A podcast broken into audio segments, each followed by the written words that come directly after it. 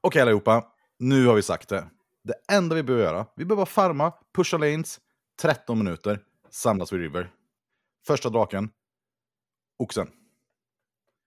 Du som engagerar. du behöver flash engagea med ult på deras carry. Då är det lugnt. Okej allihopa. Vi har tempo. Push, push, push. Spring ner i vattnet. Sentry, tribers. Där kommer de. Oxen är du beredd. Engage! Ulti oxen! Ulti! Ulti! Helvete. Det var det enda vi behövde göra. Det var att sätta den jävla engagen. Ja.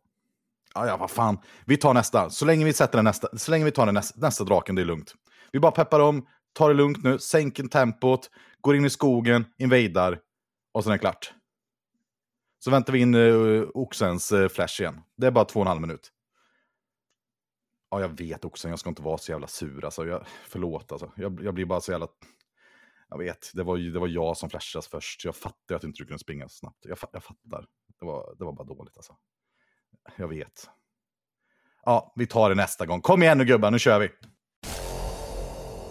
Tunga brädspelspodden. En samtalspodd mellan vänner om tunga, djupa brädspel. Till dagens avsnitt. Idag så kommer det vara Moba, eller Dota, eller League of Legends, eller Heroes of New Earth, eller eh, Blizzards satsning som jag inte kommer ihåg vad den heter. För eh, idag är det Tunga brädspelspodden med Guards Atlantis 2.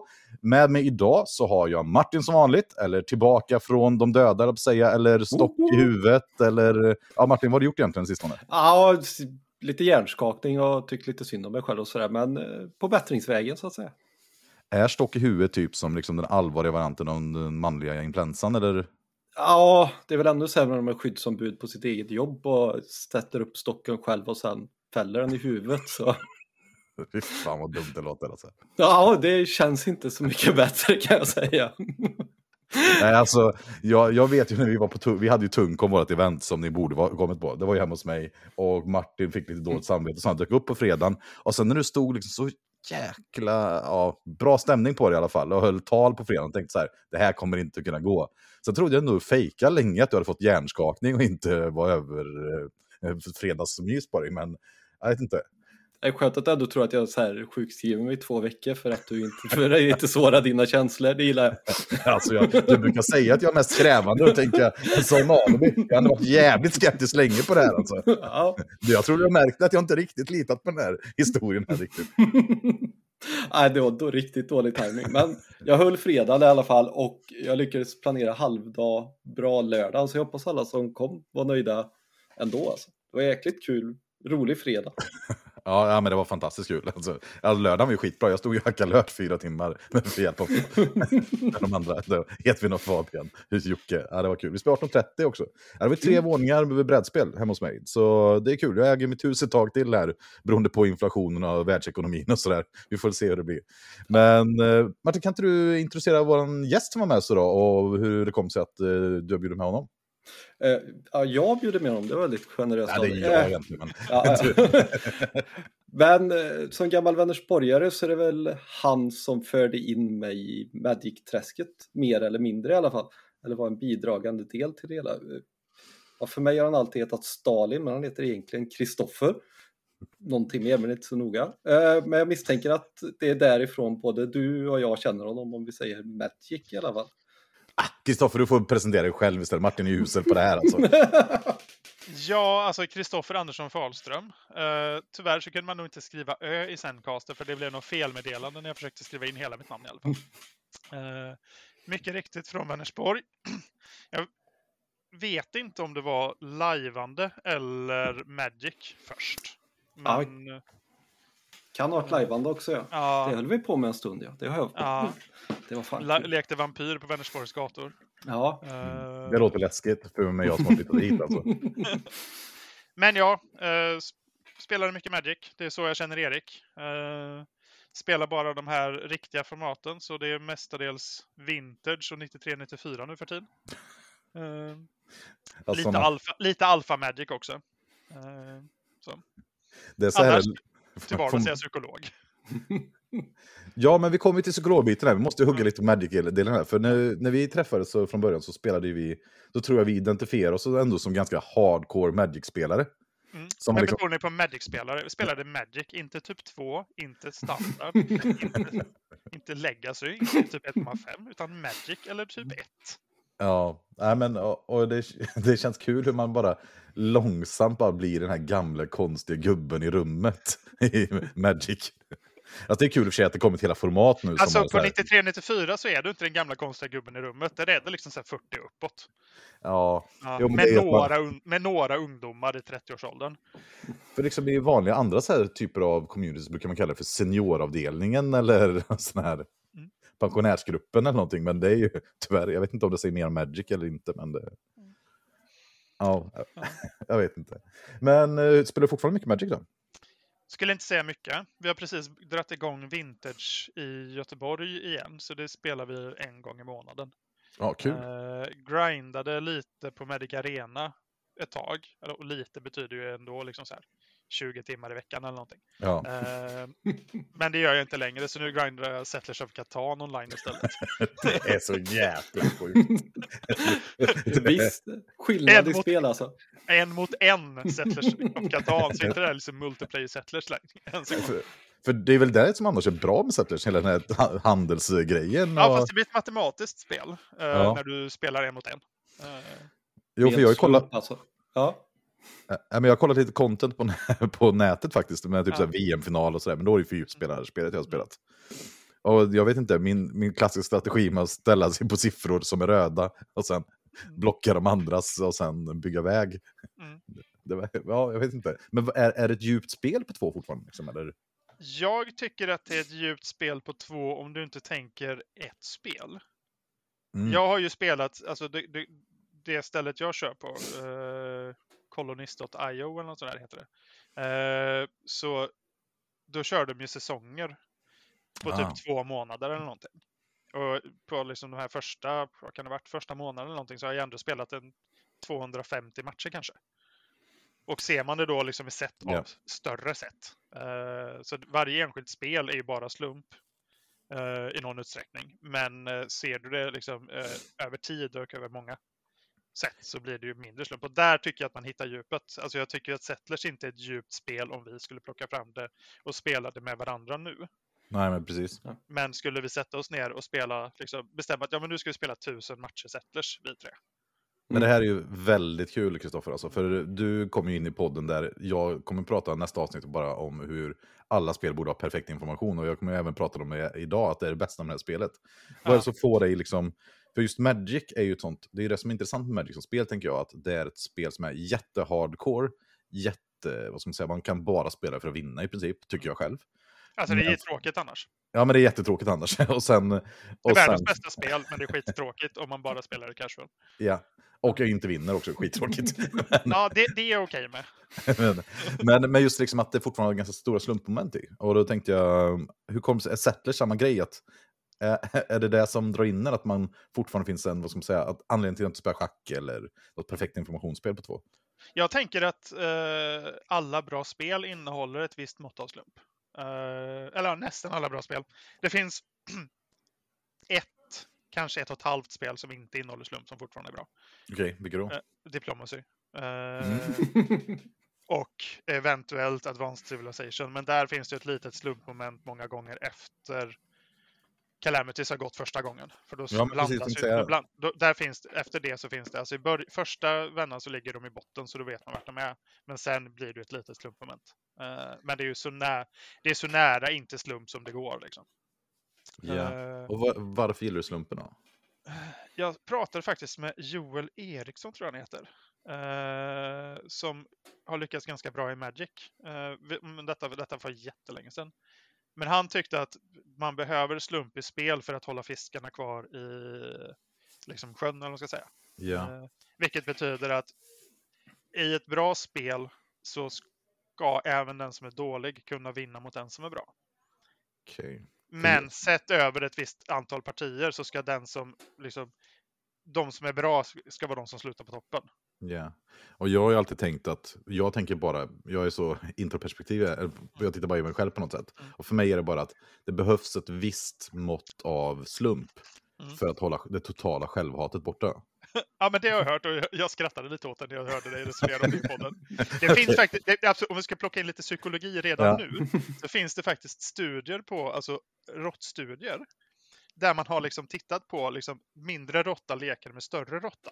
Ja. Och om inte den minst, mindre råttan får vinna ett visst antal gånger över, sett över tid, alltså typ så här 30 procent av gångerna när de leker liksom låtsas brottas eller sådär, då slutar den mindre råttan bjuda in till lek.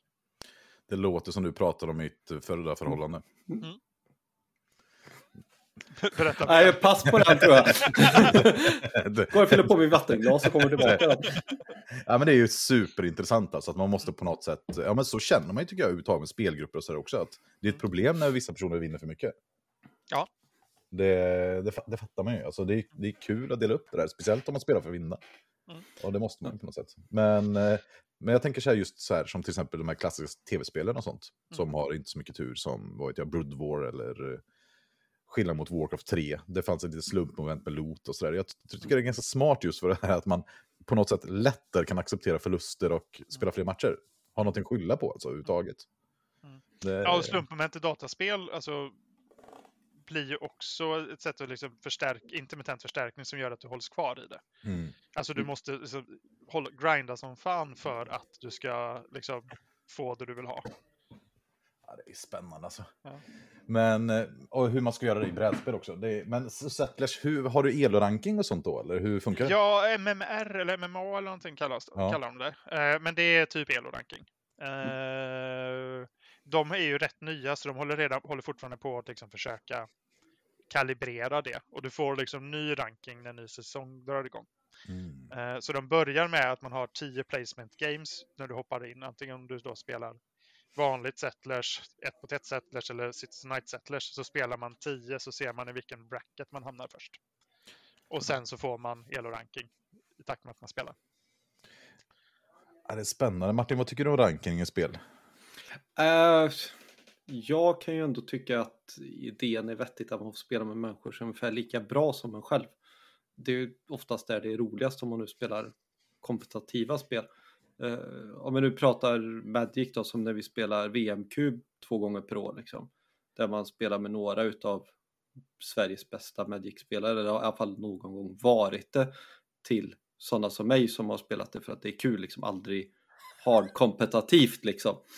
Eh, och ett gäng andra drönare med oss liksom. Det är ju, det är ju liksom så här, jag behöver vinna vart femte år mot Erik för att fortfarande tycka Åh, fan vad nice, så kan jag förlora fem år till lite där vi pratar med lilla råttan och stora råttan där någonstans. Ja. Det blir ju väldigt ojämnt om man nu kollar på hur många gånger du har vunnit den turneringen jämfört med någon annan och vilka det är som är, vinner den flest. Liksom. Eh, skulle jag göra det varje dag och någonstans göra det som ett sätt för att inte umgås med gamla kompisar så hade jag nog inte tyckt att det var det roligaste jag gjorde. Eh, nu är det för att träffa folk som jag bara träffar två gånger per år och då är det helt perfekt att dricka några bärs, köta skit, kanske vinna några matcher, lyckas ta sig in i topp 8. Alltså, då funkar det. Men hade det varit det jag gjorde varje helg, då hade jag nog börjat göra något annat istället. Fast hade du, hade du spelat Magic varje helg så hade det antagligen gått bättre för dig också. Ah, Jo, jo, definitivt. Så- Det tror inte jag. Nej, men jag tycker det är kul när man berättar att Magic kan man spelar för att det är roligt och då vet man direkt bara det här är en person som inte Vi spelar inte på samma Jävla sorgligt spel alltså. Ja. Men Men- alltså, för jag tänker det, vi har ju pratat om det förut. Jag spelar ju vissa brädspel ihop med min fru. Där spelar jag för att vi ska ha en trevlig upplevelse ihop, inte för att någon av oss ska vinna. Det är inte det viktiga i spelet, för gör vi det så blir vi inte jättesams och så blir det ingen bra kväll. Och då är inte det så kul liksom. Kan man inte göra andra saker då? Ja, Ja, jo, självklart. Och det gör vi ganska ofta. Eller så Ja. spelar man något så här co-op-spel eller något annat som gör att det funkar. Liksom. Man får ju anpassa spelet efter vad vi vill ha ut av spelet. Och är det stenhårt att vinna, då kanske det inte är det vi ska göra ihop. Liksom. Det känns ju viktigt vilket spel man väljer skulle jag spontant gärna spela. Liksom. Det...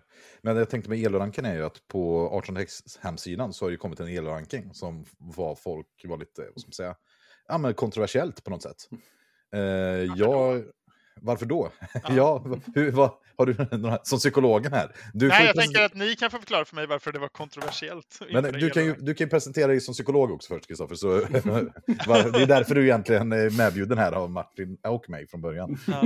Eh, jo, eh, ja, psykolog, tog min eh, examen 2017.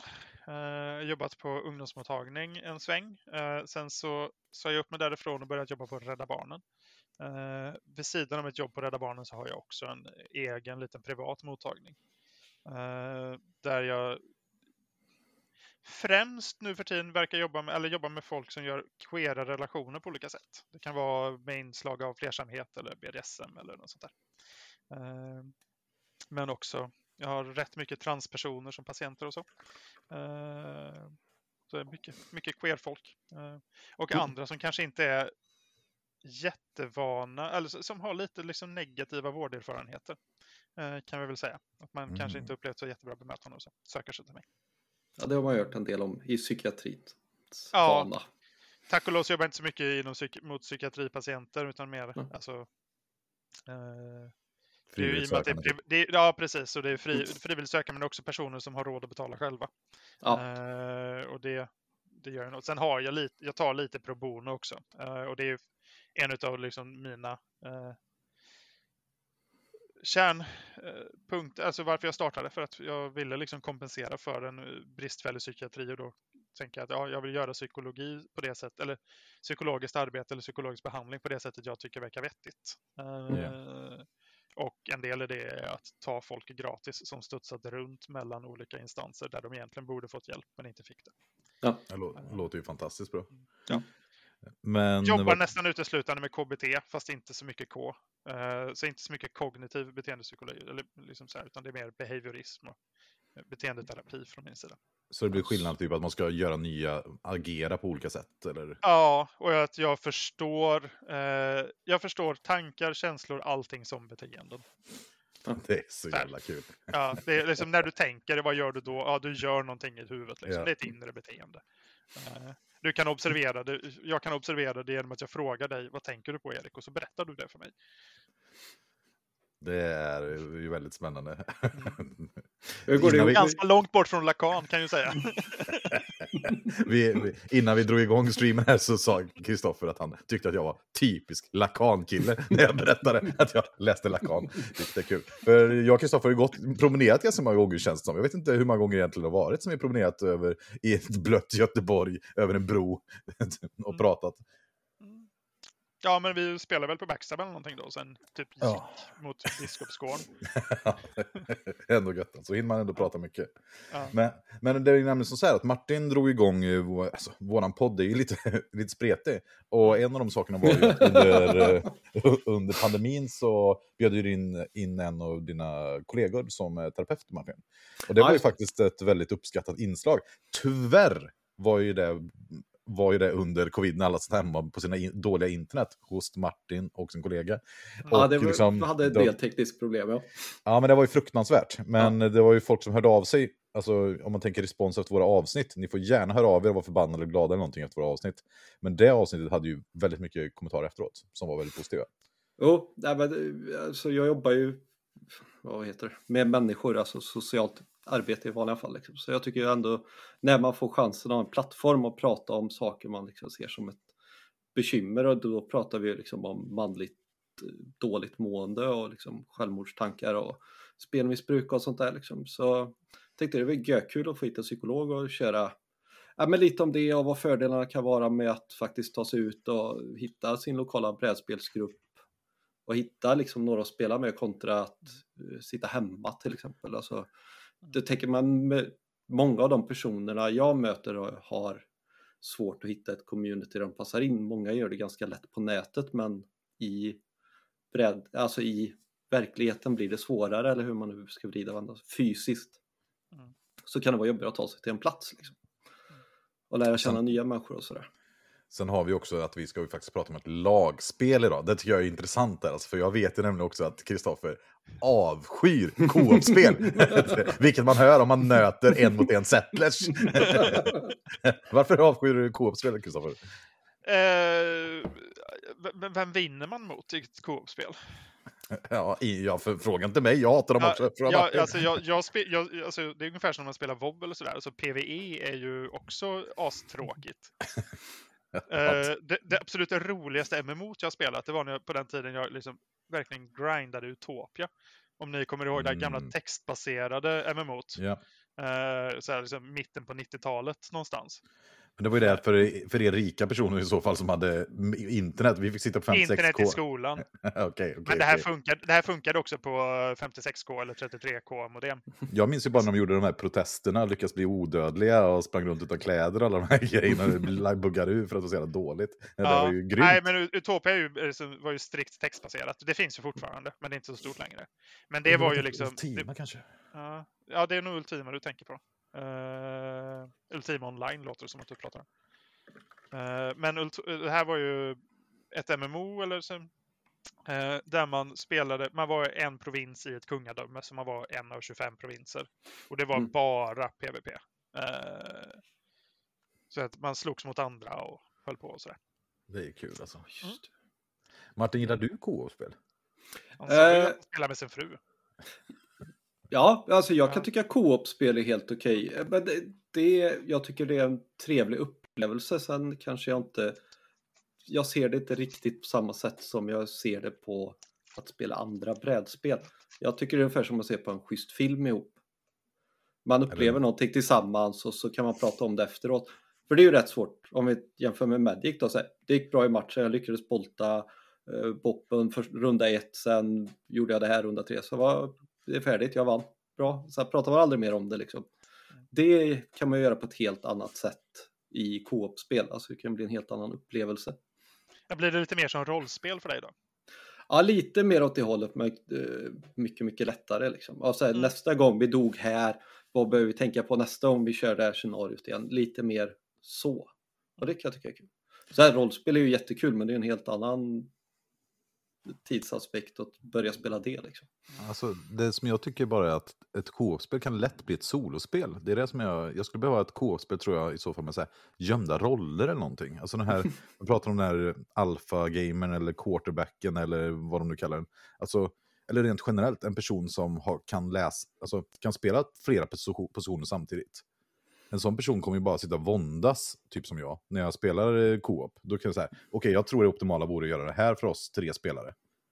Och sen försöker jag bara sitta och hålla mig tillbaka så att jag kan på, ska påverka andra spelare så mycket i rummet. För jag tycker att jag förstår att folk vill göra sina suboptimala val och tycker det är kul när det liksom ser vad som händer. Och sen så har jag, har jag tänkt ut så sitter jag bara och försöker bara, okej nu ska jag inte säga någonting.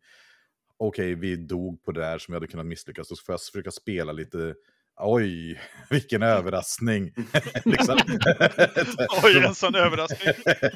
man vill liksom inte vara douchen eller som säger så här, vi borde gjort på det här sättet. Så man bara, ja men det var spännande. Äh, Liksom, jag, blir, jag blir bara jättesocialt eh, konstig. Jag, jag blir nervös liksom. Ja, Jag kan förstå att det inte är för dig Erik i alla fall. Men det tycker jag ändå är kul att du är så himla glad över så här social deduction-spel som ändå har något så här co-op-läge liksom. Nu ska vi döda de onda eller sådär. För någonstans blir ju många av dem typ Avalon, Feed the Kraken och allt det Det är ju också co-op-spel liksom. Ja, men det är, därför, det är bara för att de är så, dål, det är så dåliga definitioner. Alltså ett co-op-spel tycker jag egentligen är en spelare, som eh, Kristoffer är inne på här. Det är en, en agent mot, en, eh, mot datorn eller spelet. I, när man spelar ett social deduction-spel så är man fortfarande tio agenter, så man vet inte vilka, vilka man kan lita på. Man är fortfarande sig själv i det spelet och man kan utgå från sig själv och man kan anpassa sig själv och sin egen upplevelse gentemot de andra. Så egentligen tycker jag att jag spelar lika mycket mot eller med personer som jag spelar vilket spel som helst. Ja. Men det Eh. låter ju också som att det är några stycken som förlorar i de spelen ni pratar. Ja, Ja. ja. ja, precis. För det, för det, det tänker jag är ju en viktig faktor. Inte bara det att man själv vinner, utan att det är någon annan som förlorar. Mm. Ja. Ja, nej, men då, har du spelat någon av de här uh, Werewolf eller något, eh, Kristoffer? Jag har Spelat någon gång. Eh, Ja. Länge sedan, jag vet inte. För det är ganska likt Diplomacy egentligen, tycker jag. Ja, ja. Men det är liksom fler overlays.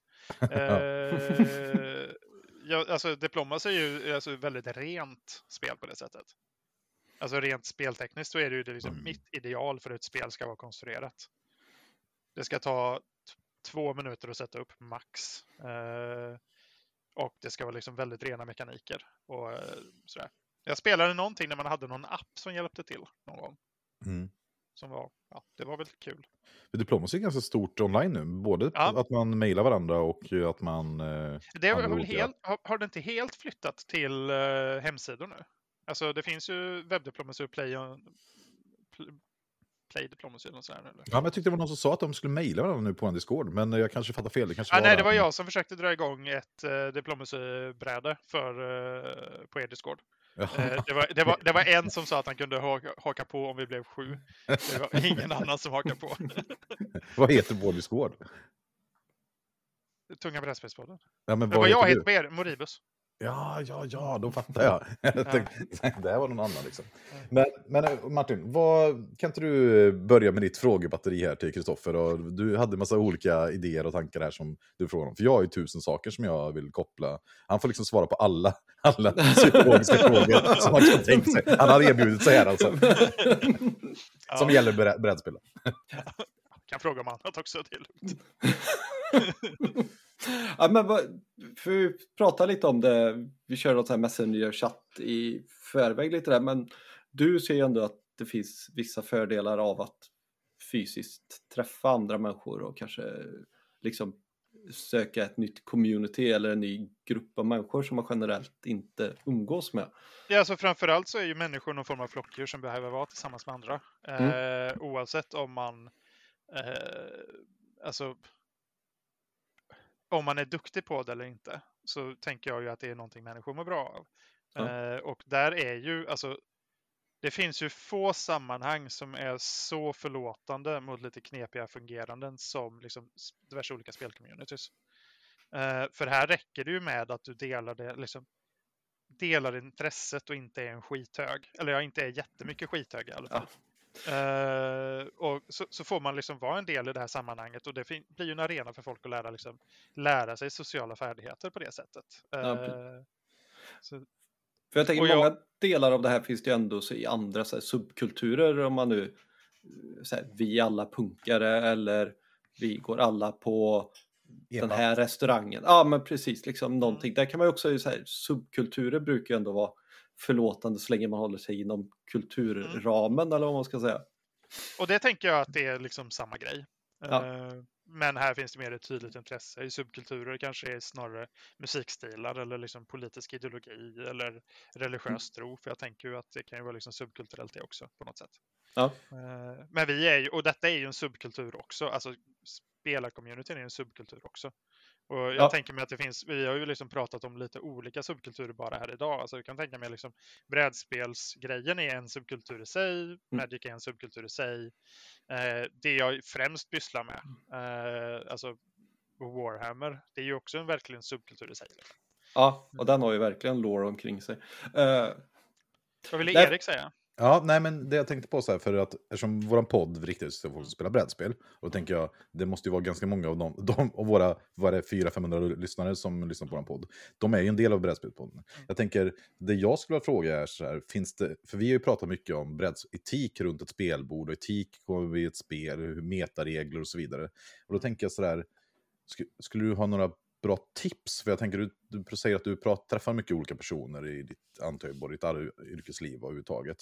Skulle du ha något bra tips till hur man skulle kunna vara mer inkluderande, alltså mer inbjudande och bra tips för att få in fler personer? Och då menar jag inte sådär att man ska vara bättre på att för, för, förklara regler eller någonting, men jag tänker de här personerna som kanske Jag tror man ska fundera lite på vilken position man är i. Mm. Eh, och ett problem som jag kan se med brädspelshobbyn kontra till exempel Magic, det är ju att tröskeln för att komma in i en brädspelsförening eller liknande, det är ju något högre.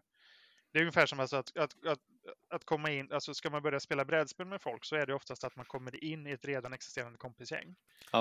Eh, och att fundera lite på den positionen man är i där, alltså att den som är ny är ny och lite utsatt eller lite liksom är inte riktigt lika trygg i situationen som man själv kanske är. Eh, och där tänker jag till exempel att Backstab är ett lysande exempel som vi spelade Magic på för. Eh, som kanske är den absolut mest toxiska miljö jag någonsin har varit i. Eh, detta är alltså, liksom, li- LOL-communityt upphöjt i någonting. Alltså, eh, och det var ju kul för oss som var en del av det. Men det Mm. var ju väldigt svår miljö att komma in i. Ja. Eh, för var du inte bra på Magic så blev du ju hånad. ja.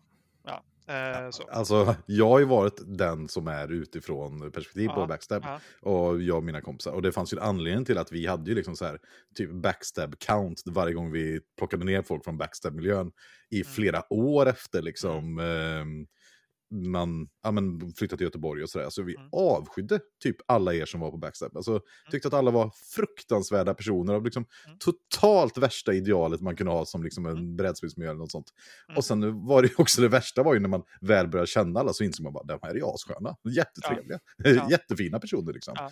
Men miljön var ju fruktansvärd verkligen. Och då hade vi ett av de största ärketrollen av alla, Kai. som är typ en av de snällaste personerna jag vet. Han var ju typ värst och han jobbar ju där. Och det tänker jag mig att man ska tänka på i alltså, den här typen av... Så, när, när, om det kommer in folk i ens communities eller så. Eh, att vara liksom lite snällare. Eller inte snällare, men alltså vara, li- vara lite mi- mindful över vilken position du har och vilken mindful, lite mindful över vilken position de som kommer in har. Ja. Eh, och sen så finns, alltså det kan ju också finnas alltså rätt så, vet jag inte hur det är i vår generation längre, men jag vet att alltså, det kan ju finnas en hel del alltså neckbeard, liksom ganska sexistiska föreställningar ibland och man kan liksom kanske tänka på sådana Mm. saker också. Eh, och att, att någonting är lätt för dig att prata om betyder inte att det är lätt för andra att prata om. Eh, och eh, represent, representation kan många gånger vara viktigt. Eh, ja, för den är ju rätt hemsk om man tittar på våran community i stort. Alltså, det är inte så här, men det är ju ganska mycket vita män i medelåldern Mm. som håller på med Mm. brädspel. Uh, Magic lider väl lite av samma bekymmer. ja, det börjar väl bli bättre. Ja, Eller jag Ja. vet inte, jag spelar inte... Jag, den, när jag, den, den Magic jag spelar är ju alltså vita män i medelåldern. Plus, Ja, plus. eh, så. Nej, det kan vara bra att tänka på. Annars tycker jag ändå att man är väl alltid naiv och sådär, men jag tycker ändå att alltid att den har varit ganska öppen för alternativa stilar och tankar Mm. och om vi pratar om den delen så betyder ju inte det att den är det för att jag upplevt den så som Nej. inte tillhör den eller inte tillhörde den delen då liksom.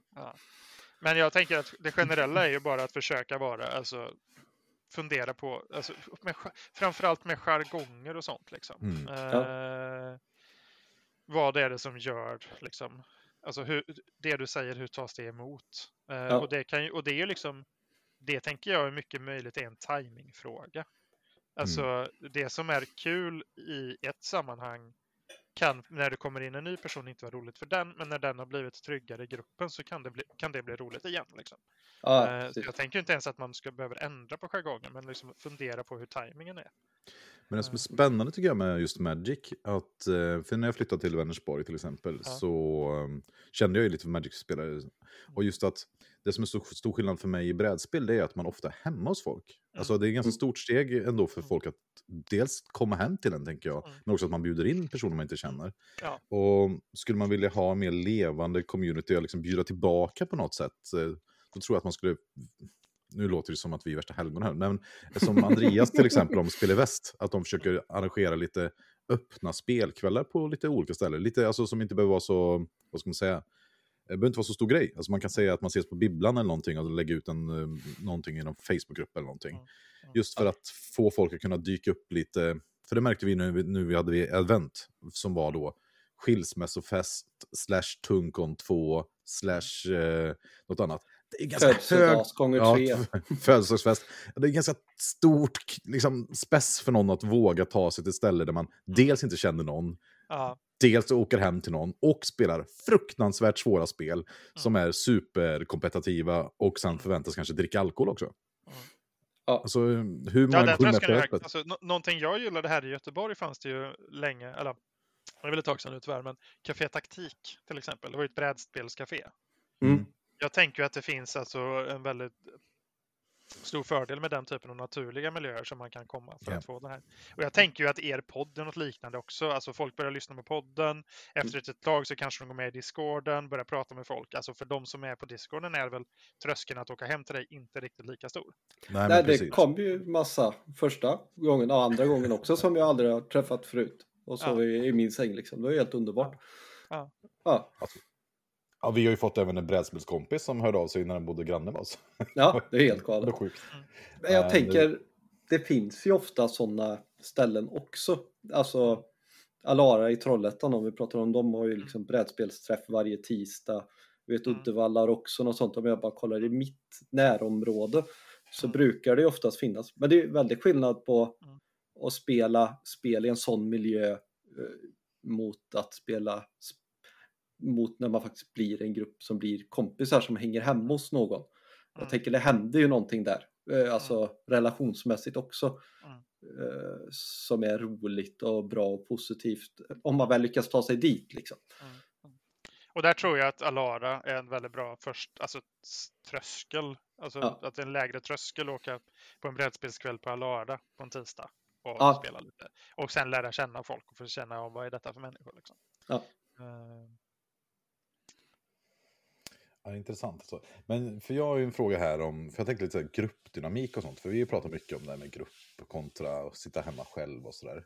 Och just nu när vi ska ju, sp- har ju spelat lagspel här nu.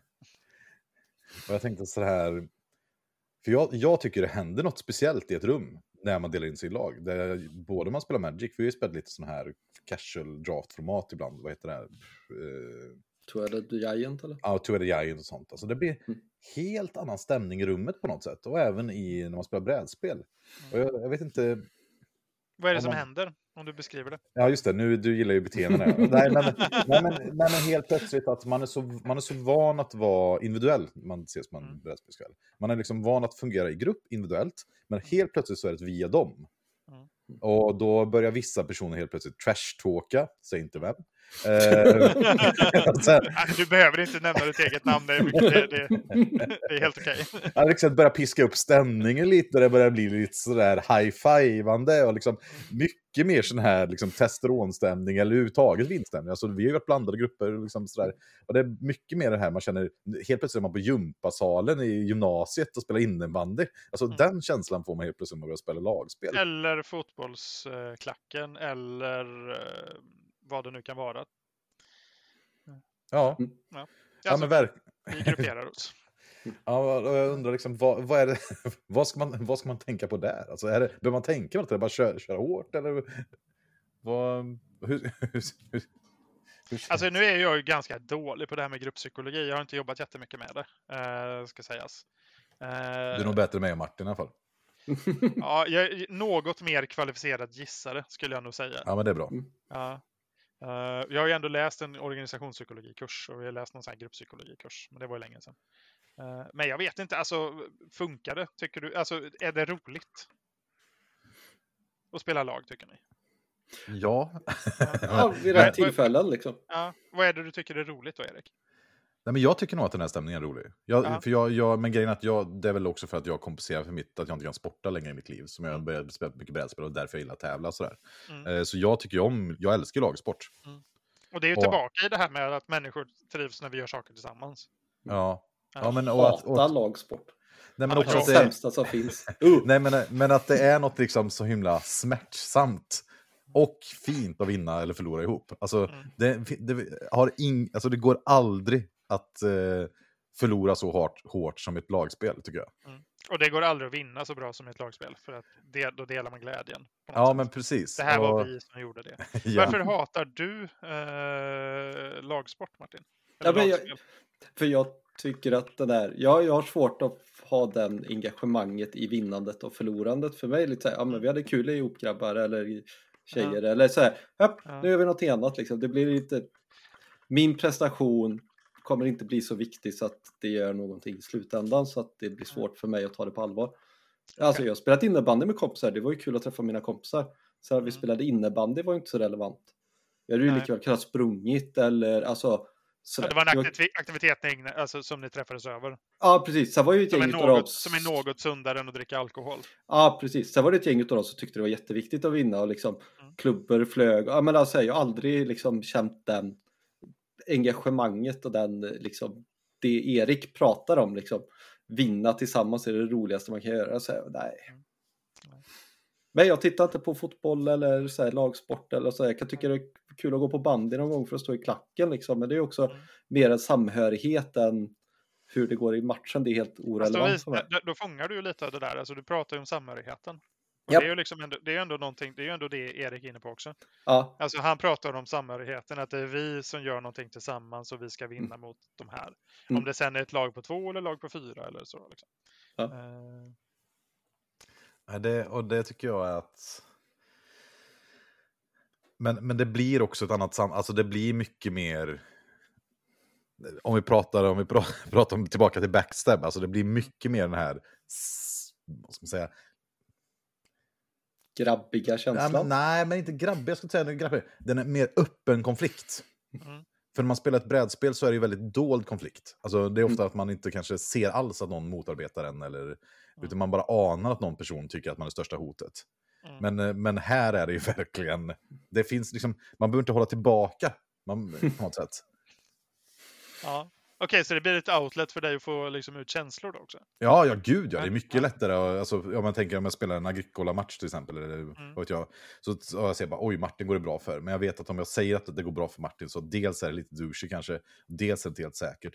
Plus att Varför är jag det inte... douchey? Nej men, nej men, det kan vara... Ja, du gillar inte här dipp över brödet?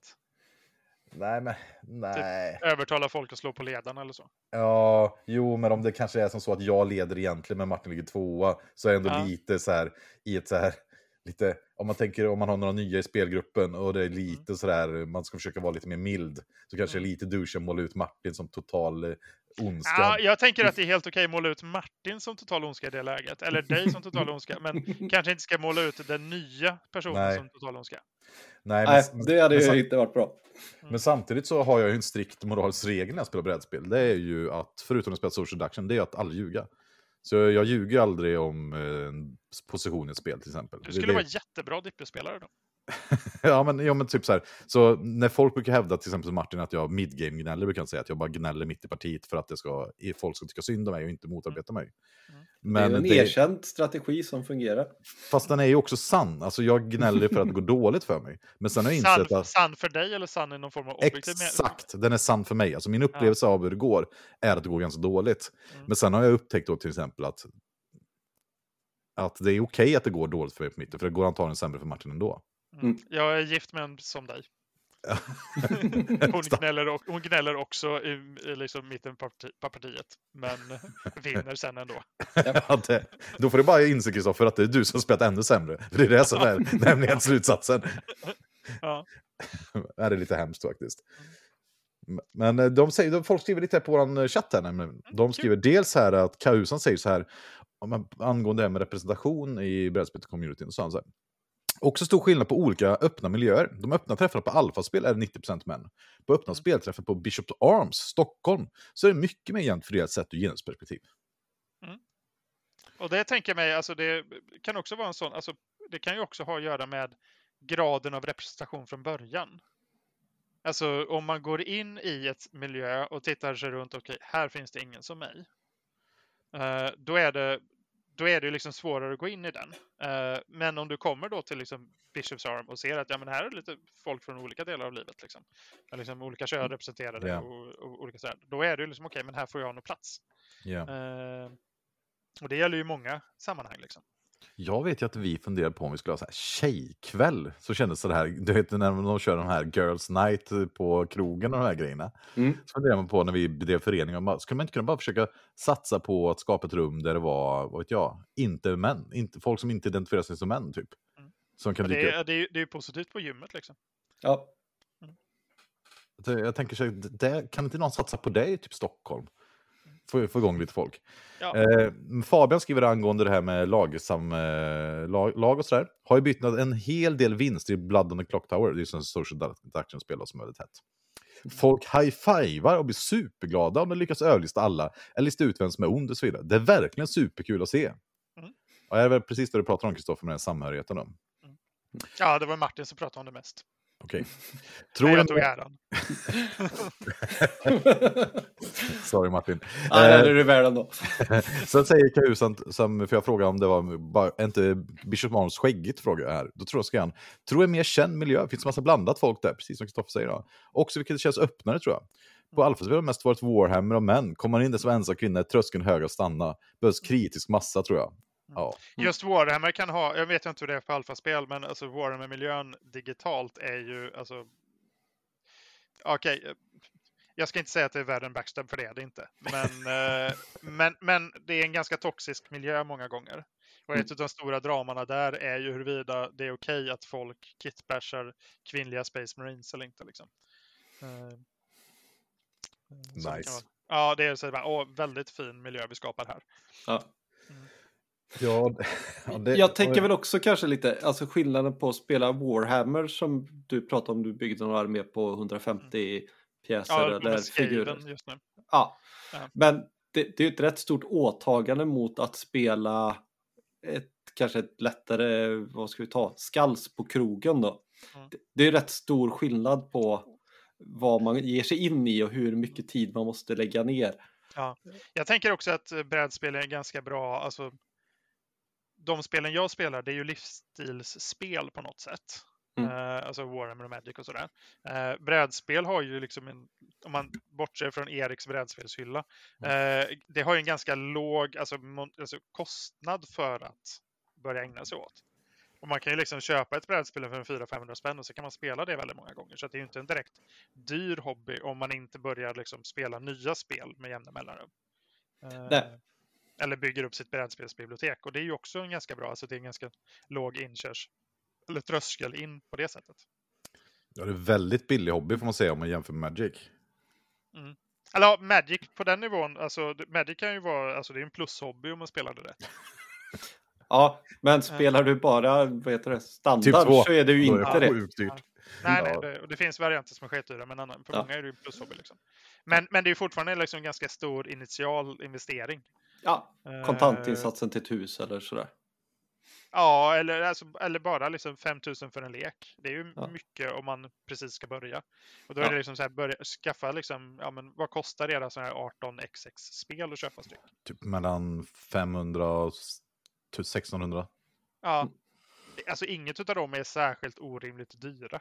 Nej, Alltså Nej. 1600 på en hobby eller 500 på en hobby, det är inte särskilt dyrt. nej, det är billigt. Mm. Men alltså, jag har en, eh, nu, nu kör jag min stora fråga här, alltså, som jag har gått och tänkt på här, eh, Kristoffer. För jag vet ju att du är ju liksom in, in, insatt i sex, kan man säga, säger man sexologi? Vad kan man? Ja, jag har läst 60 poäng sexologi på universitetet. Och jag tänker så här, jag håller ju på mycket med passion, nämligen Mm. i, i mitt jobb nu, mina elever. Vi håller på med kärleksteman och pratar om grekernas syn på kärlek, som jag tycker är ganska fin, att man har uppdelat på en slags passionsdelen, den erotiska kärleken och den här älskande, långsamma kärleken som man har kanske i familjemedlemmar och sådär. Mm. Och jag har gått runt och funderat här på min passion till brädspel, nämligen, Mm. när jag skulle prata med er. Så tänkte jag, för jag vet ju, jag, det är inte så att jag mi- missat debatten i, vad ska man säga, sexdiskursen och kärleksdiskursen om att man kan faktiskt vara kär i flera personer Mm. nu, nu för tiden. Vilket man kunde många andra gånger i världshistorien, men nu är det liksom okej igen på något sätt. Mm. Och då tänkte jag just med eh, passion, och då funderar jag på grekernas syn på liksom många kärlekar samtidigt, hade ju varit helt oproblematiskt eftersom man kan ha och många olika typer av kärlek. Mm. Och då tänkte jag, kan man ha många passioner samtidigt? För jag tänkte just här, just i form att om jag skulle, du pratar om beteenden, Mm. om jag skulle säga en, en person som första den gör på morgonen, loggar in på Board Game, Board Game Geek, läser brädspel, läser recensioner. Mm. När den går på toaletten, gör det. Varje given sekund, titt, när man har en tom tid eller någonting, tittar ut genom fönstret, tänker på nästa splotterspel. Eh, vaknar upp på natten och svårt att sova, browsar alla de här sidorna. Mm. Tänker på sitt senaste speltillfälle, Mm. säkert tio timmar tills man spelar igen. Mm. Och det enda personen gör att lägga pengar på är brädspel. Mm. Eh, Låter mer som ett specialintresse skulle jag säga. specialintresse snarare än en passion. Alltså det är ju en passion, men eh, alltså uppenbarligen. Men jag tänker att man kan ha, du kan ju säkert vara passionerad även utan att det tar upp 24-7. Ja, för hur, hur, det är väl intressant. Hur mycket, hur mycket liksom, om man skulle kalla sig för passionerad brädspelsälskare, hur mycket liksom, sånt här beteende behöver man ha? Finns det någon gräns på något sätt? Eller? Alltså jag skulle ju säga att det där är självidentifikation, det bästa sättet att liksom avgöra det.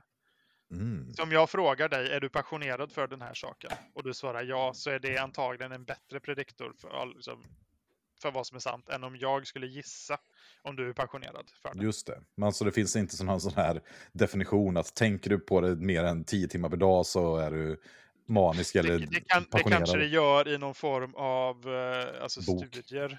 Eh, nu vet jag inte hur mycket, hur mycket man har tittat på liksom passion till brädspel eller så. Eh, Nej, men- För är det någon skillnad med passion till olika människor och passion till ting? Ja, för de flesta så skulle jag säga att det är det. Eh, De flesta, alltså människor, du får ju ut något annat av människor eh, jämfört med alltså, saker. Mm. Jag bara så här, tittar långsamt och funderar på va? vad, Ja, vad, vad ja. är, men vad, vad, eller vad är skillnaden där? Ja, det, det tror nog inte jag. Att, Ja, men eh, alltså, du- människor är ju liksom egna subjekt. Alltså, Mm. Spel är ett objekt som du förhåller dig till. ja. Människor är ju subjekt som du interagerar med. Men om man tänker sig till exempel att, eh, jag till exempel tycker om att prata mycket. Mm. Och det är för mig ett, vad ska man säga, ett av mina största intressen. Skulle jag nog kunna säga. Tycker du om att prata mycket eller tycker du om att lyssna på vad andra säger? Ja, men för mig är dialogen är det jag tycker om. Ja. Det vi har nu till exempel. Att, man, Ja. att sitta och prata i tomma är ingenting jag tycker är jättekul. Eller prata med tråkiga kollegor är ju helt bortkastat. Det jag, tror att, jag tror att de flesta på en arbetsplats har erfarenheten av att man sitter och pratar om någonting och så märker man hur den andra sitter och väntar på att, på att det ska bli deras tur så att de ska få säga det de tycker är viktigt. Ja, de personerna tycker jag mer än om de här personerna som sitter bara tyst och stilla och bara artigt tittar på en och ser ut att vilja lyssna på en. Men jag, men jag tänker att dialogen är något relationellt och det Ja. tänker jag ju att passion, passion till människor är ju också någonting relationellt. Ja. Alltså, så det är ju liksom andra Så man, kan system. man kan inte tänka sig att brädspel är bara kommunikationsverktyg egentligen då. Ja, jag tycker det är jättebra det som Martin pratade om förut. Alltså det här med att det är någonting man umgås över. Eh, Mm. Man kan ha en fin kväll eller så. Jag Eh, fick in mig- här nu på podden så tycker jag beskriver det ganska bra också. Jag skulle snarare beskriva brädspel som en setting i vilken man umgås i. Ja. Och Liksom. för många är det nog det, skulle Ja. jag säga. Eh, för mig är ju brädspel inte en setting i vilken man umgås i. Eh, för jag grindar, liksom, det- första jag gör när jag loggar in, liksom, börjar en match på liksom, colonist.io, är att, precis, Stäng är att chatten. muta, muta min motståndare, är det första jag gör. Glömmer jag av det så är det liksom så här, ibland så skriv, glömmer, glömmer jag av det och så märker jag att folk skriver någonting. Och så bara, ja, det skulle jag göra också. Mute. Jag älskade Hearthstone och Magic Arena utav det skälet också. För att det är liksom så här, ja, du kan göra dina emoticons och jag kan sätta det på mute. Bra, perfekt. Mm. Eh, så. så då är det ju liksom, det jag är passionerad för, det är ju liksom, det är ju inte det relationella i brädspel. Eller det är inte det relationella i spel liksom. Men bara en Eh, fråga. Eh, Är det för att du känner att det finns en för dålig AI att spela emot så att du behöver spela mot andra människor? Nej, fast jag gillar att mäta mig mot andra människor. Alltså jag, Ah. jag älskar spel med elo-ranking. Mm. Eh, och liksom blir glad när jag liksom går upp i ranking. Så om jag liksom är högt i ranking så må, blir jag glad och tycker att jag är duktig och liksom åstadkommer någonting. Det enda jag egentligen åstadkommer är att jag ödslar liksom timme efter timme efter timme på en liksom webbplattform och kastar pengar på dem för att jag inte ska behöva se reklam under tiden.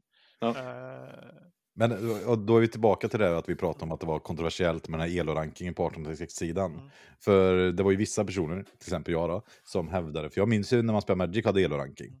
Det som elo-ranking i Magic var, det var ju inte att man mötte rätt folk. Det var ju bara att man kunde mäta sig på ett helt annat sätt. Mm. Vilket också gjorde att incitamenten för att spela mot folk med låg elo-ranking försvann. ja, men nära noll.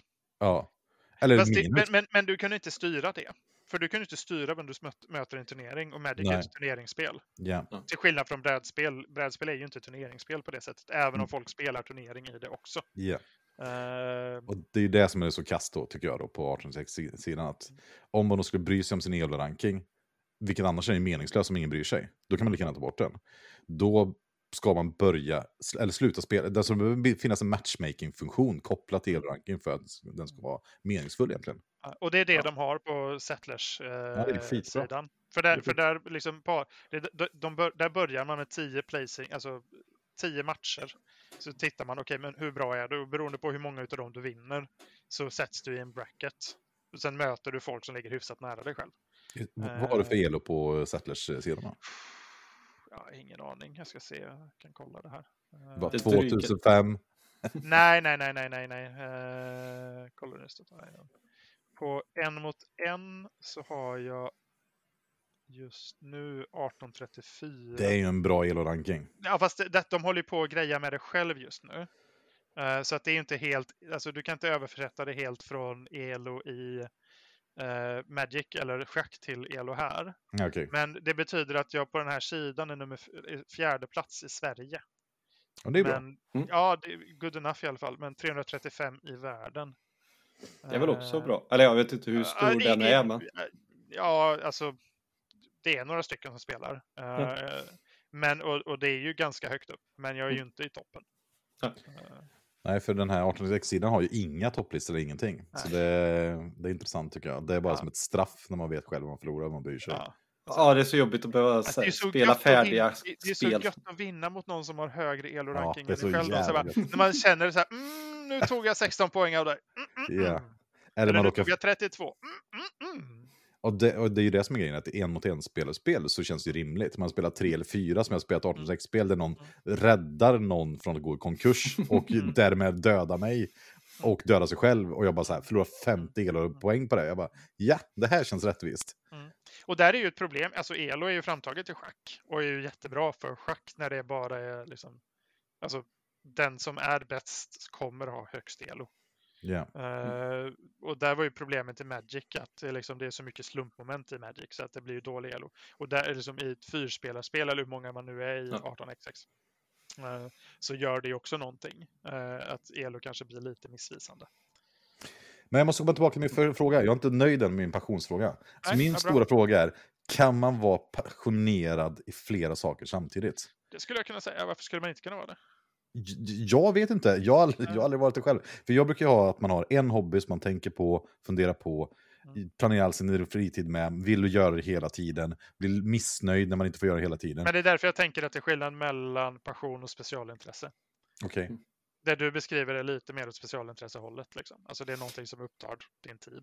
Eh, Men- Va? Ja, nej, jag- alltså, skulle jag kolla exakt, om jag skulle nu titta på till exempel när jag träffar min nya kärlek här då, Mm. så, så har jag exakt samma beteende.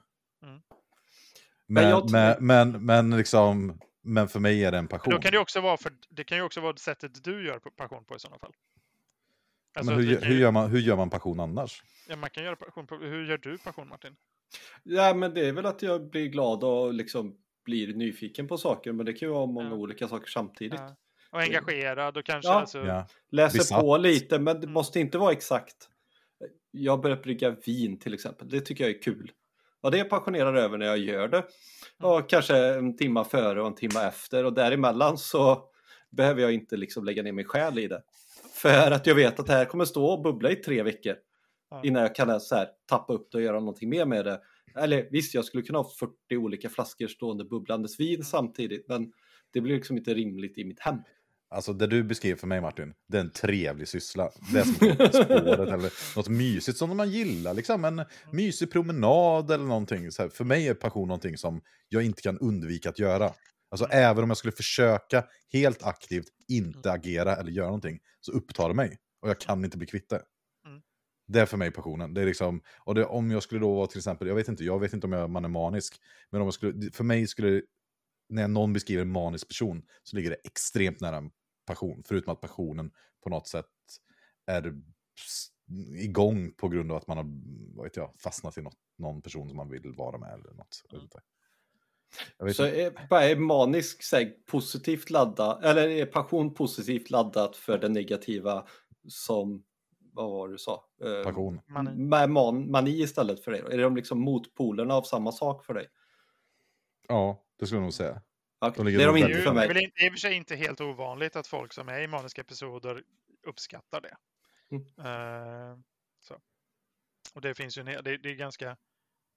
Det är ju inte heller helt ovanligt att folk kanske eh, medvetet missköter medicinering när man är i en manisk episod för att man Mm. uppskattar känslan och sånt.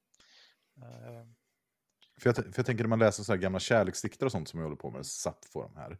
Då tycker jag de beskriver väldigt tydligt den här, alltså som, de beskriver som någon slags eld som blåser upp en och blåser ut en och man eh, tappar kontroll över en. Och Tänker du förälskelse åt det hållet typ? Ja, men precis. För mig är Ja. förälskelse och passion är jättesnarlikt på något sätt.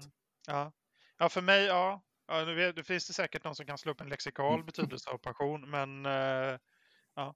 Jag, jag tänker i alla fall att man, alltså, att man kan göra passion på olika sätt. Ja, Eh, kan du inte berätta? och, jag, och jag skulle ju säga då att jag har ju liksom i mitt liv varit väldigt passionerad för Magic, Warhammer och Diplomacy framförallt. Det är väl det brädspelet jag spelat mest. Ja. Eh, jag har nog aldrig haft den passionen som du beskriver. Alltså att det är liksom någonting man mår jättebra av. Men många gånger har jag tyckt att det kanske är det minst tråkiga alternativet. Mm, jag fattar. Ja. Men om du utifrån tittar på mig så skulle du säga ja, du verkar ganska passionerad i det här. Ja. Okej. Bara en personlig fråga till Erik då. Ditt bö, bra, bö, brödbakande, det går bra nu. När du började med allt det här med surdeg och sådär. Alltså, fy fan. Ja. det, ja. Var det en passion för dig en stund eller? Nej, nej det, det är mitt specialintressen som eh, Kristoffer pratar om. Nej okej. Ja, ja, Ja, jag men en ny det. vänskap. Alltså, jag tror att Kristoffer nä- närmar sig när han ser en nyförälskelse. Men jag tänker, jag är så fast i de här grekernas grej på något sätt. Att, att man har någon slags kroppslig reaktion nästan på, på det här man tycker om väldigt mycket. Att det är upp, alltså, man hamnar i någon slags obalans i kroppen på något sätt. Man känner att det känns igen att man vill göra någonting. Att man, man, vet du, man får stress. St- blir stressad att man inte kanske, vad vet jag, kan inte spela brädspel på tre dagar, fyra dagar. Eller någonting. Det är nästan att man blir orolig eller uppslukad. Man bara vill, liksom, den man tänker på. Man, kan, man, man blir liksom upp, uppstressad på något sätt. Jag vet inte hur jag ska förklara det, men att det upptar en så otroligt mycket så att ens hjärna går på högvarv. Man, eh, man, Om man tittar på vad Wikipedia definierar passion som så är det stark förkärlek till någonting. Till exempel passion för, passion för ett ändamål, en sak, en person, en förändring eller en åsikt. Eh, och där tänker jag ju att det du beskriver finns ju definitivt på ett spektra Mm. där. Alltså det, det du beskriver är en väldigt extremt stark förkärlek för någonting. ja, ja, men Ja. precis. Men jag tänker att det är liksom ett spektra som man kan liksom vara olika grader av passionerad. Ja, men jag, jag fattar. Och sen tänker jag det här med kan man vara passionerad för två saker samtidigt. Ja, det tror jag att man kan rent känslomässigt, men kanske inte rent logistiskt. Nej, för det är det jag vill lite komma till. att Det blir ju ganska, och ganska om, när man blir så upptagen av någonting så är det väldigt svårt, i alla fall för mig då, men eh, ni kanske är väldigt mycket bättre på det här, att tänka på något annat. Alltså, Det är Ja. klart man kanske kan klara av sitt, man klarar av sitt jobb och sina barn och sådana grejer man måste göra.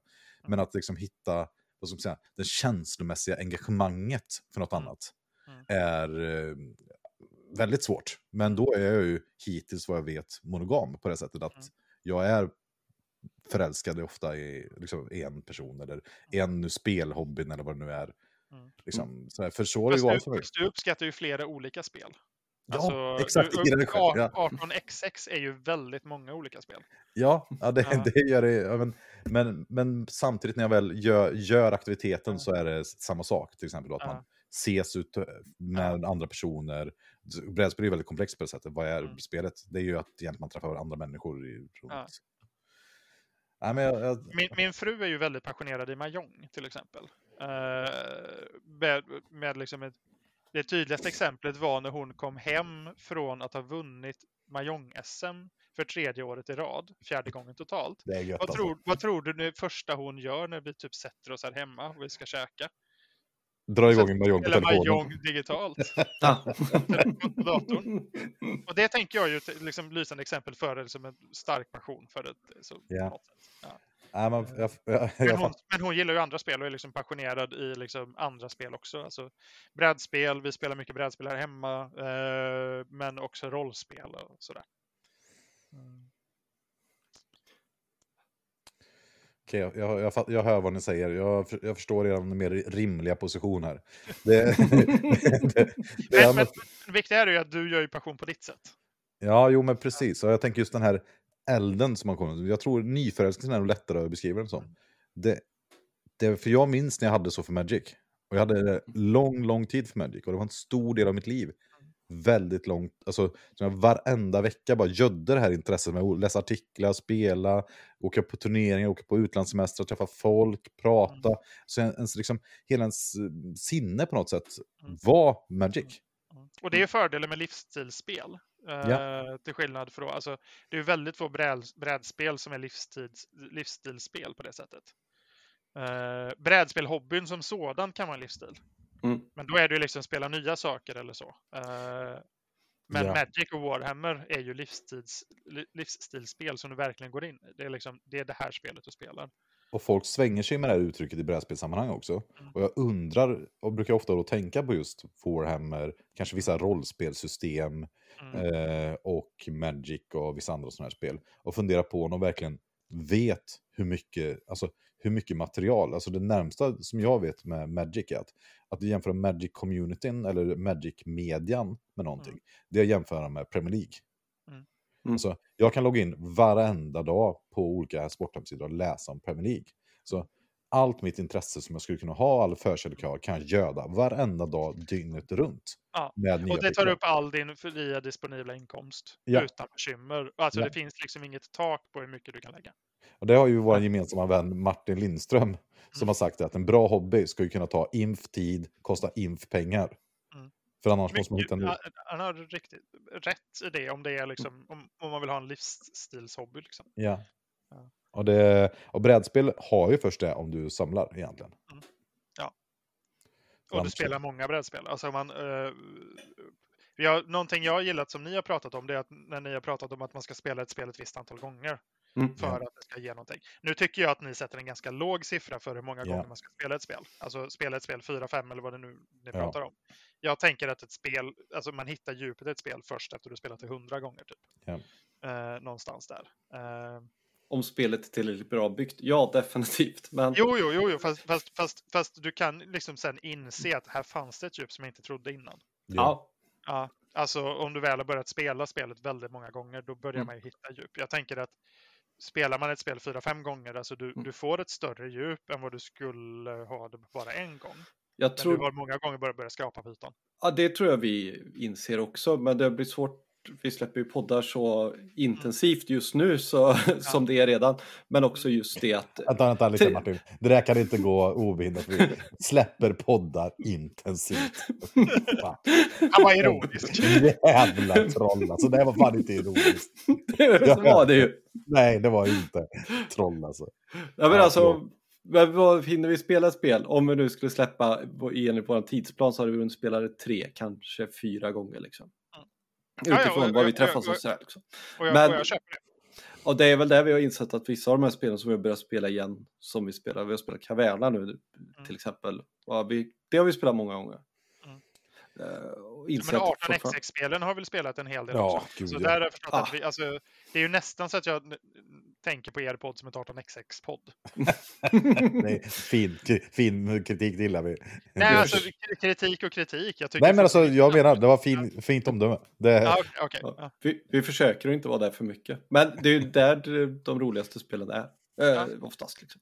Men det, många av de spelen jag har spelat är ju så här femte gången börjar man inse vilket djup spelet har. Det håller jag fullständigt med i liksom. Och hade vi spelat eh, ja, ta vilket splotterspel som helst. Det hade ju säkert varit bättre 25 gången än femte gången. Och, Alltså på ett, det, liksom, det, det riktigt charmiga med ett spel hittar man ju först när man liksom åker utomlands för att spela en turnering. ja. Då har man ju Ja. hittat djupet liksom.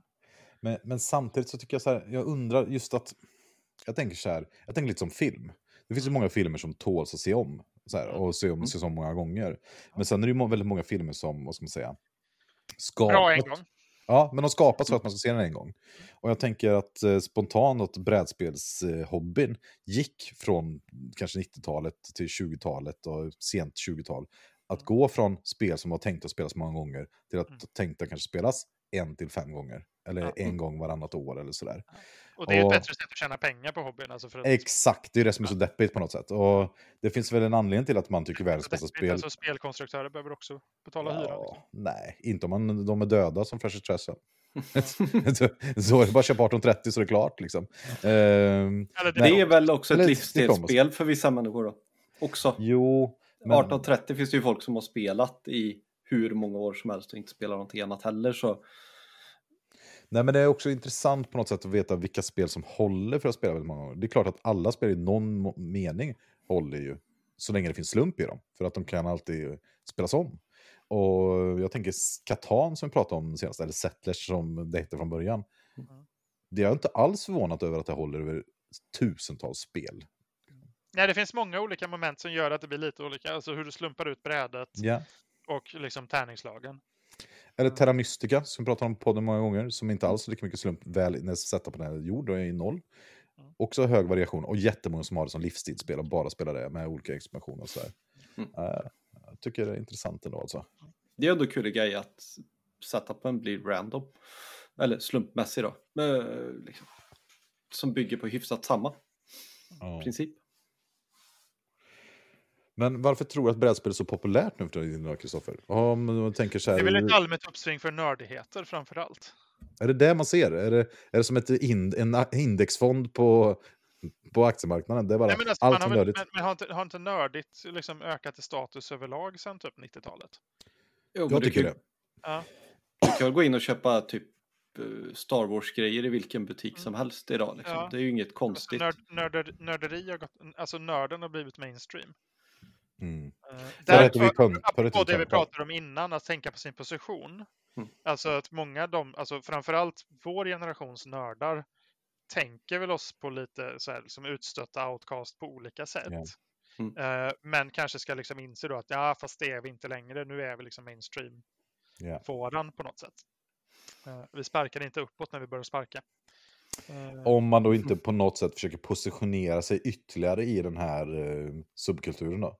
Som till exempel försöker göra om sig till svåra gubbar som spelar obskyra tågspel och pratar politik. Då kanske... Ja. Nej, men jag förstår vad du menar, Kristoffer. Ja. Jag, tycker jag tycker det är en jätteviktig poäng, för det är väldigt lätt att hamna i den här utanförskapspositionen där, där man har alltid rätt också att kritisera de som är större, de som har mer makt, alla andra egentligen. Alltså det, det, det var någonting som slog mig när jag började på psykologprogrammet. Jag står ju rätt långt till vänster. Eh, strax vänster i Vänsterpartiet, även om jag kanske är liksom frihetlig kommunist, ska jag väl kalla det. Mm. Eh, lite mer åt alltså typ syndikalisthållet eller något sånt där. Men, eh, inte så mycket stalinism på det sättet, även om jag umgicks med anarkister en gång i tiden och de tyckte att alla kommunister var det. Men någonting jag märkte där på psykologprogrammet var ju hur jag gick från att vara ganska så extremt positionerad politiskt i samhällsdebatten till att bli betydligt mer mainstream. Eh, alltså psykologutbildningen är kanske alltså, en av de mest vänsterlutade utbildningar vi har i Mm. Sverige. Ja. Eh, och ja, vi gjorde faktiskt en undersökning på det i anslutning till valet 2014. Eh, vad skulle du rösta på om det var val idag? Så tog vi liksom det, för vi skulle göra någon uppsats av något slag. En fjärdedel av de som gick på psykologen tror jag svarade på det. Och det var lika många till antalet som svarade att de skulle rösta på Moderaterna som det var personer som sa att de skulle rösta på kommunistiska partiet. Men den lilla skillnaden är att kommunistiska partiet har 0,2 procent i Göteborg. Ja. Och Moderaterna är ju liksom tredje största partiet idag. Då, liksom. Mm. Eh, att det är liksom väldigt vänsterlutat. Vänsterpartiet och Fi hade fått egen majoritet. Vänsterpartiet, Fi och Miljöpartiet hade fått liksom egen kvalificerad majoritet, alltså Ja. över 75 procent. Ja. Och nu är det ju med varningsflagg att vi, vi frågade, det- var liksom 25 procent av populationen eller någonting som svarade. Så att det kanske det är ju inte representativt så, men det säger ju ändå någonting om att det är ganska mycket folk på vänsterkanten där. Ja. Och det märkte jag ju även när vi diskuterade i, alltså, liksom, för, för politik dök ju upp när vi diskuterade saker i klassen. Och jag insåg ju där någonstans att nej, men här måste jag faktiskt ta en lite mer snällare position och inte vara lika liksom, aggressiv i diskussionerna. För tidigare så var det jag mot typ alla andra Ja. många Mm. gånger. Men här var det jag och alla andra mot kanske en. Som var då kanske Mm. kristdemokrat eller moderat eller Ja. liberal eller centerpartist eller vad det nu kan vara. Liksom. Alltså att det var liksom väldigt, styrkeförhållanden ändrades. Det är ju en ganska jobbig insikt att komma i. Och förändra. Nej, men jag tänker att ja, du skakar av det, men jag tror för många är det nog väldigt sjuk eller omtumlande känsla att inse att man inte är där. Eh, alltså som när man pratar, jag, jag och Erik har pratat om det, här, liksom att eh, vara subkultur till att inte vara det. Jag vet att Erik pratade någon gång från när han var eh, svår och liksom emo var det väl inte för att det var någonting annat, poppare liksom i Göteborg. Ja. Till att liksom alla på H&M kunde köpa det och liksom hur frustrerad man blev när saker och ting som man tyckte var ens eget blev mainstream. Jag Mm. har också upplevt liknande situationer själv liksom. Eh, Och jag tror man ska ändå vara ödmjuk för att man kanske inte alltid är det man en gång var. Det har ju ni sagt Mm. också. Men, ja. Ja, men också just i kontext kontexten med brädspel och just med nördighet och utanförskap och liksom exkluderande inkluderande tänker jag att om man alltid varit den som ser sig själv som blivit exkluderad från grupper och inbjudningar och tillställningar och sådär så tänker jag att jag vet inte. Jag, jag, jag har bara så stark känsla att jag har varit med om så många gånger när jag ser de här personerna som hela sitt liv har varit utanför på något sätt. Mm. På något sätt upprepar samma beteende mot andra personer. Fast nu mer från en slags maktposition. Och jag tror säkert jag har gjort det Mm. själv. Mm. Ja, och då är det oftast för att man inte tänker på den, tänker jag. Och det, Ja. jag tänker, alltså, det där grundar sig ju också någonstans i att man har blivit så sårad och ledsen. Så man säger någonstans att nej, men jag vill inte vara med i er dumma lek. För det är nog Ja. ingen som vill ha mig. Fast det där sista kanske man inte säger uttalat eller kanske inte inte ens tänker. Men att det finns ju med där. Liksom. Nej, men för, för precis. För, och, och, just, och jag tänker bara så det kan vara sådana enkla saker, till exempel om hur man sitter vid en regelgenomgång. Eller vi, att- jag tänker, för, det var, vi skickar runt lite sådana filmer nu på Discord om hur man förklarar regler för folk som inte är en del av hobbyn, kan man säga. Och för sina föräldrar, eller vad det kan vara. Och när jag ser det som lärare så tänker jag bara på, oj, det här är ju mycket svåra situationer jag stött på i mitt arbetsliv. Ja. Rent spontant. Eller personer som på något sätt har blivit brända i systemet, som har tappat all tilltro till alla, alla andra människor och att de vill dem väl på något sätt. Mm. Och att hur det är så lätt att kopiera, kopiera med det här eh, sättet in i olika eh, andra delar av sitt liv, till exempel som brädspelskväll, att man, vet jag, jag som lärare tänker att mina brädspelsvänner är som elever och behandlar dem på ett annat sätt. Och, sådär. Mm. och ställer vissa krav och allt vad det kan vara. Jag vet inte. Och där tänker jag ju att men, alltså, du, du kanske borde gå ner och vad är det man kallas askultera, men alltså gå ner och titta lite på Mm. hur förskolans personal gör. Eh, och liksom se hur de introducerar folk till liksom olika nya sociala sammanhang och sånt. Mm. Eh, Det hade varit intressant alltså. ja.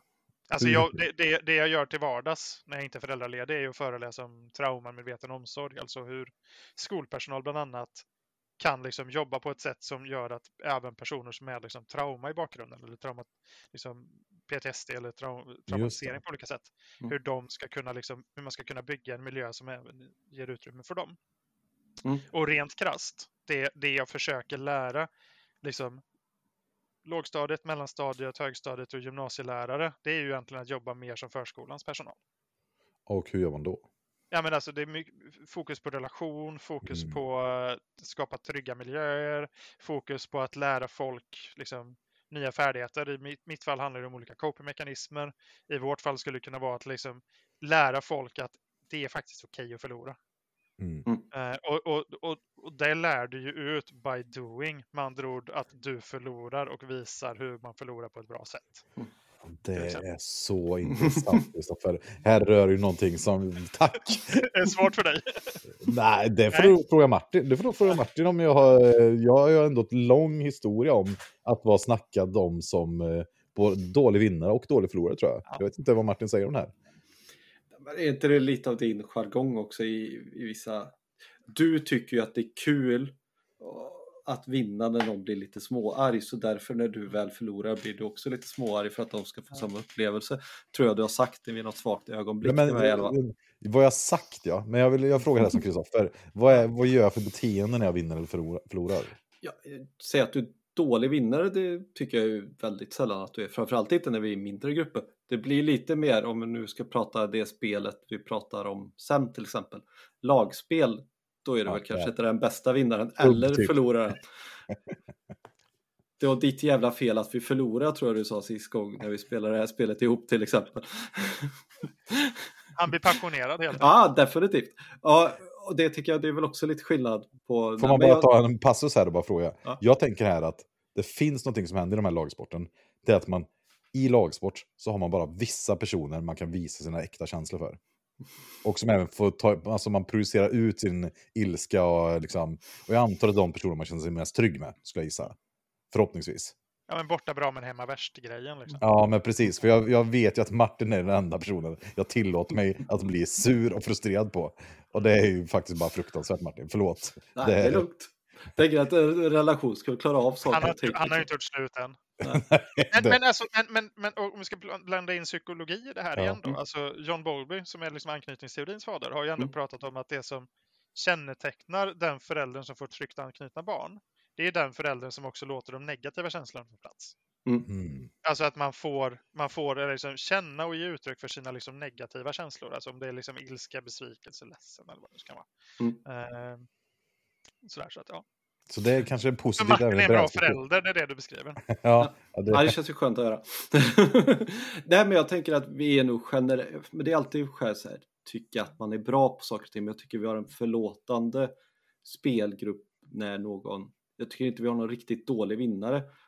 Sen kan ju folk bli ganska griniga. Jag har blivit det vid några tillfällen, men då får man ju be om ursäkt efteråt. Liksom. Så här, shit, ja, det var inte okej. Eller alltså, så här, det blev inte riktigt bra. Förlåt, jag var sur sist gång när jag förlorade. Men jag, jag kunde liksom inte hantera det. Så Ja, jag jag tänker, bara- har man landat i det att man liksom någonstans ska stå och, och be om ursäkt efteråt så tror jag man har kommit ganska långt. Det betyder ju inte att jag har flippat ett bord och kastat pjäser på folk men kanske haft en tråkig attityd efteråt och liksom inte kunnat säga bara där- bra spelat liksom.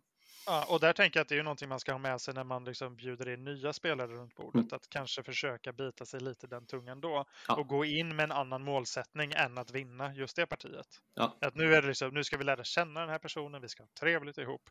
Alltså att det är de sakerna som alltså kanske är för att bygga tryggheten. Mm. Eh, och sen inte gå liksom full bananas när man förlorar där. Sen så, Mm. jag, det fanns en gång i tiden en liksom, diplomacy-tidning som jag prenumererade på och spelade diplomacy i. Mm. Eh, så här play by mail diplomacy, Mm. som jag är lite ledsen att det typ inte finns längre. Eh, för det var något speciellt med att få tidningen hemskickad och sitta och bläddra och se vilket coolt. drag. Alltså, coolt. Men jag tror att det var i den tidningen, det kan varit i tidningen Avaloni också. Som också var en sån här play by mail tidning. Eh, där en kille, jag tror det var Björn von Knorring, tror jag han hette. Som skrev en artikel om att när vi inte spelar om pengar, då måste vi spela om något annat. Och då är det liksom eh, rätten att få liksom vara en dålig vinnare. Alltså att liksom få Mm. förnedra de som Ah. förlorar lite grann. Och det är ju någonting att spela om och så är det en trygg miljö så kan ju det vara en trevlig jargong. Alltså jag tycker ju det är roligt. Ja. Om jag spelar i ett sammanhang där folk liksom hånar mig lite när jag förlorar, då tycker jag det är kul. Mm. Eh, Ja, men jag förstår vad du menar, för jag brukar alltid hävda, jag bara så att jag har det klart nu. Martin sa alltså att jag var bra vinnare och bra förlorare. Det är inspelat. Så vi har det klart. ja, det kan det tvärtom, så? definitivt vara ja. ja. Nej, jag, men hörde vi, inte där någonstans, men det kanske är bara jag som nej, han, han beskrev vad jag hade sagt till honom, inte hur jag var själv. Ah, Okej. Mm. Men det jag skulle säga att Martin har ju ett spel som han inte ens vill spela, för han har uttalat att han, han tycker det är för lätt att vinna mot oss andra. Mm. Det tycker jag, det är så jävla roligt. Det är ganska drygt sagt också. Det är så jävla roligt. Hur många gånger har du vunnit i detta spelet mot dem, Martin? Två eller tre tror jag. Okej. Ja. Ja, men, Ja. det är så här, jag ansträngde mig inte när jag vann de tre gångerna. Och så här, någonstans, jag är ju alltid den som får slå uppåt. Erik vinner väl 90% av våra matcher ihop kanske. Ja. Och helt plötsligt så, så Ja. slår jag honom tre gånger på rad utan bekymmer. Utan att jag är så här, jag var liksom rätt ur fokus under de tre veckorna också. Så det var ju inte så att jag la 100% på det spelet. Så här, 75%. Så det är väl jättekul att få vinna. Alltså, är det för att försvara din streak du inte vill spela det? Nej, jag bara tyckte att det, det var ju kul när jag bara Nej, vann och bara lullade runt lite. Det var ingen utmaning i det. Jag gjorde ju samma sak tre gånger i rad liksom. Ja. Men, och här tycker jag då, det, men det är ju ett problem. Jag höll på att säga att jag, liksom, jag är så sällan förlorar så jag får inte så, så ofta träna på det här. Men, men, men på riktigt så tycker jag, på, ty, på riktigt tycker jag faktiskt att, att den sämsta förloraren är den som låtsas inte bryr sig. Låtsas inte bryr sig eller inte bryr sig på riktigt. Uh, inte bryr sig på riktigt är sämst. Mm. Då, det tycker jag, då har man inte varit, tagit del av spelet. Det, är, Det ber- Det beror väl på varf, vad mål, målet med att spela är. Ja, men det har vi pratat ganska mycket om. Jag tycker ju att, att man ska vara engagerad i tillfället. Det är det viktigaste. Men det kan man vara fast med andra saker. Ni ska ju prata om co-op-spel till exempel sen. Ja. Eh, och då är det ju att man är engagerad i liksom den gemensamma berättelsen eller det sociala Nej. umgänget eller liksom den här, alltså, alla de här mysiga relationella sakerna. Nej. Nej, men De- det är därför du och jag inte gillar co-op-spel. Ja, nej, alltså, man måste vara engagerad i målet och målet måste vara Jo, vinna. men målet kan, målet kan ju vara det trevl trevliga Nej. runt omkring. På Det samma får- sätt som målet med att titta på Mello kan vara att liksom, Ja. nu ska vi träffas, vi ska lyssna på lite rolig musik, vi ska äta chips ihop, de som dricker alkohol kanske dricker lite alkohol. Men det är därför Mello också kan bli så jäkla dålig stämning när några bara säger men jag vill höra mellansnacket och folk bara va? Vi sitter ju för fan och dricker öl och vill bara ha det skoj. Ja. och, och samma sak med spel, har man inte gjort det klart för sig, vad är Ja. syftet? Alltså, Ja. Man måste, tycker jag, man måste ha fastställt bara, okej, målet är att alla måste försöka vinna. Efter det ska vi ha så jävla kul som möjligt, för det är först då Och, vi det, och, det, och, det, och det, det viktiga där kan ju vara att sätta sig och diskutera igenom Ja. innan, alltså liksom, eller prata med dem man ska spela med. Okej, men hur ska vi spela? Vad är målet med vårt spel? Mm. Ja. Eh, Jag tycker det är som en och i- dejt. Ja, och i Warhammer-communityt så är det ju inte helt ovanligt att man pr pratar om, frågar någon om de vill spela liksom en hård eller mjuk lista. Och det är ju liksom så här, vill du att jag liksom tar den listan som jag tänker spela på turnering för att jag vill vinna turneringen? Eller vill du att jag ska ta en lista som är liksom lite roliga modeller som jag vill testa? Och Det är skit, resonemang- skitbra. och det sättet kan man ju ha i brädspel också. Ja. Mm. Jag, jag tycker verkligen det är suveränt. Spe, alltså, speciellt om de här personerna som vill ofta testa på saker i spel. Man måste så här, jag vill testa lite nya grejer. Och för mig är det ju, då spelar man ett annat spel. Men däremot ha en omgång, man säger så här, nu det här omgången testar vi lite olika saker. Det tycker jag det, det är det Sen så skulle jag ju, gillar jag ju inte att spela om vi inte spelar de hårdaste listorna som finns. Liksom. Nej, men, och det, det förstår man, för det är ett helt annan upplevelse. Det är ett helt annat spel. Men, men tillbaka till det här med dålig förlorare. Jag tycker ju att en bra förlorare en Mm. person, när den väl förlorar, som kan eh, alltså, göra att det blir roligt att vinna mot den. Mm. Och, och det är ju alltid olika, lite beroende på vem som vinner. Men jag vet ju att Martin älskar om han får vinna mot mig och jag samtidigt sitter där och är lite småsur och bitter och, och liksom fortfarande liksom berättar för honom fan att du tog den där före mig. Alltså så jä... ah, jag trodde liksom. Jag sitter och lider, då vet jag att Martin älskar att vinna mot mig. Men skulle jag jag sitta bara... vinna åt dig, men Jo, men du, det skulle vara min... jag tror att du skulle ha mindre upplevelse om jag sitter bara helt tyst och säger bra spelat.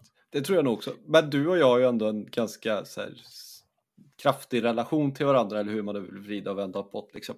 Det är ju väldigt skillnad när man kommer till ett nytt ställe eller har en ny spelare och göra samma sak. Man kan ju göra det i olika nivåer liksom. Mm. Men jag tycker när man väl förlorar då får man bjuda på det. Alltså. Då får man lida och tycka det är hemskt. Och man bara, fasen att du... det, fast det finns ju en hel del människor som tycker det är jobbigt att vara elak mot andra. Ja, Mm. ja. Och då, då ska du inte vara sån. Nej, och det värsta...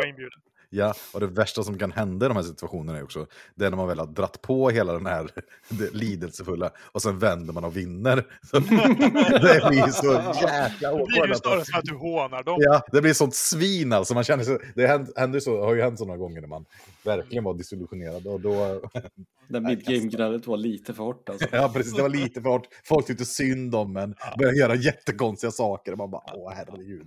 Det här är inte Alltså okej. hade jag varit med i er brädspelsgäng så hade jag ju försökt argumentera för att vi, när Erik börjar gnälla så slår vi på honom. Alltså, det, är det Martin har gjort. Det, det, asbra. Nej, det, det är ganska intressant ändå. Så, och jag tänker om man pratar om, för vi pratar ju om det i något avsnitt, vi pratar om Magic, där vi pratar om, i Magic pratar man ju mycket, eller en del för, när jag läser artiklar, om det här med jedi mind tricks och sådana här saker. Hur man alltså, vad ska man säga, påverkar folk utanför, vad ska man säga, spelmekaniska regler. Att Ja, men fipp, fippla med tärningen för att, liksom, eh, för att låtsas att ja, om de lägger bolten nu så kommer jag ta ner mina liv. Och... Ja, och jag menar, liksom, hur, hur påverkningsbara är vi människor för sådana här saker? Liksom här- Vi är rätt påverkningsbara. Det finns ju mycket som pratar om nudging och sådär. Eh. Men jag skulle vilja säga att det är nog ganska få som är så pass bra på det att de faktiskt vet Just eh, hur, vad de ska göra. Eh, för det behöver du liksom läsa av personer ganska bra för att veta vad det är som funkar för, för att liksom manipulera den. Mm. Och 99 procent av alla som sitter och typ läser artiklar om Jedi Mind Tricks och försöker bli bra på Jedi Mind Tricks borde nog istället fokusera på att bara bli bra på spelet. Ja, Alltså li, lite mer Kai Budde över Ja. det hela. ja, Eh, så. Sen är det vissa som kanske är jätteduktiga på Jedi Mind Tricks också. Sådär. Men eh, ja, det, det, då måste man liksom läsa av människor. Och det är kanske lättare att hålla på med det när man är i ett etablerat kompisgäng där du Ja. har liksom spelat många gånger och du vet, du vet vad som triggar Martin. mm. Eh, du vet vad som påverkar honom. Eh, så. Och då har du liksom fler datapunkter att dra av när du liksom lärt dig det där. Eh, det, vi prat, jag, jag sa väl att du skulle vara en bra diplomacy-spelare när du sa att du lovat dig själv att aldrig ljuga i spel. just det. Just det. Ja, och det, det är ärligt menat. För jag tänker att det är liksom att bygga upp för ett bra Jedi Mind Trick i diplomacy. Om man Mm. vet att jag kan lita på Erik. Mm. Och det är ju någonting, alltså i ett etablerat kompisgäng så, kan, så är det ju, alltså det är ju jättefarligt att vara den som ljuger lite för ofta. För då Ja. kommer folk aldrig tro på dig. Ja. Eh, men om du liksom har liksom då ryktet om dig eller folks erfarenhet om dig att du faktiskt aldrig ljuger. Då blir ju din lögn jättebra när du använder den. Ja.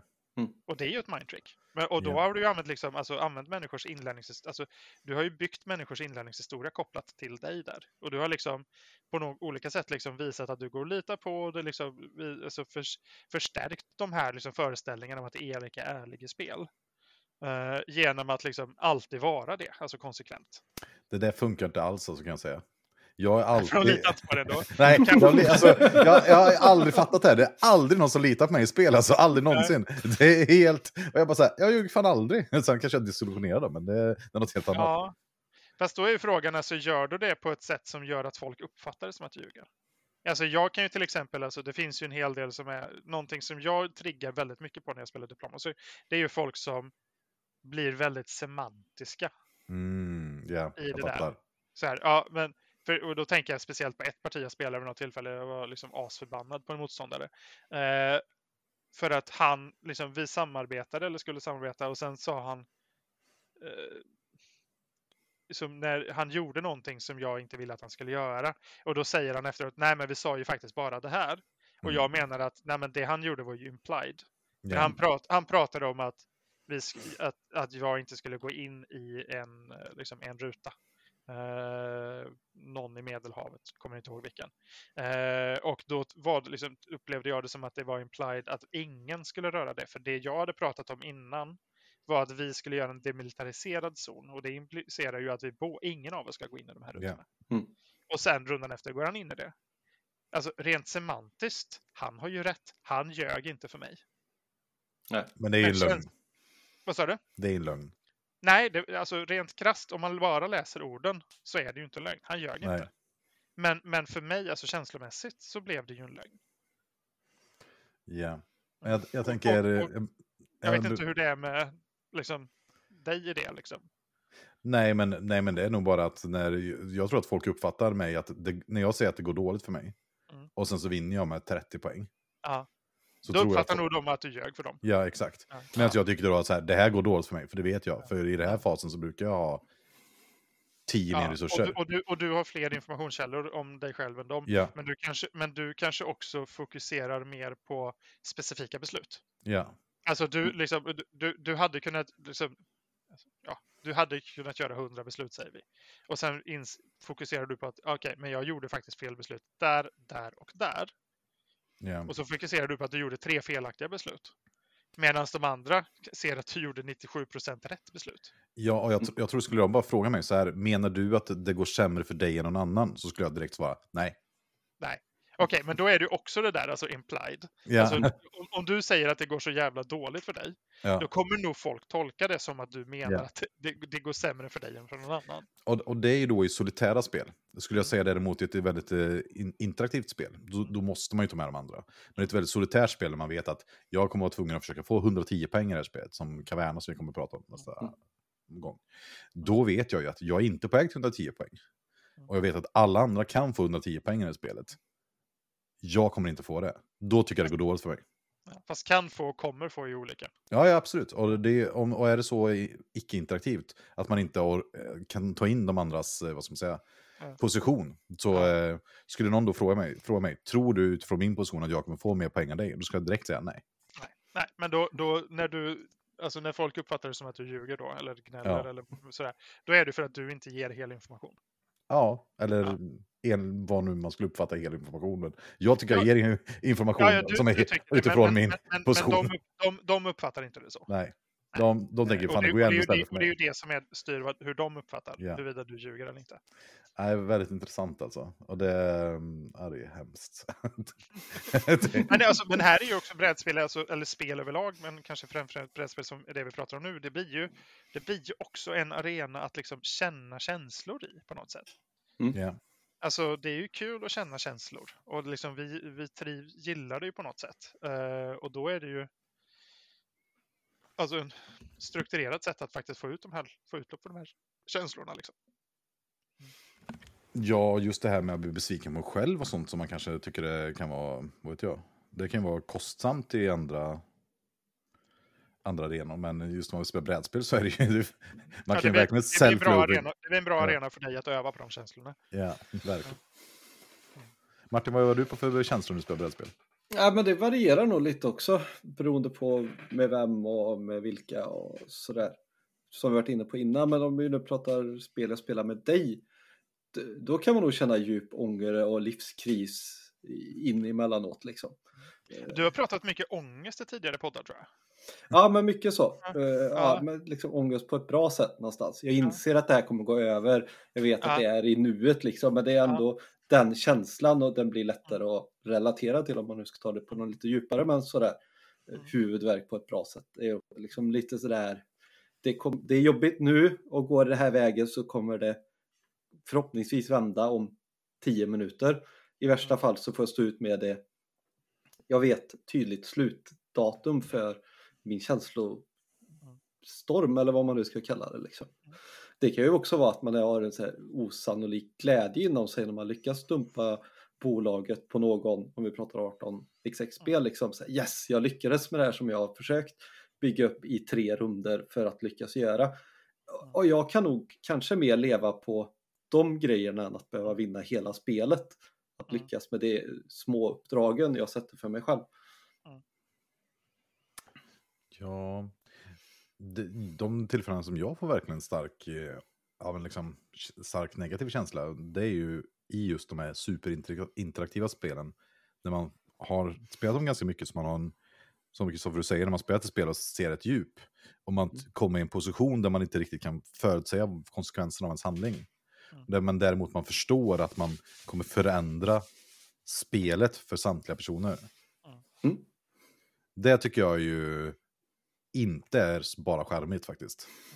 Alltså, Du har ju bett om ursäkt i förväg. ja, jo men, jo men, eh, för jag tycker det, det, för det blir någon slags krock. För jag tycker att en krock är ju, när vi pratar om det, att man måste spela spel för att försöka vinna, för annars funkar inte spelet i princip, tycker inte jag. Så spelet funkar inte då. Men också att det här andra övergripande målet, att man ska ha trevligt och alla ska ha samma möjligheter att vad vet jag, uttrycka sig och ta plats och sådär. Och vissa gånger i vissa spelpartier kommer man till att nu kommer jag göra det här, jag kommer ta upp 75% av all tid, Mm. jag kommer ta över hela det här partiet, jag vet inte om jag kommer vinna, Mm. men jag kommer förändra alla spelares positioner till att spela 18, 17, 18, 41 till exempel Mm. de här spelen. Och jag vet inte, det ger mig en jättestark eh, känsla. Liksom. Och, och problemet för mig är att det jag känner i mig är att jag måste ta det här beslutet för att jag tror att det är bäst. Men alltså, varför kan du inte bara sätta dig ner och liksom, i, i det läget vara okej med att alltså, de som du sitter och spelar med har ju gått med på det här? Alltså det är ju samtyckta former. Och, Jo, och för- särskilt, särskilt om du letar upp ett gäng som har liksom samma mål och samma ingång med spelet. Alltså Mm. att inte, alltså att det övergripande målet är faktiskt att vi ska, vi ska följa reglerna och vi ska vinna. Ja. Vi ska liksom inte fuska, men vi ska försöka vinna. Har du sett filmen Pleasure? Eh, nej. Som handlar om porrfilmsindustrin. Eh, Nej. nej, för den diskuterar det med samtycke på, tycker jag, på ett väldigt intressant sätt. Och det har säkert diskuterats på... För där måste man ju, innan man är med i en porrfilm, måste man skriva på en lista med typ t- 200 punkter om att man är okej med alla Jo, saker. jo, jo, jo. Men, men det är klart att man kan problematisera samtycke. Men här, där, när du, om du fattar ett beslut som gör att det går dåligt för dina motståndare så är det, det är ju under en väldigt begränsad tid. Det är ju inte liksom jämförbart med att vara med i en porrfilm. Eh, Nej, med men, liksom men, sociala konsekvenser och allt sånt där. men det är man... Det värsta som kan hända är att någon har tråkigt en stund. Ja, exakt. Och det Ja. tycker jag är... Ja. Och att man kanske... Att förväntningarna som man hade när man skulle spela det här spelet, att man skulle prova någonting, alla andras Ja. tankar om deras strategier, de skulle prova någonting, de bara försvann de möjligheterna. Ja. För, alltså, Då är du mer casual än vad jag är när det kommer till spel. Nej, för jag Jag- tar, jag tar det här beslutet Jo, och genomdriver det. du, du våndas över det. Ja, starkt också. Ja. Eh, jag, när jag, framförallt när jag spelar Magic, ser på kul som ett nollsummespel. Ja. Alltså, har jag roligt, har du tråkigt så har jag roligt. Det är ändå... Och det är ett helt, det, och det är ett helt okej resonemang i ett spel som tar, alltså man hinner tre partier på 50 minuter. Ja. Ja. Ja. Men nu Eh. pratar vi om spel som tar 12 timmar. Och även där kan ju alltså finnas lägen där kul är ett nollsummespel. Ja, ja men verkligen. Ja. Och just också att personen kan inte gå därifrån heller. Det är det som Nej, är så... nej.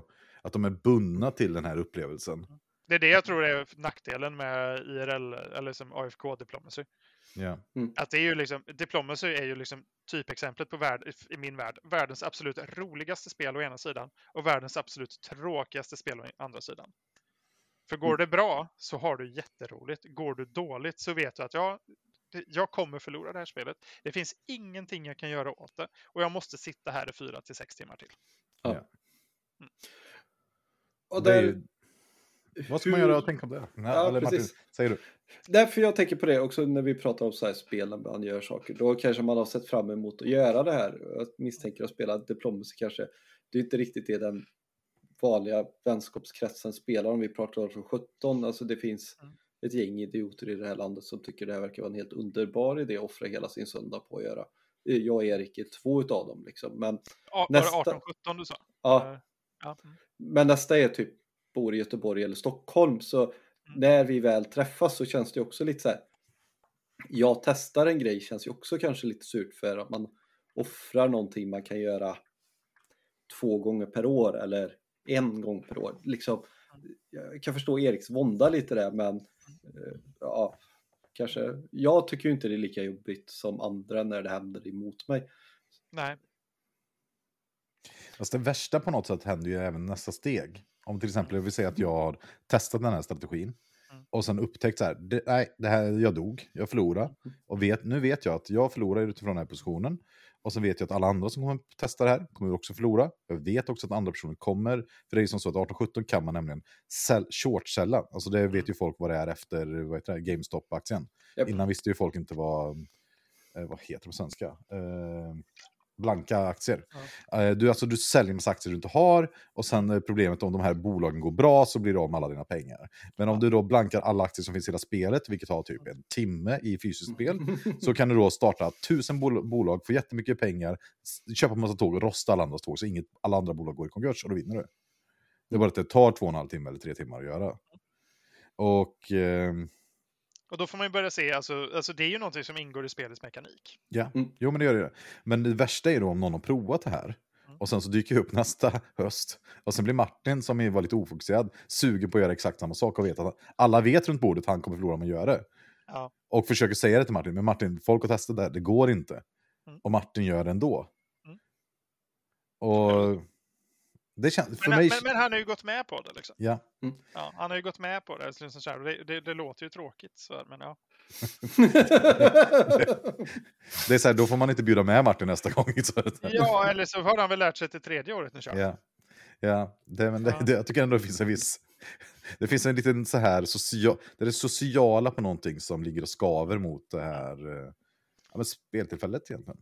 Och jag tänker att det är skillnad beroende på vilken grupp man spelar i. Alltså Mm. spelar du med en nybörjare som gör drag som är liksom strikt kontraproduktiva och inte kommer leda till, till vinst. Alltså det Ja. tydligaste exemplet för mig är liksom folk som spelar Österrike-Ungern i Diplomacy och inte gör liksom standardöppning.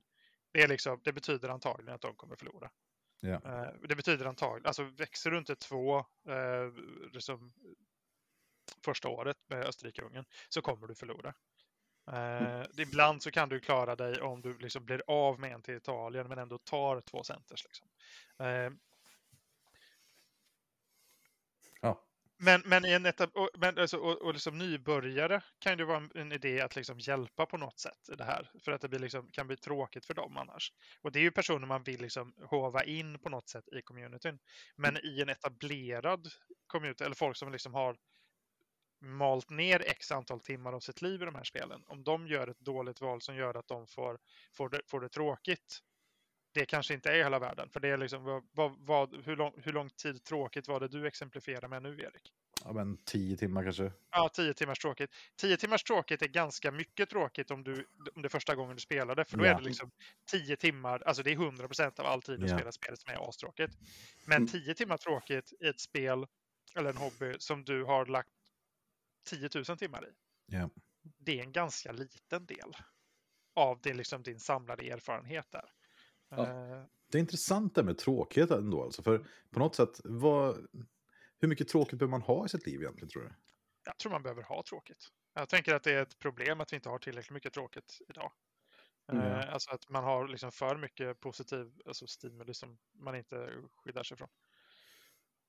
Det är kanske det man borde införa, liksom brädspel man förlorar riktigt hårt, som har riktigt trist. Ja, fast då är det ju inte alla som upplever det som tråkigt. Jag tycker till exempel att det kan finnas, alltså Advanced Civilization till exempel, tycker jag är ett lysande spel på det. Det är ett spel, jag har inte tråkigt när jag förlorade i Advanced Civ. nej, nej, varför då? Därför att jag upplever fortfarande progression Mm. på olika sätt. Eh, man går framåt i liksom tiden, man, man skaffar nya saker. Det var bara någon annan som vann lite mer. Eh, Medan i Diplomacy så är det ju verkligen, alltså går det dåligt så går det dåligt och det är skittråkigt. Och där har ju på något sätt skillnad mellan för oss som är Eurospel och typ en 18xx-spel på något sätt. Ja. Eller Splotter, Fuji Magnet eller de här. Ja, där kan det bli tråkigt på riktigt. Ja. Och, och tråkigt på riktigt är ju okej om det är någon som redan är investerad i hobbyn. För då, då, Ja. då har de liksom många positiva erfarenheter också. Ja, jag Ja. minns ju när jag spelade Fuji Magnet och aldrig fått göra i princip någonting ett helt parti och kände så här, fy fan som var sugen på att spela igen. Liksom. Gud vad kul jag hade haft om jag hade varit den som sett till att det var så för dig. Ja. ja. ja, men och man kände bara sådär att så bara, det, nu straffade mina, gi- min gira, alltså det är ett kapitalistiskt spel, så man var så här, nu tog jag på mig för mycket risk, jag var för galen, jag hade, kom inte ihåg mina, liksom, mina roots här i det kapitalistiska systemet, jag måste ha liksom, marknadsföring, annars kan jag förlora allting. Liksom. Och, ja, men så man tar det som en lärdom, en läxa, och då, då händer tydligt. någonting. Jag spelade Illuminati för massa herrans år sedan. Eh, säkert typ 20 eh, nu. Där det var liksom en kompis som överkommittade till, eller som började överkommitta till att få en konspiration eller vad det nu kommer inte vara så länge sedan jag spelade, men ett kort som han överkommittade till för att få. Var, Mm. varpå vi andra runt brädet säger att om du gör det här så kommer vi slå ut dig. Eh, liksom när vi bör, kommer efter, för att han, då försatte han sig i position där vi kunde döda honom. Mm. Eh, Mm. utan några större problem. Och det var ju jättetråkigt för honom och han hade ju liksom rest en timma för att komma och spela med oss. Mm. Och, det var så här, och han försökte ju spela på det att nej men ni kommer inte sabba för mig för det vore så tråkigt. Och liksom, det, detta var ganska tidigt i spelet. Och det var så här, ja stannar han kvar så får han titta på i fyra timmar. Annars så får han åka hem en timma. Mm. Och han överkommittade och vi slog ut honom. Ja. Så. Vad hände? Stannade han kvar eller åkte han hem? Det kommer jag inte ihåg. Jag Och framförallt, ihåg- komma tillbaka. Ja, ja, vi spelade mer spel med honom Ja. efteråt. Eh. Eh, Men alltså, det, det finns ju en sån aspekt i det också. Alltså, Där är det ändå schysst att ni ändå säger gör du det här så kommer det här att hända. För det, jo, jo, men det var, ju för att, det var ju för att vi inte ville att han skulle få den. ja, För det var ju liksom, det var en av de bättre som fanns i spelet som han Mm. kunde få. Så att hade han fått den och vi inte slått ut honom så hade han antagligen vunnit istället. ja, Ja, för då hade han fått en av de liksom bästa korten ganska tidigt i spelet och sen hade han liksom kunnat ja, men typ mobba oss andra Ja. eh, på olika sätt. Eh, eh, det är spännande ändå. Alltså. För det är ju samma 18-17 vi pratar om, det är ju spelarelimination. Och man kan tänka sig att man satt upp, bjudit in fyra pers med supertaggare, så kan man eliminera någon efter två timmar. Mm. Det är väl ändå bättre än spel där man som i Food Chain, du får vara med men du kan inte göra någonting på de här nästkommande fyra timmarna. Var det Du inte får Foodchain sitta du hade, lite. någon sådär, Ja. ja. hade någon regel som sa att du, för att du ska spela det så måste du få gå därifrån och skita i det? Ja, precis. Alltså, Ja. Kristoffer, du är världens bästa gäst. Du kan alltså citera oss från våra olika poddavsnitt. Det här, kan vi inte alltid ha en person med? suttit- jag har ju suttit och målat Warhammer-figurer och lyssnat på er podd. Ja, jag hade en fuck off you clause i det spelet. Jag har tagit bort den nu för jag har ju spelat det så många gånger så nu känner Jo, jag men, kommer, men, men, och då hakar du in i mitt resonemang här. Ja, Att i vissa fall, så, alltså, när man är ny i någonting så kan det vara viktigt att försöka se till att det blir roligt. Men Mm. när du väl har liksom investerat mycket tid i det så Ja. då är det liksom... Då, Ja. vi, Ja, det- ställer ju saker, och- vi ställer ju saker och ting i relation till alltså, vår egen historia och liksom hur- våra, alltså, hur mycket tid vi har spenderat på någonting. Ja, och Alltså, lite hur man är lagd också tror jag. Ja, ja, gud ja. Ja, Men- lite det masochistiska att jag ska komma igen. Får man jag uppskatta någonstans liksom. Kanske inte Jag rätt annan- Ja, använda masochist när man pratar med en psykolog, men lite det här själv eh, hatet att eh, liksom kunna göra en förändring och sådär. Det är väl... Du tänkte självhat var bättre ord när du pratade. ja, ja, köpa det. Ja. Men det jag funderar på lite sådär, för, med, för just om man pratar, vad heter det, sådana här kurvor med, vad heter det? Begåvningskurvor eller vad som man kallar det, över befolkningsmängd och fan, de här andra kända psykologerna, vad heter han, Jordan Peterson, något som pratar om sådana här hem, hems, hemska begåvningsgrejer och sånt. Jag tänker sådär, vil, vilka, liksom, vilka är bra på brädspel egentligen? Vad, vad behöver man ha för några förmågor för att vara bra på brädspel? Och... Jag tänker att du, alltså, om, du, om vi pratar bra, som i att du ska vinna, Mm. så tänker jag att det är ungefär samma förmågor som för att bli bra på någonting överhuvudtaget. Eh, alltså, för att lyckas i livet. Det, det finns två egenskaper som liksom korrelerar väldigt mycket mer än andra, annat för att lyckas i livet. Eh, det ena är IQ. Alltså, Mm. ju smartare du är, desto bättre lyckas du i livet. Men det, det ska helst paras med någonting som kallas för samvetsgrannhet i uh, femfaktorteorin. Med andra ord att du ska liksom göra det du behöver göra för att du ska bli bra på det. Eh, Okej, alltså lägga ner initiativ. tiden. Ja. Ja, lägga ner tiden och så följa, följa regler och lagar och sådär. Alltså, jag, är, jag har ganska låg samvetsgrannhet, vilket betyder att för att jag ska kunna jobba hemma så behöver jag ganska tydliga ramar för det. Alltså, det, det bästa för mig är ju liksom, jag, jag utbildar hemifrån. Det är liksom så här, ja, jag måste logga på klockan 8, för 8.30 kommer de 30-40 deltagarna som jag ska utbilda. Mm. Och så ska jag göra det. Alltså, jag behöver den typen av Mm, ramar för att ja. jag ska kunna klara av det på ett bra sätt. Eh, min fru är jättehög på samvetsgrannhet. Alltså, det spelar, hon, hon kan jobba helt fritt. Men hon går ändå upp och jobbar från den tiden hon sa att hon skulle jobba. Hon jobbar liksom kontinuerligt under hela dagen och sitter inte och typ spelar brädspel online på arbetstid. eh, och tar kanske sina liksom raster när hon ska och sen, sen när dagen är slut så slår hon igen och så går hon vidare. Men alltså att, och det är ju samma sak här, alltså ska du bli bra på någonting, bra på brädspel, alltså spela det mycket, tänk mycket kring det, försök vara lite smart kring det. Just Övning ger färdighet helt enkelt. Men är det, Ja. Är det någon skillnad just på att det är grupp... Eh, ja, men att det är grupp helt plötsligt, tänker jag. Nej, alltså du mäter det ju med andra då i sådana fall. Alltså, jag tänker ju att det är ingen slump att Kai Budde är världens bästa, eller var världens bästa Magic-spelare. Okej, varför, varför då? För Därför att han, satt, han är hyfsat smart, men han satt ner och spelade hur mycket Magic som helst när han eh, var liksom den mest dominerande spelaren i världen. Eh, Finkel är ju också duktig. Eh, men Finkel var ju kanske något mer talang än vad Budde var. Eh, det kan man ju se på idag när de inte spelar lika mycket Magic. Alltså när Finkel kommer tillbaka så placerar han sig fortfarande rätt bra för att han har ju liksom Mm. mycket talang. Men, eh, talang, är det, liksom, är det då att man är så sann? För då är man. Är man, då har man, om man ska översätta de här färdigheterna du sa, då är det mer, kanske mer högre IQ snarare än san, sanningsgrann. Då, samvetsgrannhet. Ja. Mm.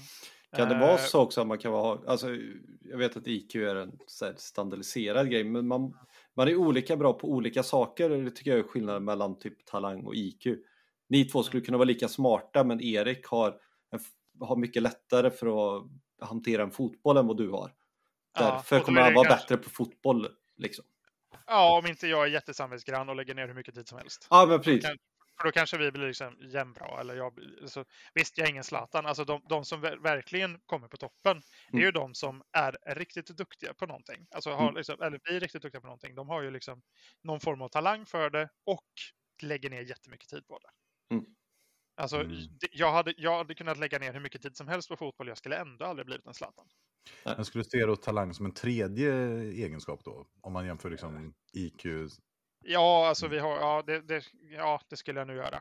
Eh, nu är jag också lite ute på hal is. Ja, men, men jag bara, Ja, jag ja, bara det fattar jag förstår. Ja, ja, men det, Det är skönt när vi kastar in lite egna begrepp och lägger egna värderingar på dem som, som Ja. du måste rättfärdiga sen. Det tycker jag.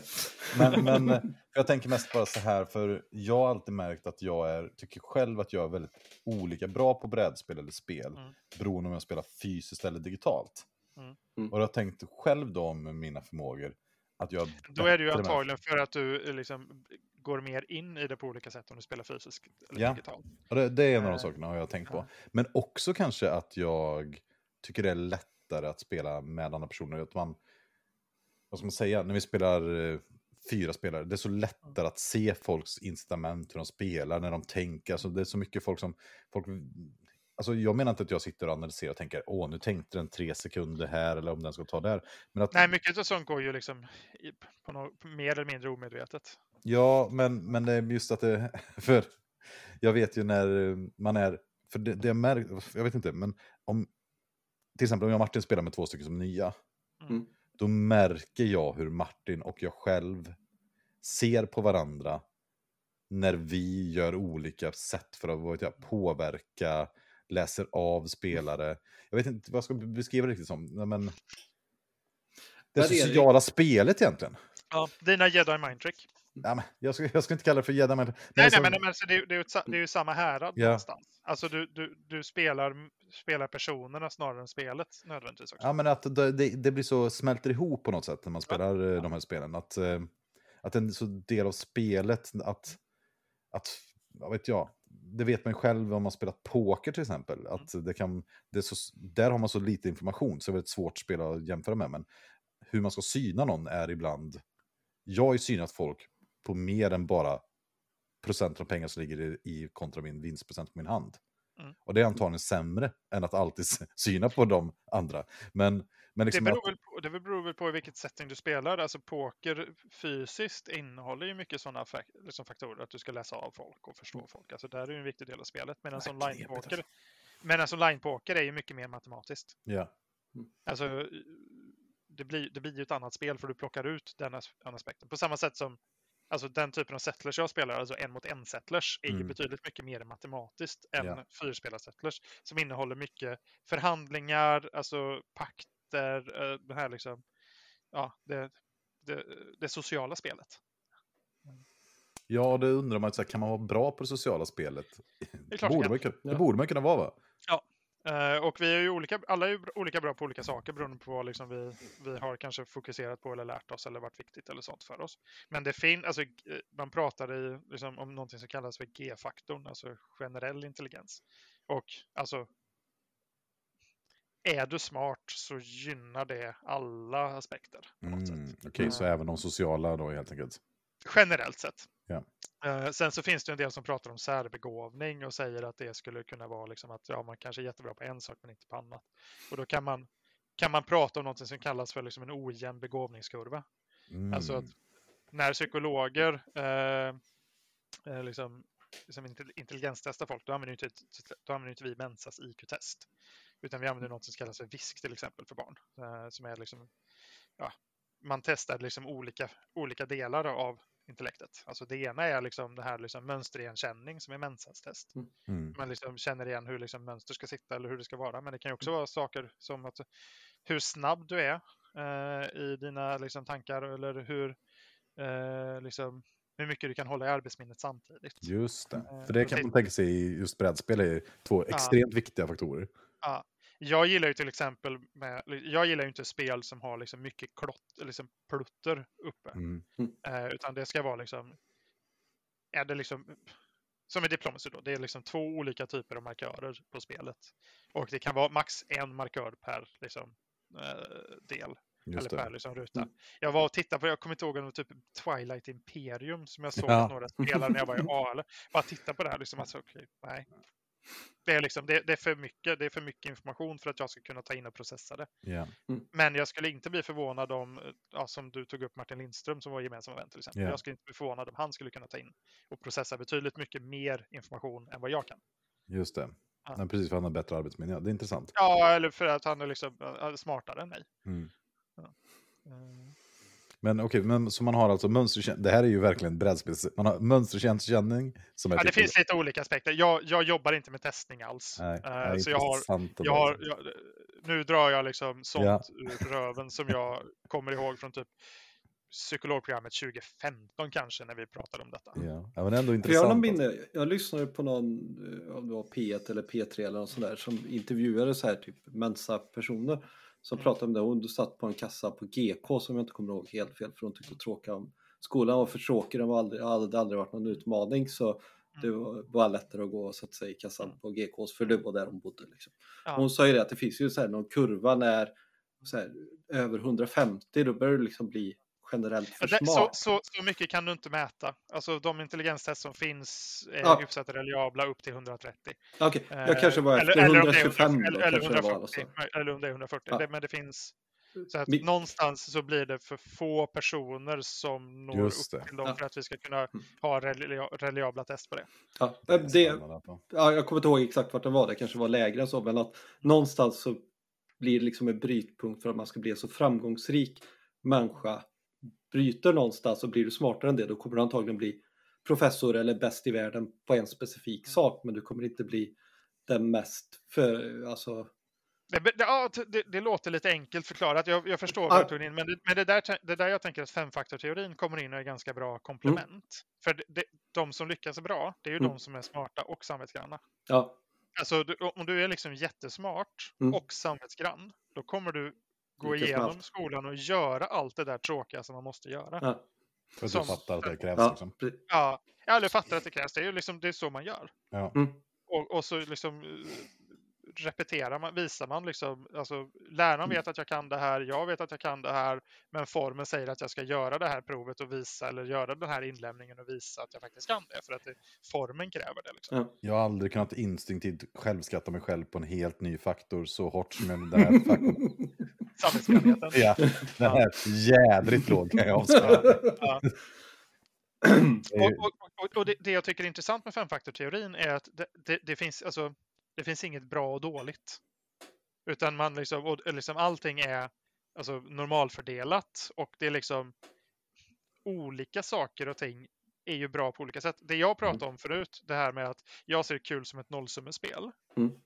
Det är ju ändå ett utslag för att jag skattar ganska lågt i någonting som kallas för vänlighet eller agreeableness i den engelska. Ja. Eh, det, det heter nog inte vänligt längre, det hette vänligt förr. Jag tror de har bytt namn på den för att det var för värdeladdat. Tror jag. Eh, men agreeableness i alla fall. Eh, för mig spelar det faktiskt inte så stor roll om min motståndare har tråkigt eller inte. Nej. För det viktiga är att jag har roligt. Eh, och rent krasst, det finns ju jättemånga lägen där låg agreeableness är jättebra i samhället. Det är Ja. också de som till stor del hamnar på kåken. Alltså man har Ja. liksom låg agreeableness, för låg agreeableness och sen lite liksom andra saker som försvårar. Då hamnar man på kåken. Mm. Eh, men det kan ju också vara, alltså, Jordan Peterson som du var inne och pratade om, Mm. som faktiskt är en psykolog jag är väldigt förtjust i. Eh, jag är inte förtjust i honom politiskt. Där är Ja. han ute och gissar och har liksom fel väldigt mycket. Men som psykolog är han liksom, han säger ingenting som inte vi vet att det är mer än 40 år. Mm. Han är en välciterad forskare och har liksom jättemånga publicerade artiklar och liksom sådär. Eh, men han pratar ju om en vän som han har, som, liksom, som jobbar med att gå in på företag och sparka folk. Det är liksom Mm. hans jobb. Han går in, liksom bedömer folk som jobbar och sen sparkar han de som inte producerar tillräckligt. Och Jordan Peterson beskriver ju då liksom hur han har pratat med hur klarar du av det här? Och han förklarar, men jag tycker ju det är kul. ja, Ja. det, För, för vad är det han gör då ur sitt perspektiv? Jo, han går in i det här sammanhanget och hittar de som liksom kanske gör livet svårare för sina kollegor.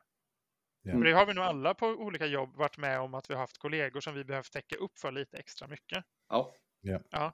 Och liksom inte det här att det finns ett ömsesidigheten i upptäckandet eller att det Mm. liksom på, över tid finns en ömsesidighet Mm. eller, eller att det finns liksom förståeliga skäl till varför någon inte gör det de ska. Utan han, men han letar upp dem som liksom drar ner det för det allihop och sen sparkar han dem.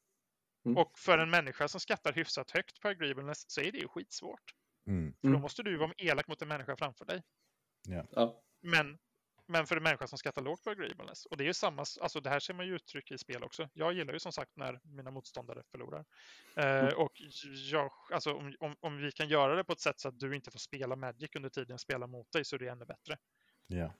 Genom Men- att jag men- spelar krångliga kom, kombolekar eller stacks eller så. Det är väldigt intressant att du tar upp Jordan Peterson också, för han har ju varit så otroligt diskuterad på vår eh, Discord-kanal. Och det är ju också för, precis som du säger, att det är dels för ja, men hans eh, vad ska man säga, livsfilosofi, kan man väl kalla det, och psykologi, och även politiska agendan. Liksom, Alltså han, han blev ju på riktigt känd i anslutning till att han eh, ställer sig negativ till C16 Ja. som är någon kanadensisk motsvarighet till vår liksom, hets mot folkgrupp-lag. Yes.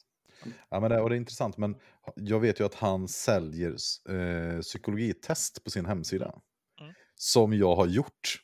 Åh, berätta!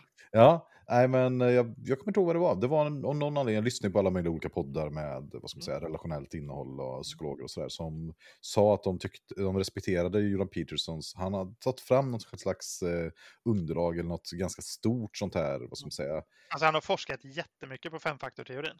Ja.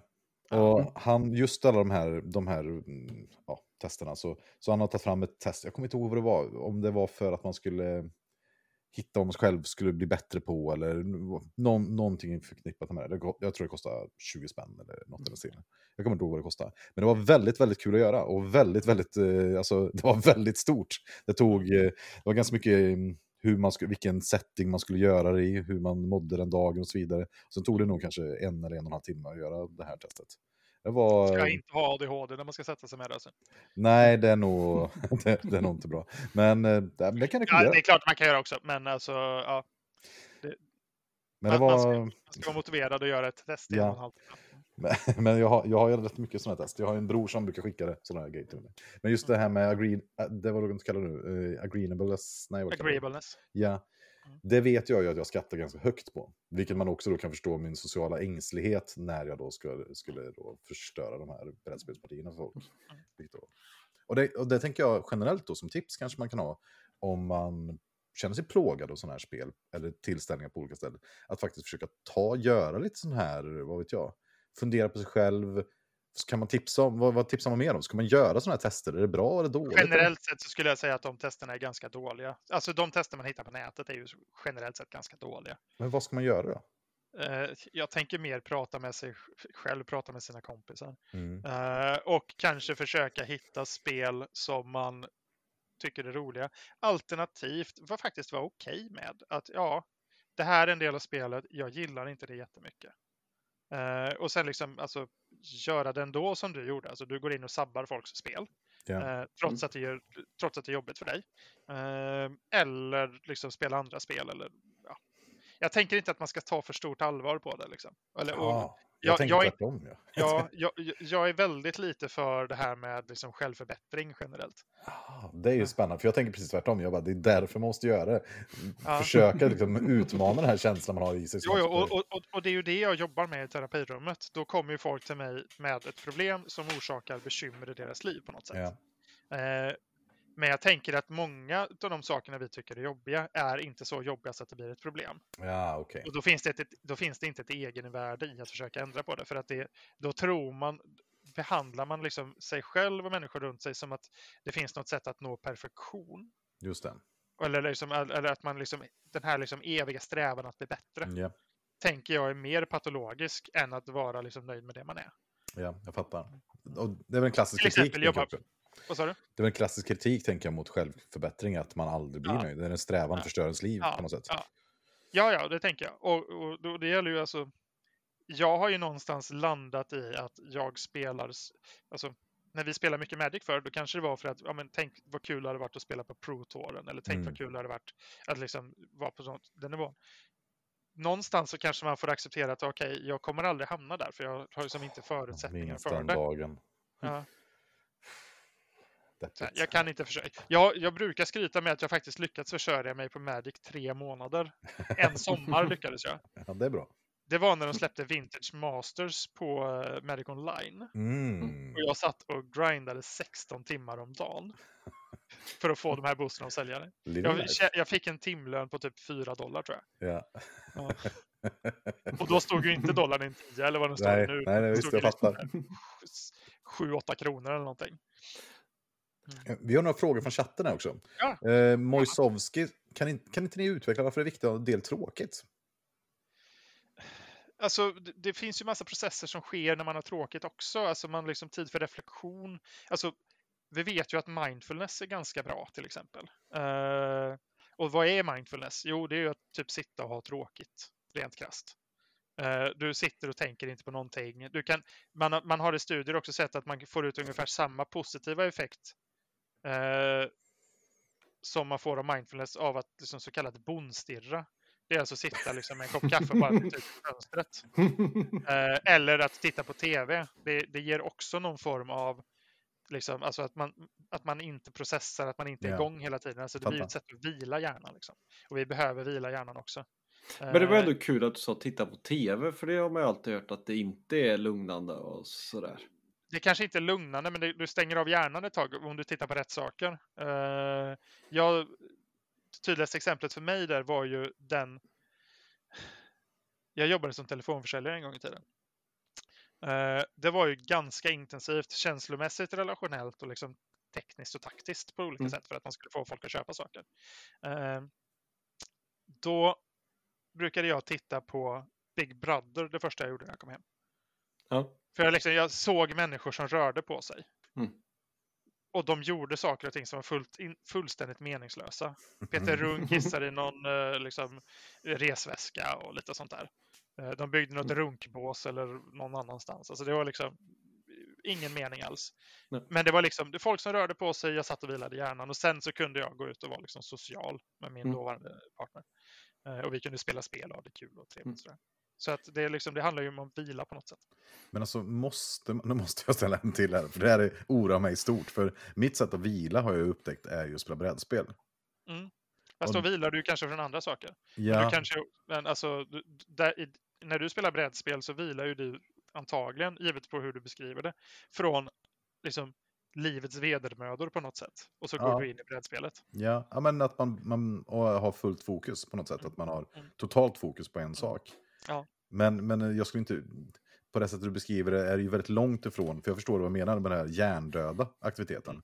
För det är ju Mm. superenergiskt istället. Mm.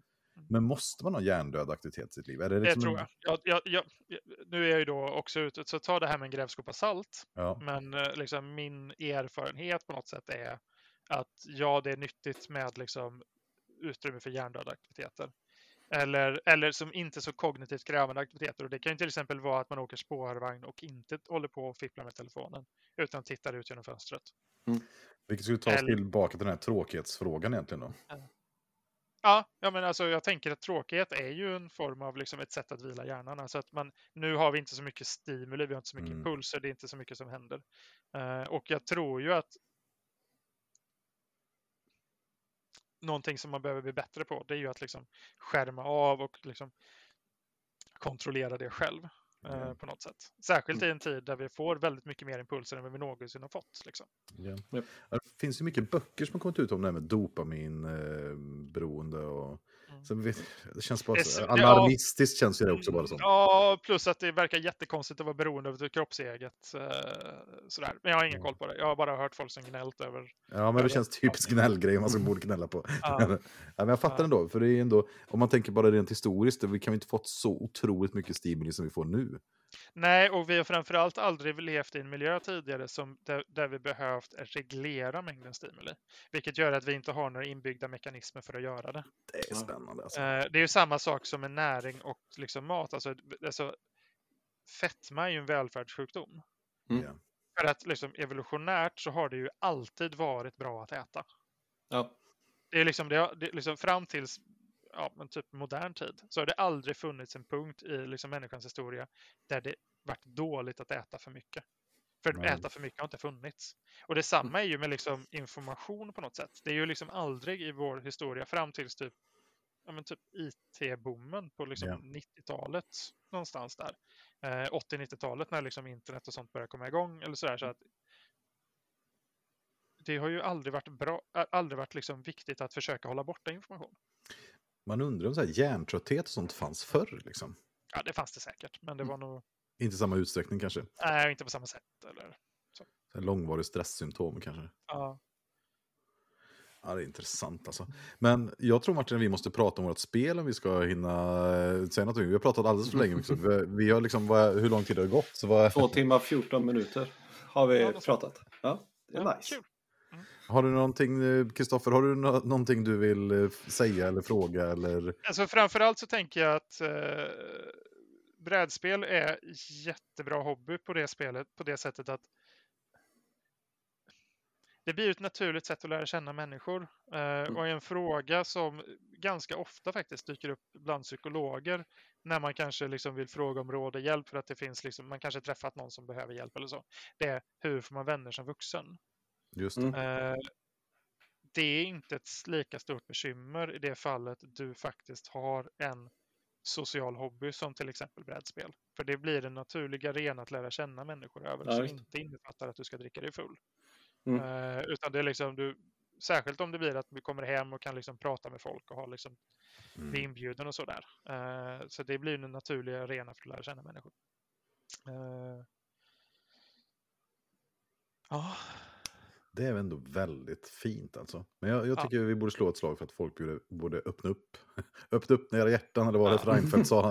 öppna hjärtan, ja. Nej men alltså att, att, liksom att våga odla sina hobbys, tänker jag. ja. Mm. Eh, sen så finns det ju en risk att man använder brädspel för att fly från saker och ting som är jobbiga. Alltså det här du beskrev med att man liksom håller liksom vardagslivet vedermödor borta. Det kan vara bra, eh, det är bra i viss utsträckning. Det finns liksom väldigt få saker och ting som bara är dåliga. Det Mm. tänker jag ofta när folk pratar skärmtid till exempel. Skärmtid är Mm. inte dåligt. För mycket skärmtid som gör att du inte kan göra det du gör till vardags eller klarar av att sköta livet är dåligt. Det är samma sak med brädspel. Brädspel är jättebra, men du kan ju spela för mycket. Eh, om det gör att du liksom åsidosätter nära relationer, du åsidosätter jobbet eller liksom allmänna livsgrejer, personlig hygien eller vad det nu kan vara. Liksom. Ja, när man pratar copingmekanismer också, så tänker jag, kan, där borde ju brädspel kunna också. Ja, ja, alltså allting vi gör är ju copingmekanism på något Mm. sätt och, och eh, det, är ju, det, är, det kan ju vara både bra och dåligt. Det, Mm. det är ju inte en fråga om förekomst, det är en fråga om dos Ja. eh, Ja. och vad man döljer och hur mycket man gör. Eh, Undrar om det skulle kunna finnas så här nationell riktlinje på hur mycket brädspel man skulle spela i veckan. Liksom. Nej, det tror jag inte. Alltså, för det viktiga är ju, alltså, det vikt, när jag bedömer människor, då Mm. bedömer jag ju, alltså, oavsett vad det är, liksom, så är det ju liksom, klarar man av livets övriga åtaganden? Ja. Det är ju Mm. den viktiga frågan. Alltså kan man hålla nära relationer? Kan man eh, sköta ett jobb? Eh, Freud pratade om arbeta och älska. Alltså Mm. att det är liksom det som gör människan på något sätt. Att det är en, hon klarar att arbeta, hon klarar att älska på något sätt.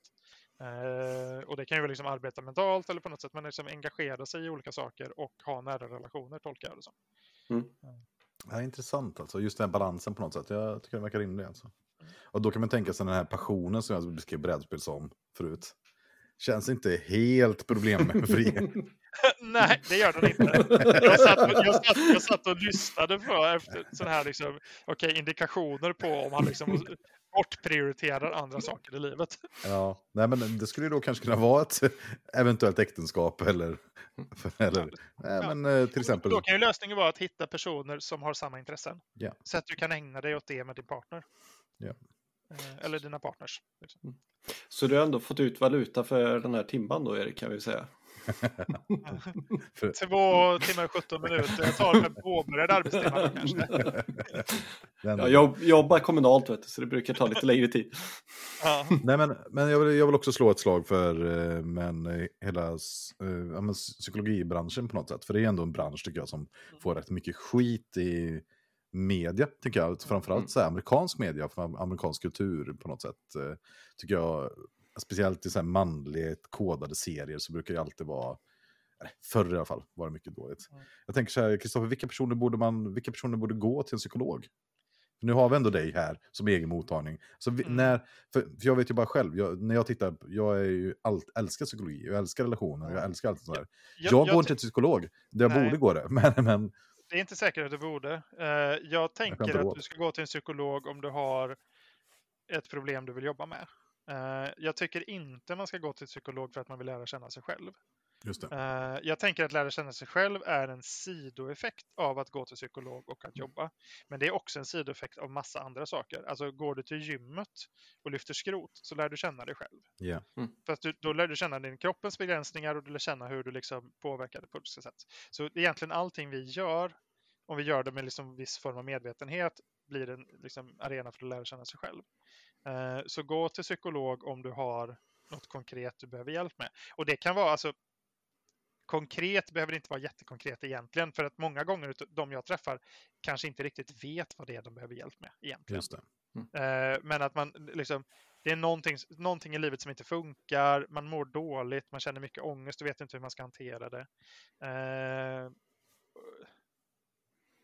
och gå före än, snarare än efter. Eller liksom, alltså, det är inte helt ovanligt att folk söker sig till psykolog i ett väldigt sent skede. Eh, tydligt exempel på det är liksom, om man har liksom någon form av tvångsproblematik. Det är Mm. tekniskt rätt enkelt att jobba med. Och du kommer liksom få ganska bra hjälp och det kommer gå ganska bra rent statistiskt. Eh, men det är jättesvårt att ta sig ut ur det själv och det kan sluka upp hur mycket tid som helst i livet. Eh, Så. För fobier, det är ju alltså, det, fobier är ju jättejobbiga att dras med. Eh, Det finns alltså ensessionsbehandlingar som funkar jättebra. Det betyder alltså att man träffar en person kanske tre till fem timmar eller något sådär. Och sen blir man liksom av med den fobin. Man, som, i att, som i att man klarar av att göra det man hade fobi för. Eh, det kanske är lite obehagligt fortfarande, men att man, man klarar det mycket, mycket bättre än vad man gjorde innan. Och liksom det, det, det blir ju väldigt mycket begränsningar i livet. Eh, Skulle en, en person som, för du sa ju själv att du var då mer bete, behavioristisk. En ja. person som skulle vara till exempel mer eh, vad ska man säga, psykoanalytiskt eh, eh, arbetande. Skulle den säga samma rekommendation att det är just ett speciellt... Nej, för de skulle nog hävda att det är viktigt att lära känna sig själv och att man gör det i psykoterapi. Problemet är bara att de inte har någon eh, liksom, data som stärker. Evidens, ja. Nej, men vi behöver, inte, vi behöver inte ens prata evidens. Vi kan liksom, det, det finns inte så mycket data som stärker att man... Liksom, för det första, för, vi bör, måste börja med att liksom, operationalisera vad det lära känna sig själv. Mm. Alltså hur, hur Ja. kan vi mäta det? Mm. Eh, psykoanalytiker är väl ganska ofta inne på att människan är för komplex för att mätas. Ja. Eh, nu är det inget fel med psykoanalys för de liksom, tillstånd där det är rimligt.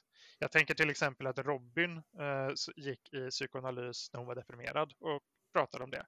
Jag tänker att psykoanalys för henne var en jättebra behandlingsform. Eh, Varför då? Kanske inte. Eh, hon gjorde någonting som kändes meningsfullt. Hon kom utanför Mm. dörren. Eh, hon låg och äng- liksom pratade med någon. Hon hade liksom en relation med en annan människa. Alltså massa saker och ting som är liksom så här nyttigt för att bryta depression. Mm. Eh, ägnade hon sig åt i sin psykoanalys. Det här var den största dissen jag hört mot en kollega i ett yrke alltså. Alltså, Kunde det- varit en busschaufför liksom. Nej, det, alltså det jag menar, alltså den verksamma mekanismen i, vid behandling av depression är någonting som kallas för beteendeaktivering. Alltså att börja göra saker och ting som är Mm. meningsfulla och roliga. Eh, jag, är helt, alltså jag, jag tänker på psykoanalys mer som en kulturupplevelse. Snarare än eh, liksom behandling. ja, jag fattar. Jag Och, fattar. och, och, och, ly- lyssnar man på Per-Magnus Johansson på Freudianska föreningen så håller han med om att psykoanalys är ingenting som ska ges inom den offentliga vården till exempel.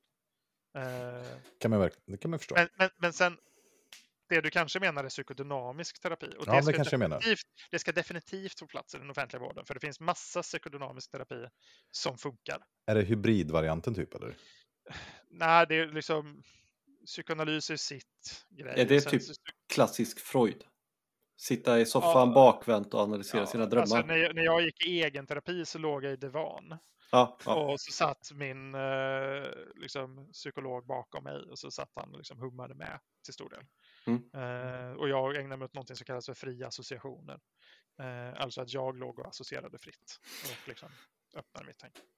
För jag, jag tänker lite sidospår, jag håller ju ändå på med typ MV på jobbet och sådana här saker. Och det handlar ju också om att få personen att liksom öppna sig upp sig själv och liksom reflektera kring det de säger. Alltså, Mm. det, det, känns ju, det fungerar ju rätt så bra, det finns evidens baserat på att det är en aktivt men fungerande metod. Liksom. MI är jättebra komplement till andra saker. Ja, jag säger inte att det är en, eh, samma sak som att gå till en psykolog, men om man nu har problem med vissa situationer Fast på en en bra, arbetsplats. psykolog ska, en bra psykolog ska gärna använda lite MI-tekniker. Ja, Mm. För jag tänker det är ändå att lyssna med och liksom Mm. tänka stötta upp eller förändra ett motivera där det behövs. Liksom. Och det är ett jättebra sätt att vara aktivt lyssnande, vilket vi Mm. vet har liksom positiv effekt. Ja. Alltså du, människor mår bättre om de blir lyssnade på. Ja. Eh, och, och det gör du ju med mass- du har ju liksom, MI har ju liksom konceptualiserat tekniker för hur du ska göra det. Och hur du ska Ja. hjälpa folk att motivera sig att Ja. göra förändringar i livet som är bra för dem. För det här är ju någonting som jag tycker, jag vet inte vad ME är för någonting. Men om det är någon tip, tips jag skulle vilja tipsa till spelgrupper, om man pratar om nya personer i spelgrupper och sånt, det är ju faktiskt att försöka lyssna på personer. Och ställa följdfrågor. För jag har märkt i mitt liv överhuvudtaget hur, hur usla folk är faktiskt ställa följdfrågor, eller följa upp frågor de pratar om, lyssna på folk. Man vet själv, när man själv frågar någon någonting så kommer minst folk det i flera veckor efteråt. Alltså intressera sig för att vara nyfiken för människor. Ja. Eh, Det är ju jättebra taktik att bygga relation med människor. Eh, Så. Och gärna bjuda lite på sig själv också. Ja. är ju bra i ett sånt läge. Eh, För det kan ju också vara ett sätt att liksom normalisera och validera eller liksom skapa möjlighet för den andra att bli nyfiken på dig. Så, så blir det liksom någon ömsesidighet och relationellt i det. Mm.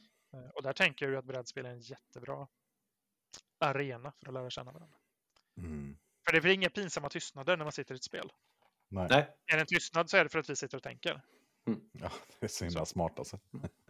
Uh, Ricochet Robot är ju ett tydligt sånt spel. Har ni spelat det någon gång? Ja, Ja. Det, det, alltså tittar man på folk på konvent som spelar Ricochet Robot så sitter ju typ alla runt bordet och håller käft i typ flera minuter och sen är det någon som skriker ut en siffra. Och sen börjar alla andra bli än, alltså då sjunker ögonbrynen ner ännu mer. Och tänker, hur fan lyckades han hitta den på sju? Jag har ju bara hittat den på 13. ja. Ja, nu vet jag vilket spel det är. Ja. ja. Och sen så kan det någon som säger fem, så bara, men gud! Det är. Ja. Ja, men, eh, men vi, vi tackar dig Kristoffer helt enkelt. Ja, Det var jätte- jättekul att vara med. Ja, tack så hemskt mycket. Kul Ja. att en av våra lyssnare får vara med här får vi säga också. Det är ändå fantastiskt. Dyker det upp mycket frågor i chatten och sådär så alltså får vi försöka hitta någon arena för mig att svara på dem. Tänker det finns en disk- I vår Discord-kanal så finns, har vi ju en, ett avsnitt, en, alltid en kanal för varje avsnitt. Man kan ställa frågor om avsnittet. Mm. Så det är ju toppen. Eh, Ja, då får du skaffa så här, fråga Olle fast det blir fråga Kristoffer istället. och skulle det vara att ni vill följa upp så är jag gärna med igen om det skulle vara så någon Mm. gång i framtiden. Det låter ju fantastiskt. Mm. Det, vi, man, vi borde ha en sån konflikthantering i brädspels... Ja. Ja, ja, ja. Eh, Vi kan börja med liksom, hur man har konflikter och sen hur man hanterar konflikter. Och numera det mest kända citatet, kul är ett nollsummespel, det är ändå... Men det är ju det. För mig är det det. ja, men jag förstår vad du menar. Ja. Kul, är- kul individuellt och för mig är det ett nollsummespel. ja det, det är fantastiskt alltså. Ja, men tack så mycket Kristoffer. Och all, all lycka. Ha det bra Mm. så länge. Lycka till Ja. på Settlers-rankingen också. Vi hoppas att Ja. vi når eh, minst 2000 elo. Ja, alltså, jag, vill, jag, vill, jag vill bli bäst i Sverige. Ja. Lycka till och tack för att du vill vara med. Tunga brädspelspodden. En samtalspodd mellan vänner om tunga, djupa brädspel. Det var Kristoffer. Som var vår psykolog. Får man kalla det för poddpsykologen? ja, Han, är, han lovade att han kom, skulle komma tillbaka om vi fick följdfrågor. Det låter ju lyxigt. ja, det tycker jag verkligen. Det är ändå Ja, jag- häftigt med liksom så här, hur mycket man kan skapa bara man lägger ner lite vilja och energi, tänker jag. Alltså, det var väl inte här vi trodde att vi skulle vara. När vi satt i en källare och spelade in första poddavsnittet. Ja, man vet aldrig. Men det är ändå intressant. Jag kändes där som att jag skulle åka på en diagnos här för eh, mani eller någonting. Ja, Ja, du får få ett svar sen av hur många av hans boxar du lyckades klicka i. Jo, men det som jag tycker är svårt, det är när man haft en passion på något sätt, eller som en väldigt stark passion, som har Mm. ändrats och jag, jag tänker då i de här grekiska kärlekssynderna, då hade man den där snabba, direkt, direkta eroskärleken som bara brinner i kroppen och allt det här. Mm. Att man haft en sån för brädspel. Men som nu har blivit mer den här att man är en uh, hobby man verkligen tycker om, vad man älskar att utöva, och man tycker om alla människor man träffar och sådär. Mm. Att det ändå tydligt att det är två olika faser. Ja, Och det kan göra mig lite rädd nästan. Sådär, tänker jag kanske lägger ner podden. du tänker att så här, om tre år så är det liksom ett dött förhållande som Exakt. inte finns kvar. Exakt. Ja, men, men så har det ändå varit med andra. Jag har ju varit jättefilmintresserad, jag har varit jättemusikintresserad. Det har jag i och för sig fortfarande kvar. Ja, Men, hur eh, relationella var de då? Fotboll är ju ett sånt, jättetydligt. Jag tittar inte ens på fotbolls-VM nu. Jag hade Nej. kunnat säga att det beror på att det är i Qatar. Det är klart, det gör viss del, typ 0,5 procent. Ja. Den största delen är ju för mig att det var re- re- relationellt. Att vi tittar jättemycket ihop. Så jag såg ju alla matcher och kunde Mm. allting om Premier League. Nu tittar jag inte ens på det. Nej, precis. Jag tänker, skulle du möjligtvis sluta spela brädspel så blir det rätt naturligt att lägga ner podden samtidigt. Jag. Ja, och Magic har ju typ slutat med för att de jag spelar Magic med bor inte hos. Nej, precis. Och därför spelar du kanske så mycket brädspel som du gör istället. Ja, det är sant. Och nu har du flyttat, så vi får, vi får se. Vi får se. Ja, dramatiskt det blev då. Åker förbi Ja. dig eh, nästan varje dag så det är väl alltså inte så att jag hälsar på men alltså det är ju på vägen. Det jobbiga blir ju om du flyttar Kan håll. hända att jag blivit kallad för dramatisk de senaste veckorna. Ja, det är så. Ja, men det finns folk som tar över. Leo får ta över för dig eller sådär. Ja, Vi kan ju bara det- lämna podden vidare liksom. Det, det, det borde ju vara, det borde vara som en kompisbröd eller vad det heter som man bara ger vidare. Bara här får ni en podd som ni får driva. Det gäller att ha, eh, prata mycket, ha långa avsnitt, eh, få prata om politik, då är det okej. Ja, precis. Gärna ha ett personligt vendetta mot någonting så kommer det här fungera hur bra som helst. Det är underbart. Men vi ska faktiskt recensera ett spel idag också. Vi har typ 30 minuter på oss på att göra det. Och det är Ja, men- ju... Ja, Jag måste bara säga en passus innan vi går vidare. Ja. Liksom. Men vi har ju ändå varit på ett av de bästa konventen i Sverige. Just det. Eh, Vi måste ju ändå tacka och säga att vi uppskattar Tyskhäll även i år. Du har ju ändå varit där i tre år, jag har bara varit där i två år. Men helt underbart utförande även denna gång. Jag trodde du menade Tungkon 2 när du sa bästa vänskapskonventet i Sverige. Jag tror ingen här har missat att det har varit. Liksom. Okej, men eh, Tyskland var ju fint. Och det är ju det är gjort av Peter Haraldsson och nu kommer jag inte ihåg vad hans kollega heter. En kompanjon i alla fall. Som håller till på Hotell J i Nacka strand. Så utanför Mm. Stockholm. Eh, jättefint. Ehm, fin fräsch konferenslokal. Massa trevligt folk. Jag tror det var max 60 platser. Eh, Ja, det var 61 i 2000 år va? Betalar vi 2000 per person. Något sånt. Två nätter plus eh, lunch, frukost, lunch, middag, frukost, lunch. Tror jag det var. Ja, Tycker jag är schysst. Det var inte jättelätt att bara söka på tysk helg så här lite snabbt för att få upp ett namn. Nej. Annandag påsk, heldag i Tyskland i hela landet. Så jag bara, nej, det var inte det jag var ute efter. Kan Men- inse mina Google-brister. Vad tyckte du var bäst på tyska då? Ja, det var ju det här, jag kommer aldrig ihåg vad det heter, men det var ju helt underbart. eh, Tricerium. Så hette det. Alltså, jag, det här med att gå runt och prata om kärlek och liksom så här, jag har gått runt och så här myst kring upplevelsen av det spelet. Liksom, vaknat upp på natten och så här bara, fan. Kan du inte berätta, återberätta den här upplevelsen på något sätt? Hur, hur det blev till, hur det var, liksom hela... Nej, men du och jag vaknade upp. Denna gången delar vi ju inte säng i alla fall. Så det... men det bara, vi behöver spela något spel här på morgonen och förmiddagen. Eh, Tricerium verkar ju roligt. Det är så här 4-6 timmars spel. Ja, Björn, eh, fröken Björn på Discord, ni som inte känner honom, är en helt underbar människa som livar upp ja, vart han än är kan jag ha svårt att tänka mig där han inte dröjer upp stämningen. Men han kan det, så det blir en kul upplevelse att spela ett spel med honom liksom. Det visar ju sig att regelgenomgången var... Vänta, vänta. Det var kul för vi behövde ju en person till. Ja, just det. Och Mattias hade ju fått höra tyska eller suttit med något konstigt spel i typ hela dagen kändes som. Man gick förbi Mm. och så skrattade man åt honom. Vad gör du för någonting? Mm. Och eh, Björn bara, Mattias skulle inte vara med på Trickerierna. Och så Mattias ger det här, liksom, det här ob- visar hela sin kropp att han bara, Åh, åh, han bara så, nej jag vill inte tacka ja till det här. Och sen så, så slutar det givetvis med att han bara, det är ett jättebra spel alltså, men eh, jag vill vill göra något ja. annat. Ja, och sen tackade han ja. Det var bara det Ja. Det var kul. Han vann ju alla. Så. Ja, vad sa du, regelgenomgången? Ja, en timme Ja, lång. men det- En timme, en kvart eller? Ja, något sånt. Ja, det var ett helt underbart spel. Det var så länge sedan jag spelade så här riktigt långt spel som aldrig blev tråkigt. Ja, Det är ofattbart alltså. Ja, vad spelar vi? 12? Var, det var ju två matpauser, vi hann ju både ta, alltså vi hann ju dra regler, äh, vi gick alltså från frukosten, tog regelgenomgången, började typ första rundan, körde lunchpaus, körde ända fram till middagspausen vid fem, och sen trodde vi att vi skulle göra färdigt, och sen gick tillbaka och så spelade färdigt. Ja. Och regelgenomgången var ju, jag kanske var lite trött, för jag hade ju ändå varit i Stockholm med min skolklass och sådär. Ja. Eh, och träffat min syster sen och sådär. Så jag var hade väl haft mycket att göra. Men Mm. det är inte alla regelgenomgångar jag hinner somna i under regelgenomgången. ja, det är nog första gången jag ser dig göra det tror jag. alltså helt sjukt alltså, jag somnade verkligen. Och det var ju också den delen av spelet som jag hade lite svårt för sen. Det var där borta i andra hö- hörnet av det jättestora bordet med tusen saker. Och Var det då du kände igen dig i dina elever där en stund? Ja, alltså fy fan. Så jag var så jäkla trött, jag bara, jag måste gå och ta en powernap eller någonting. För jag var ju engagerad, jag var jätteintresserad. Men det Mm. gick inte att hålla, men Björn bara, han berättade så metodiskt och fint så jag förstod alla delar, sen bara pang.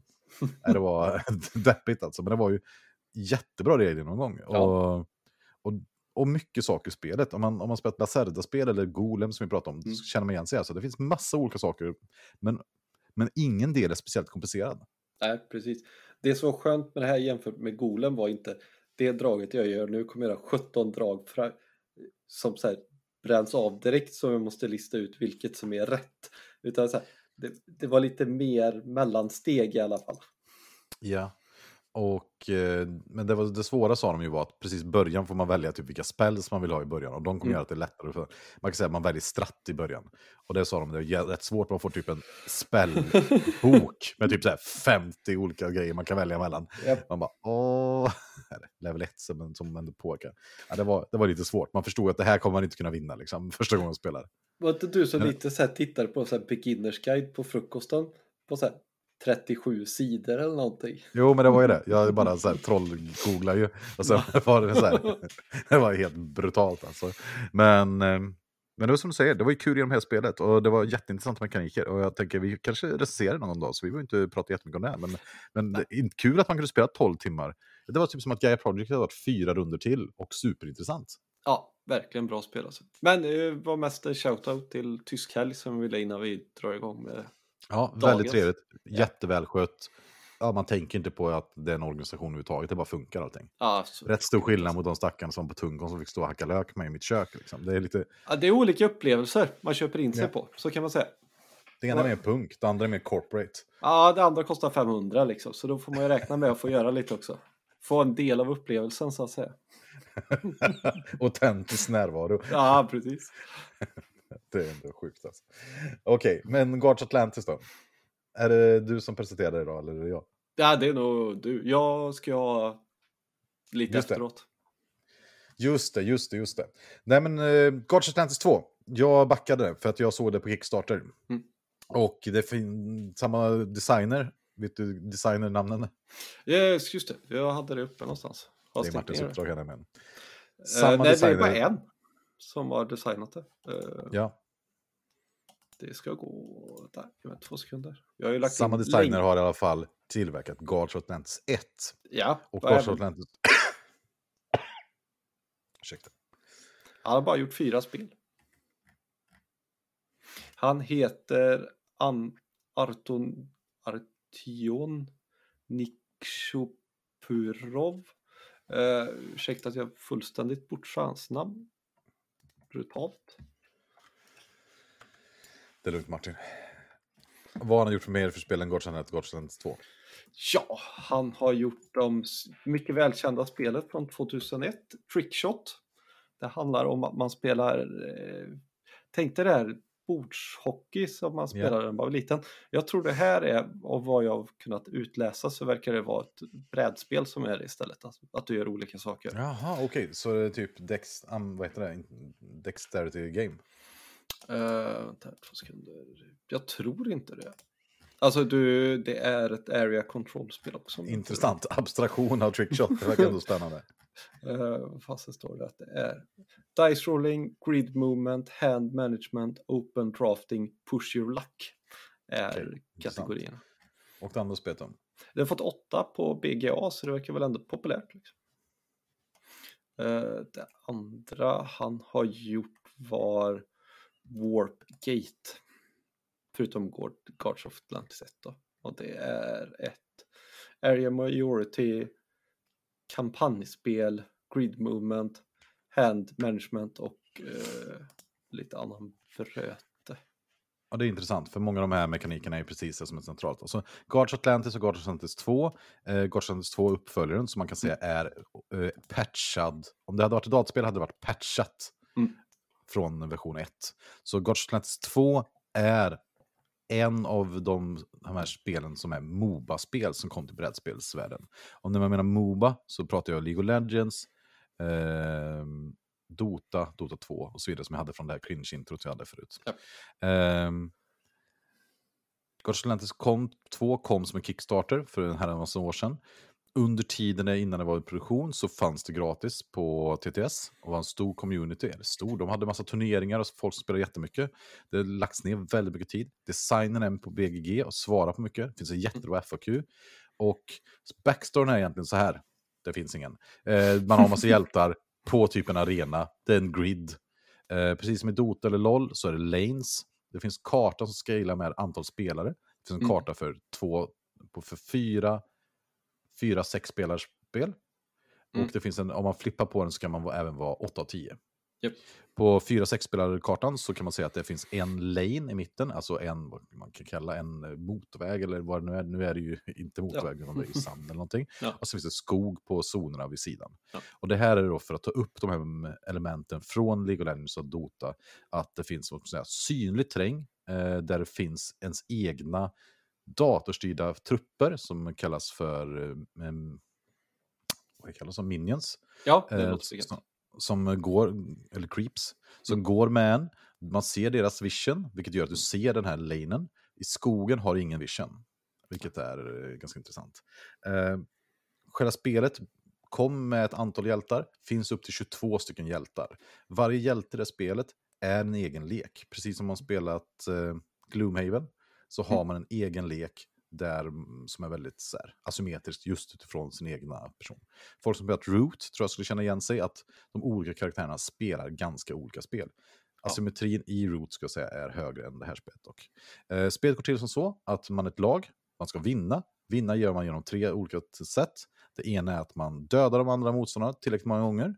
Eller dödar creepsen för motståndarna så ens egna creeps kommer in i motståndarbasen Mm. Eller man vinner den sista gången, sista pushen.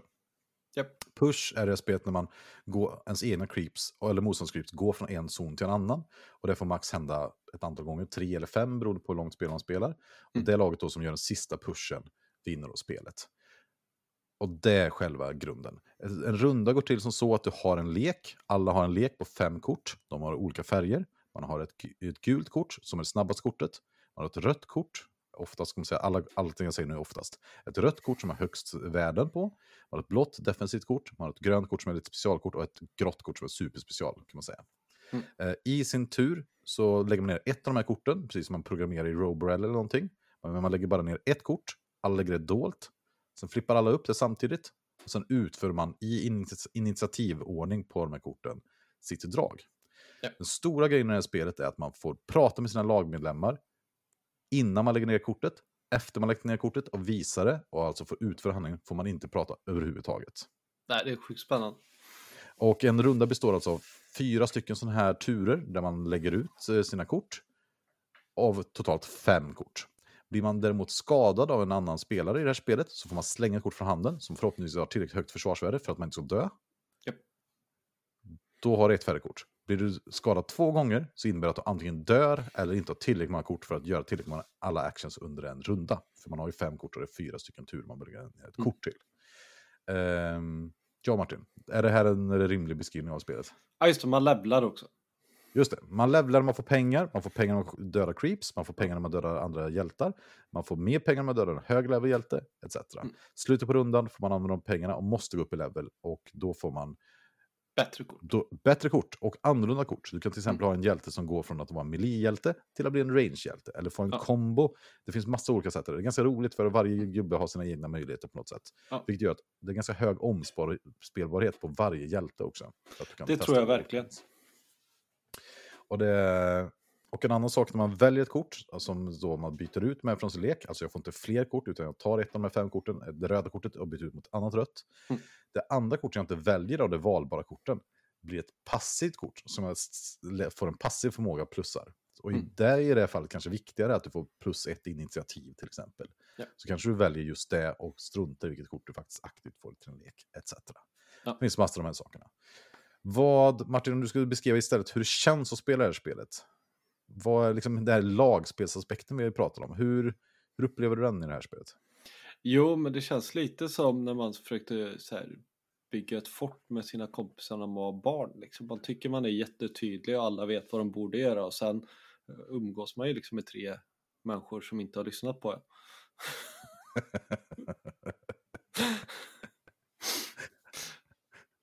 Eller? Ja, ja, du som säger också att du inte gillar lagspel, liksom. hur, hur, hur känns det när du suttit där och diskuterat ihop och sen börjar folk... För det som är så spännande på något sätt, det är ju när alla vrider upp och då inser ni, oj, vi tänkte göra det här, det andra laget har tänkt göra det här. Wow, Ja. vi, måste, vi måste ändra här. Ja. Eh, jag tycker det är, det är ett charmigt spel i sig för att det som gör att det är hanterbart är att det går ganska fort. Det är inte jättemycket downtime i spelet. Men tänk dig det här med tredubbel downtime så hade det varit hemskt. Just det, det är intressant ja. Och det finns ju i reglerna här att det är tänkt, designen, alltså Artyom Nichiporov, säger att han tycker att Dota och League of Legends är ett spel som man går ut på att straffa varandras misstag. Ja. Och att det är därför det är tänkt att man ska spela det här ganska snabbt. Mm. Och att det finns många, ja, man får spela flera gånger på något sätt. Ja. Men Och- själva mekanik, ja, det säger du. ja, men jag tycker det är det som gör det liksom roligt. Vi provar ju inte att spela det på typ 8 på lite lätt berusningsskala också liksom. Och, Jo, men många nya. ja, hälf, mer än hälften var nya och sådär. Det, det liksom flöt på. Ja. Och det är ju på något sätt är det lite identitetskris tycker jag, att det är liksom miniatyrgubbar. För man har ju stora miniatyrer som är jättestora, ser ut som vilket Kickstarter-spel som helst, går på en karta. Men det man ska säga om spelet här är att det har ju ingen slump i spelet. Förutom ett moment i början när man flippar vilka som har initiativ mellan lagen på en tiebreaker. Det är enda gången det finns någon Mm. eh, tur i spelet. Allting annat är eh, bara val. Ja, inte så mycket klassisk American Trash helt enkelt. Nej, och, och på det sättet också är det väldigt intressant för att man, det levereras som ett startkit som man spelar. Sen finns det en hel regelbok om alla möjliga olika grejer man, som man ska spela om man är erfaren. Och då säger de så här, om du spelat 10 gånger kan du spela med de här grejerna. Om du Ja, spelat gjorde vi 50 gång gånger kan du, ja, men, om du spelat 50 gånger kan du spela med det här. Och vi har ju inte ens nosat på alla de här coola grejerna som Nej. finns. Det, det är nog verkligen så här, vill man så kan man nog verkligen spela det här massor utan att bli uttråkad. Liksom. Ja. Hur tycker du, liksom, vilka beslut tar man i det här spelet som tycker är svåra? Är det, är det ett svårt spel att spela det här eller tycker du det är förlåtande? Jag tror att det har 3,4 eller något på BG. Säga att det är förlåtande är ju väldigt, för det finns ju oftast två eller tre som kapitaliserar på dina misstag. Eh, så det är väl inte ett förlåtande spel på det sättet. Eh, sen har ju jag, skillnad mot dig då, jag, jag tycker ju korten är svåra att förstå för de gör ju inte det jag, jag tolkar ju korten. Just. Och det blir ju kast. Det här är så himla roligt, alltså det föder in i våran ständiga debatt vem det är som är sämst på att försöka förstå världen. Ja, här är det ju helt och klart ja. Tveklöst liksom. Det, är här, det gör det ju, tycker jag, är en problematik med spelet som du tycker är helt underbart för att den problematiken finns inte. Just det, men kan du inte berätta hur din upplevelse är? Nej men alltså någonstans står det ett kort, gör så här. Och så, så här, finns det finns inte jättemycket regler bakom. Men som jag spelar en jättestor tuff apa. Jag kan bara säga, reglerna tar kanske en kvart att förklara för dem. Alltså det går jättesnabbt att förklara de här reglerna. Ja, kvart, Totalt. man lite tid på sig. Ja, Ja. man skulle nog kunna förklara på fem minuter om man... Ja, definitivt. Uh, 10 är liksom rimligt, 15 minuter är lång tid tror jag. Ja. Uh, nej, men jag spelar en stor tuff apa som kastar ut skog, eller la ut brickor på brädet där jag kunde göra häftiga saker. Jag läste på kortet att du får lägga ut upp till tre brickor. Och där tänkte jag att då har ju jag, då får den alltid lägga ut tre skogar. Nej, jag hade ju bara fyra skogar så då kunde jag ju inte lägga ut fler skogar sen. Liksom. Just det. För Erik var det självklart. Jag hade fyra brickor liksom. Varför skulle jag få flytta på de skogarna jag lagt ut? Det är självklart att jag inte får det. För mig var det självklart. Jag får alltid lägga ut tre skogar för det. Just det, att du får flytta dem helt enkelt. Nej, jag tänkte det försvann och jag lägger ut nya. Ja, ja, ja. Typ som någon supply som är endless eller något. Ja, precis. För mig blev det logiskt. Så var det inte. Där är liksom så här. Jag fullständigt kan ju förstå hur man tolkar det på det andra sättet, men det var ett tolkningsutrymme för mig. Och i din ja. värld fanns ju inte det. Och jag vet ju att du, vi hamnat i de här några gånger förut när vi spelat det spelet. Och mm. jag får ju faktiskt vara lite ödmjuk och säga här att de skriver ju i regelboken typ så här att, och på internet och säger att vi har lagt ner jättemycket tid till att formulera de här korten. Mm. De gör exakt vad som står på dem. Alltså det är bara så kul sak att säga, måste jag bara säga. Men, alltså sådana himla troll. Eh, och att gör bara det som står typ. Ja. Men det, det är ju verkligen eh, de, de här typerna av regler passar för vissa personer och för mig passar det. Jag läser ja. kortet och så tänker jag, står det något annat än det här, då implicerar det ingenting. Då gör det exakt det här. Ja, för mig så fungerar det uppenbarligen inte lika bra. Nej, nej men och, och det, jag, jag, jag, brukar tänka att jag är antagligen minoritet här. Alltså, så det, ja. det är antagligen usla regler, men de funkar jättebra för mig. och jag tror, alltså omgång två, när jag väl liksom har fått så här, diskutera hur jag ska tänka så är det ju liksom inga konstigheter. Det är ju aldrig så här helt omvälvande som förändrar allting liksom. Nej, men det, det som jag tycker är intressant i det spelet är just den här programmeringsbiten. När man ska mm. ta olika svåra beslut. För om vi pratar till exempel om, vi pratar lite programmeringsspel som Golem och sen pratar mm. vi om, ja, vad heter det andra Luciani-spelet som vi spelar. Vi spelar ju också eh, Mombasa som har programmering. Men här programmerar man bara ett kort i taget och sen gör man. Men samtidigt måste du även tänka ut hela rundan på något sätt. Att, för det finns nästan inga kort som både går och slår. Och du vill, i spelet så vill man alltid nästan bedöma, ska jag försöka attackera hjältar eller ska jag försöka attackera creeps? Alltså ja. vad, vad jag ska försöka med på något sätt. Det bästa är om du kan ta din position, du kan göra båda givetvis och sen lite senare ha mer information. Ja. Och det är alltså just turordningen i det här spelet, som dina kort har initiativvärde. Mm. Du ser motståndarens kort. Kan du börja få en känsla av, är jag snabb eller långsam i det här partiet? Och precis som i Brass eller många andra spel så är det ju superbra att vara sist och sen först till exempel. Ja, så otroligt bra.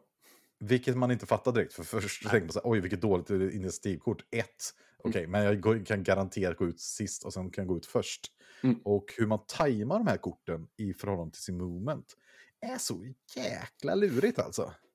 Ja, det, det blir väldigt många rörliga delar, måste man säga. Det blir väldigt förvirrande emellanåt.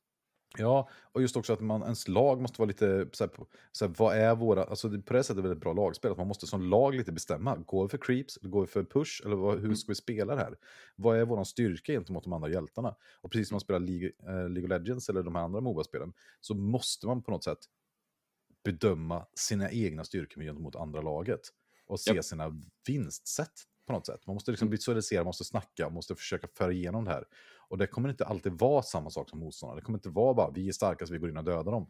Ja. Utan det kanske vi är bra på att springa runt. Då får vi springa runt mycket. Liksom. Och, ja. och det är så, det har jag märkt när vi har spelat nu med andra, att folk har så svårt för det här. Alltså, de är så vana att min gubbe har 60 anfall, det är högt. Jag går in mm. och försöker slåss. Ja, och det är ja. så här, men det spelar ingen roll, du kan bara göra en träff. Som ja. om det bara har två försvar, om min gubbe har tre och din har 17, det är helt orelevant. Ja. Ja, vi slår lika hårt bägge två. Liksom. Så, så länge man över det och så är instakill på någon. Ja. Det är det som är intressant i det spelet. Och sen respawnar man direkt. Ja. Men man tappar typ en tur då, för man fick inte spela ut. Så det är ganska kast på det sättet. Men, men...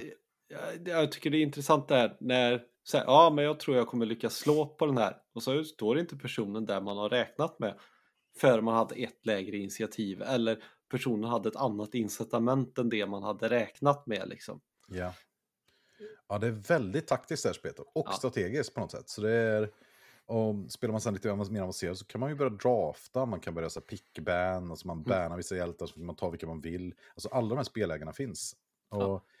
på det sättet är det, det, är väldigt svårt. Och vi har ju utforskat det spelet på lite olika sätt. Vi har spelat Mm. samma hjältar flera gånger, fast vi har bara roterat dem mellan varandra. Ja. Och då märkte jag ju direkt att spelet växte ju ofantligt. Mm. Alltså från det att man kan allas kort och vet vad de kan göra, så blir det helt plötsligt en helt annan bluff. Alltså, för det här spelet så får man ju prata inom laget, men Mm. man måste prata på ett sätt så att andra laget hör en. Och förstår den då. Så man kan ju Ja, inte och plötsligt förstår börja prata ryska liksom. Nej, man kan inte visa kort för varandra och sådär. Nej. Vilket är också hela den här grejen, att då kan man helt plötsligt börja prata högt och försöka bluffa andra laget. Vi springer dit och gör det här. Och sen bara, det, eller? Gör vi Mm. det?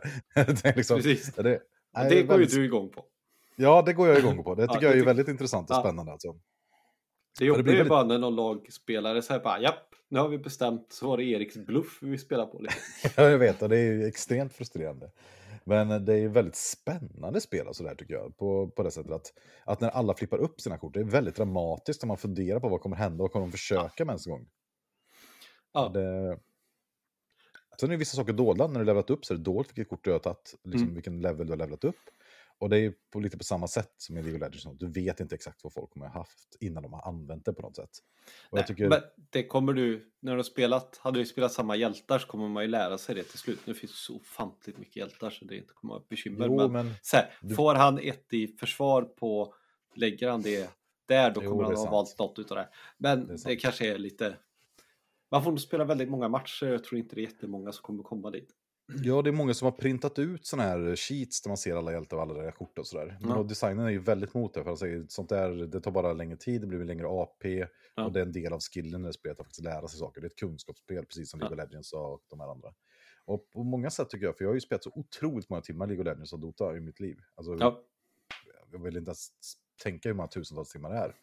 Men det finns väldigt många koncept som är likadana i det här spelet som i eh, tv-spelen eller dataspelen. Mm. Så en av de mest intressanta sakerna som jag har sett på i partier är när man dör med flit. ja just det, Så. för man hamnar på en bättre plats. Liksom. Nej, men nej, egentligen är det som så här att i LOL, och framförallt som jag spelat sen nu senast, och i Dota då, givetvis, så kan du ställa dig, alltså du kan göra på vissa sätt så att du vet de andra kan döda dig. Mm. Men att de kost, du bedömer att det kostar dem för mycket att döda dig. Ja, Så ett exempel till exempel i mm, Lo- LOL, då, där har man en flash som är två och en halv minut eller två, tre minuters cooldown på. Mm. Som är så otroligt viktig. Och du kan ofta positionera sig så, och om du själv inte är så viktig för matchen, men du Mm. vet att deras engage-gubbe som kan starta fighten och liksom lägga en ulti på allihop eller någonting. Ja. Om han startar bara på dig, Mm. så är det jättevärt även om du bara instagibbas. ja just det. För För då har liksom han, den, deras stora hot har bränts och det var på dig och det gjorde inte så stor skillnad. Då kan ditt lag komma in och sweepa dem sen bara. Ja, ja det är ändå den- spännande. Ja, det är ett väldigt intressant koncept och det är väldigt främmande för personer som är, eh, spelar brädspel, har jag märkt när vi spelar. Att, Mm. att tanken att, ta, liksom, off, ta, att vara ett offerlamm eller någonting är, eftersom man är så individualistisk när man spelar de här spelen i Mm. vanliga fall, så någonting som är dåligt för mig är ju ofta väldigt dåligt bara. Men Mm. här är det verkligen, kan det vara jättebra. Ett annan sak som jag tänkte på också var när vi spelade, att någon blev frustrerad för att han upplevde att han inte gjorde någonting. Ja, det kan jag förstå i det här spelet. Ja. Man bara springer runt och blir beskjuten. Ja, och personen i fråga då hade sprungit runt som en liten eh, hare och haft två personer efter och sig som hade skjutit massa och försökt jaga ikapp den. Mm. Och, det, den, och för mig då som spelat de här spelen är det helt självklart att den personen har ju inte bara gjort någonting utan den har ju excellerat. Alltså Ja. att ha två personer som lägger sin kraft på, på en själv Ja. utan att få ut någonting. Så, det kan man inte förvänta sig av någon i sådana här spel. Nej. Alltså, det är vinst rakt av för hela, Mm. hela laget. Att få Ja. två andra personer att binda upp sin tid på en själv som en person. Alltså, det me- mest traditionella man ska spela på i sådana här spel tycker jag, det är byta ett för ett. Ja, Håller jag min gubbe så har jag gjort mitt, eller tvärtom. Mm. Liksom. Och det jag tänkte på, du spelar ju någon, alltså, alla gubbar har är, ja men helt plötsligt kommer det helt sjukt asymmetriska gubbar som du helt plötsligt spelar någon ängelsliknande Just det. som helt plötsligt här, nej men jag vill att folk ska slå på mig. För då får jag göra motattacker och dra upp saker ur min slänghög och så här, helt Ja. konstiga saker. Som liksom, ja, det är helt annorlunda mot hela andra konceptet för alla andra liksom. Ja, det här är ett av få spel jag har fått på väldigt lång tid. Så jag känner jag vill bara titta på alla komponenter i spelet för att försöka förstå vad de olika sakerna göra.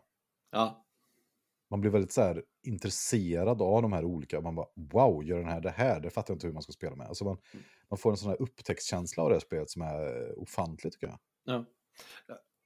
Det är ju sjukt snyggt gjort. Ja, vi har lite bilder här på lite olika modeller och sånt. Ja, men det, alltså jag kan ju verkligen förstå om man nu gillar att måla och sånt här. Om man hade lagt ner x antal timmar för att liksom måla alla grå figurer och sådär. Jag kan lite förstå det här American Trash-grejen som folk håller på med. Ja, Ja. Eller om vi pratar Warhammer då. Liksom, ja men jag håller med. ja. Sen är ju, jag kan ju inte måla så det är ju liksom ingenting för mig. Det var ju liksom det tråkigaste med Warhammer var ju att sätta ihop och måla Ja, armé men- liksom. Det var ett straff. Medan andra tyckte det var jättekul. Och det är väl gillar olika tänker jag. Och det är intressant med det spelet tycker jag att det har 8,8 i betyg på BGA. Mm. Och jag tänker, Eurospelarna som ser det här spelet ser bara massa miniatyrer. Ja. American-spelarna som ser det här spelet ser världens crunchigaste spel utan tur. Japp. Känns som en svår målgrupp att sälja in det här spelet Ja. till. Och det är väl därför jag vill att vi ska prata om det idag. På något sätt. Ja, jag tror de som väl hittar det och spelar det. Jag tror det är ganska nischad 8, vad du nu sa. 8,8. Ja, 8,8. Jag- Det skulle vara spännande att se hur många det är som har röstat på det kontra... Ja, det var några hundra. Ja. Men, men tycker du att det känns som ett riktigt lagspel det här då? Ja, du kan ju inte köra din grej bara. För då är du körd. Ja. Ja, och just att det är så socialt man sitter och diskuterar ihop allting. Jag tycker det, nej men det, för om vi pratar Concordia Venus till exempel, det har du ju spelat några Mm. gånger. Om du skulle jämföra dem med så här lagspelsaktighet eller? Det här är ett lagspel, Concordia Venus är mer ett parspel. Det är Ja. faktiskt en väldigt stor skillnad på att spela någonting på två och någonting på tre, Vad tycker du är fyra. största skillnaden då? då? Nej men alltså det blir mer komponenter för missförstånd och lite sånt där. Eh, och i det här så finns, är valen så himla mycket bredare och större än vad de är i Concordia. För i Concordia finns det så här två bra val, tre rimliga val, eller alltså sammanlagt så här. Du kan göra de här tre sakerna, två av det är bra för oss bägge två. Det tredje kanske är så bra för dig så du måste göra det ändå. Och sen resten är så här. Det här är ett okej val för mig men det är jättekast för dig. Jag fattar. Mm. Det, ja, men det, det, och det är ett ganska stort träd med olika varor. För korten har ofta att du kan dels använda dem för till exempel en attack eller ett move. Du Mm. kan också använda för att slänga framför för att försvara dig. Sen kan du ofta använda en tredje förmåga som är en, en, liksom, en text på kortet som berättar vad det gör i någon specialsak. Ja, Så att varje kort i sig är- har ganska hög, kan du göra mycket när du väl har spelat ut det, vilket gör att det är väldigt, det, det är väldigt svårt tycker jag spelet att spela och man känner att man ofta bara gör bort mig nu, det här kommer gå katastrofalt eller du Japp. måste titta vad alla andra gör och sådär.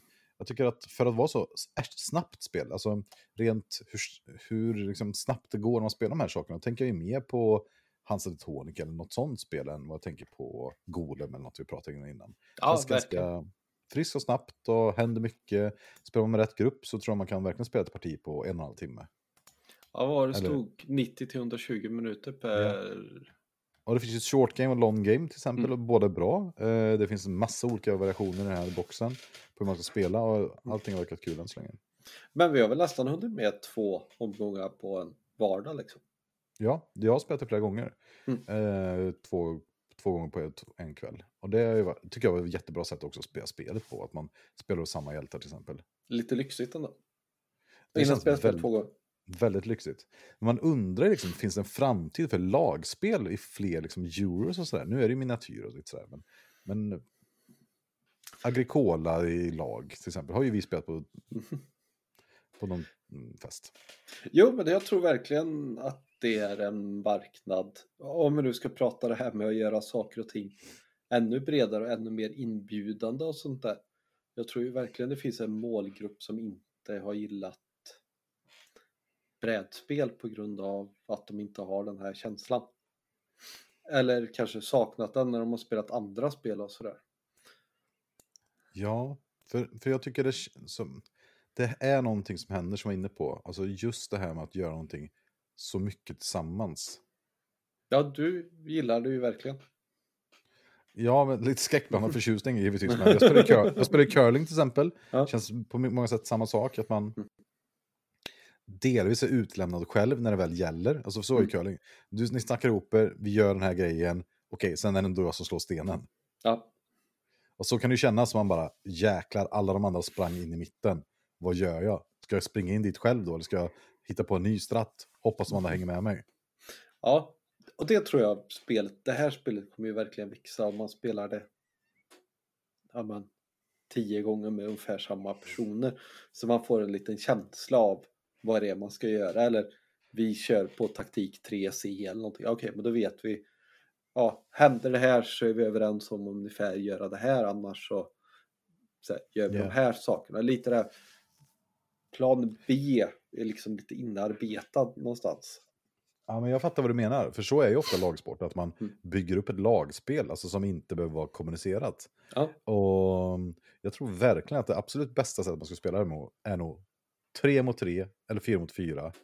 Mm. Två gånger i veckan. Två matcher per tillfälle. Ja, Som en liga eller någonting. Och sen bara nöta de här lagen mot varandra med hjältar och skit och bärna och grejer. Jag tror man skulle kunna ha helt fantastiskt. Alltså, ha, det, ha det som spel sp- några, tre månader med det, då tror jag. ja men, Jag tror att verkligen skulle- fått valuta för pengarna. Ja, helt ofattbart. Alltså, jag tror att Mm. jag kan ha svårt att tänka mig fler spel som skulle vara så rika att spela så ofta med samma personer. Ja, Det Det... tror ju verkligen jag också. Men frågan är, orkar man det? Och hur är spelet om man inte orkar det? Ja, men jag, jag tycker någonstans, eh, jag spelar ju någon gubbe, jag gnällde ju rätt mycket sist gång vi spelade här, för jag missförstod allt med Hjälte gjorde. Just det, trägubben. Ja, men alltså det var ju över så pass länge så att det kändes ju inte jobbigt att ha spelat, om vi skulle spela det igen liksom. Nej, för det tog typ en halvtimme något känns som. Ja, det var nog säkert en timma liksom. Ja. Ja, jag för mig vi bara sprang ut och pushade ner er och typ puttade in alla creepsen och sen var det slut. Typ. Ja, jag stendog ju för att jag kunde inte spela min gubbe. Ja, men vad ska man säga, så är det ju. Nej, men, så, så, ja, men jag håller med dig. Det var ju en bra analys alltså. Det är ju bara, det är bara lite hårt. Ja, men det får man väl ändå ta. Någon månad efteråt och lite Ja. sådär. För det här spelet har ju faktiskt innehållit lite så att folk har blivit lite, antagligen blivit lite pressade och blivit lite sura. Mm. Vi har ju folk som från andra poddar, inte nämner några namn, Mats, som tyckte det var jättedålig design att han blev straffad av spelet för att han fick inte göra någonting på tre drag. Jag tycker det är en bra han- mekanism. Liksom. För han gick ju in i mitt, alltså de, han såg att alla andra kan gå. Han gick då in och för att slå på en av tre personer som stod på samma ställe. Och var på de andra tre slog på honom tre gånger, en gång var rundan efter för att han stod i range. Och Mats då slängde då kort från handen för att försvara sig. Mm. Och kunde försvara sig mot alla, vilket också är brutalt misstag då. För att han har bara dött så hade han fått respawnat och tagit upp korten till handen. Men Japp. istället så försvarade han sig alla tre gångerna och sen fick han inte göra någonting i tre runder till. Nej, och, och det är ju så här, ja det är ett jättetråkigt misstag och ja det blir jättebestraffat men du kommer aldrig göra om det igen. Nej. Och om man hade, ja, då tyckte han det var dålig design. Och jag kände bara så här, okej, i ett spel utan, utan tur, du väljer alltså att själv gå in mot tre personer i närstrid. Så vad, på vilket sätt skulle det här spelet ha en bra design om du inte blir straffad här? Hårt. Nej, jag, jag tycker verkligen inte det är dåligt. Liksom. Jag tycker det är bra. Men mi- mitt motargument togs inte emot jätteväl i den här situationen. Nej, Nej, vi har väl alla varit där, man vet hur det känns. Man bara så här, fy fan vad då. Det i känns sittande så... situation brukar ju sånt där inte alltid riktigt landa där. Nej, inte helt fingertoppskänsla här med, med försvaret. Men- Nej, jag kände att jag försvarade spelet då. Jag tyckte det bara, det här är bra design. Mm. Det, För det kan jag ju tycka, eh, om vi pratar 18xx istället, så här, okej jag gjorde ett misstag för två runder sedan och det märker jag av nu. ja. Det, någonstans så är, finns det ju nackdelen med att det inte är så mjukt, det är ju att det kanske gör lite ont, men du förstår ju faktiskt vart du gör fel också. Ja, ja, men absolut. Och jag tycker att det här får man ganska direkt information av också. Mm. Hur, hur just... Eh, alltså, när man har gjort något dåligt så får man ganska snabbt information om att det, det var kast, eller tvärtom. Ja, det fungerar Vi, ju vi har en liksom. eh, intressant fråga här också, från Kristoffer tror jag. Kan man ha bra design utan tur? Ja, fast här är ju tur, eller vad man nu vill kalla det, elementet är ju andra spelare istället. Ja, för frågan är, vad ger tur till ett spel? Är väl egentligen. Så här, Mm. Vad för egenskaper är det man strävar efter att få? Är det att spelet är lättare att spela fler gånger för att man tänker att... För det var ju det vi pratade om förut, att, man, att han sa att, att för att folk som är sämre på spel ska vilja spela spel så bör det finnas tur att de har chans att vinna mot folk som är bättre. Och med makroperspektiv, att man kan se vinstprocent över flera speltillfällen. Mm. Här tänker jag att det som det väger upp är att det finns så himla mycket olika spelgubbar som gör att du skulle kunna få tur vet jag inte men du kan hitta någonting. Kaos typ eller? Ja, eller att du hittar någonting som passar dig bättre och din spelstil bättre.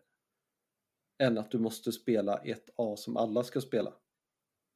Caverna då, för att ge ett exempel. Vi har ju spelat Mm. eh, expansionen nu ett gäng gånger.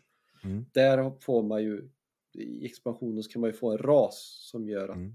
eh, man får en inriktning på Ja. någonting. Man är bättre i gruvan, man är bättre utomhus eller i skogen. Liksom. Och någonstans där kan man hitta spelstilar som passar en själv bättre. Och då Ja. gör det det lättare. Jag säger inte nödvändigtvis att någon är starkare eller svagare eller eh, man får ett handikapp. Men att spela någonting som man är väldigt dålig på att spela kan ju kännas väldigt mycket jobbigare än att spela någonting man naturligt kan inse att man är bra på. Och här tror jag du kan Ja. hitta sådana saker som gör jag är bra på att studsa runt överallt och vara haren. Mm. Jag gillar att spela så, jag är bra på det. Liksom. Jo, men jag fattar nog inte vad det har med tur att göra va? Nej, jag syftar på att designen kan ju vara att nej, det finns inget sånt. Men det kan finnas andra element som väger upp att ja, nej, men jag är bra på att spela något som springer snabbt. Just det, att, man att spelet har, kräver så specifikt olika egenskaper så att, att folk kommer vara olika bra på det typ. Ja, precis. Och då kan du hitta någonting som du är bra på. Det väger upp din tur istället. Det är inte samma sak som ett handikapp för att din gubbe kanske inte är bättre. Men du har lättare att förstå och anpassa dig efter den karaktären. Ja, och det jag tänker nog med så här att vi pratar ju om vad man spelar mot. Mm. Och, och innan förut så här med co-op, att man spelar mot ett spel och att det finns Mm. inte någon som förlorar och sånt. Det, det jag upplever så stort när jag, det är slump i spel, det är att jag förlorar inte mot den andra spelaren utan att jag förlorar mot spelet Ja, i högre utsträckning. Ehm, det, värsta, det bästa exemplet är väl när man spelar, vad vet jag, risk i, vad heter det, mytologirisk eller något, man stod på Atlantis och man, man vet att 1 på 50 så dras dödskortet Atlantis sjunker och man vet att jag behöver stå här i fyra drag. Mm. Ehm, gör jag det så vinner jag antagligen. Mm. Klar, kommer det upp då så har jag förlorat.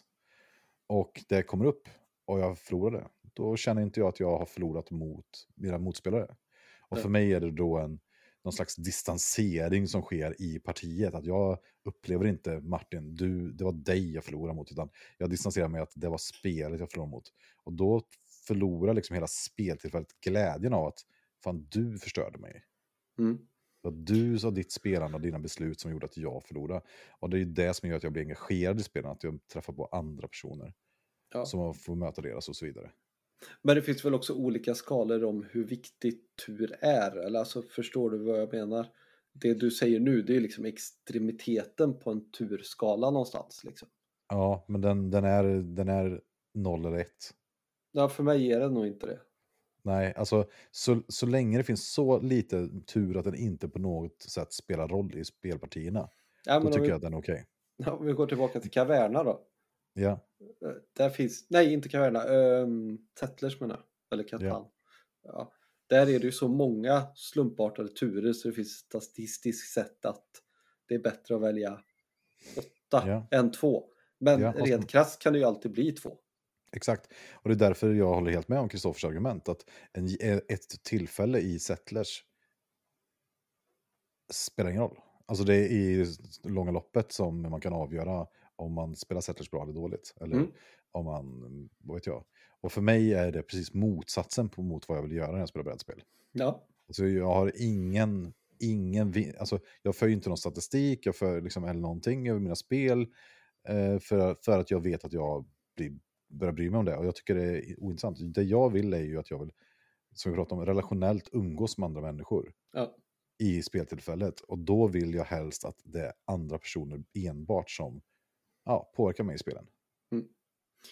Men det här spelet tycker jag gör det bra genom att ge en så pass mångfald av olika val att välja på. Så är det bara lite insats så kan du hitta någonting som passar dig bättre. Exakt, jag håller med om det. För att precis som du säger att en, en spelare då som kanske är sämre på spelet, men Mm. så är det ju även League of Legends och Dota också. Det fanns ju då one tricks kallar man dem. Mm.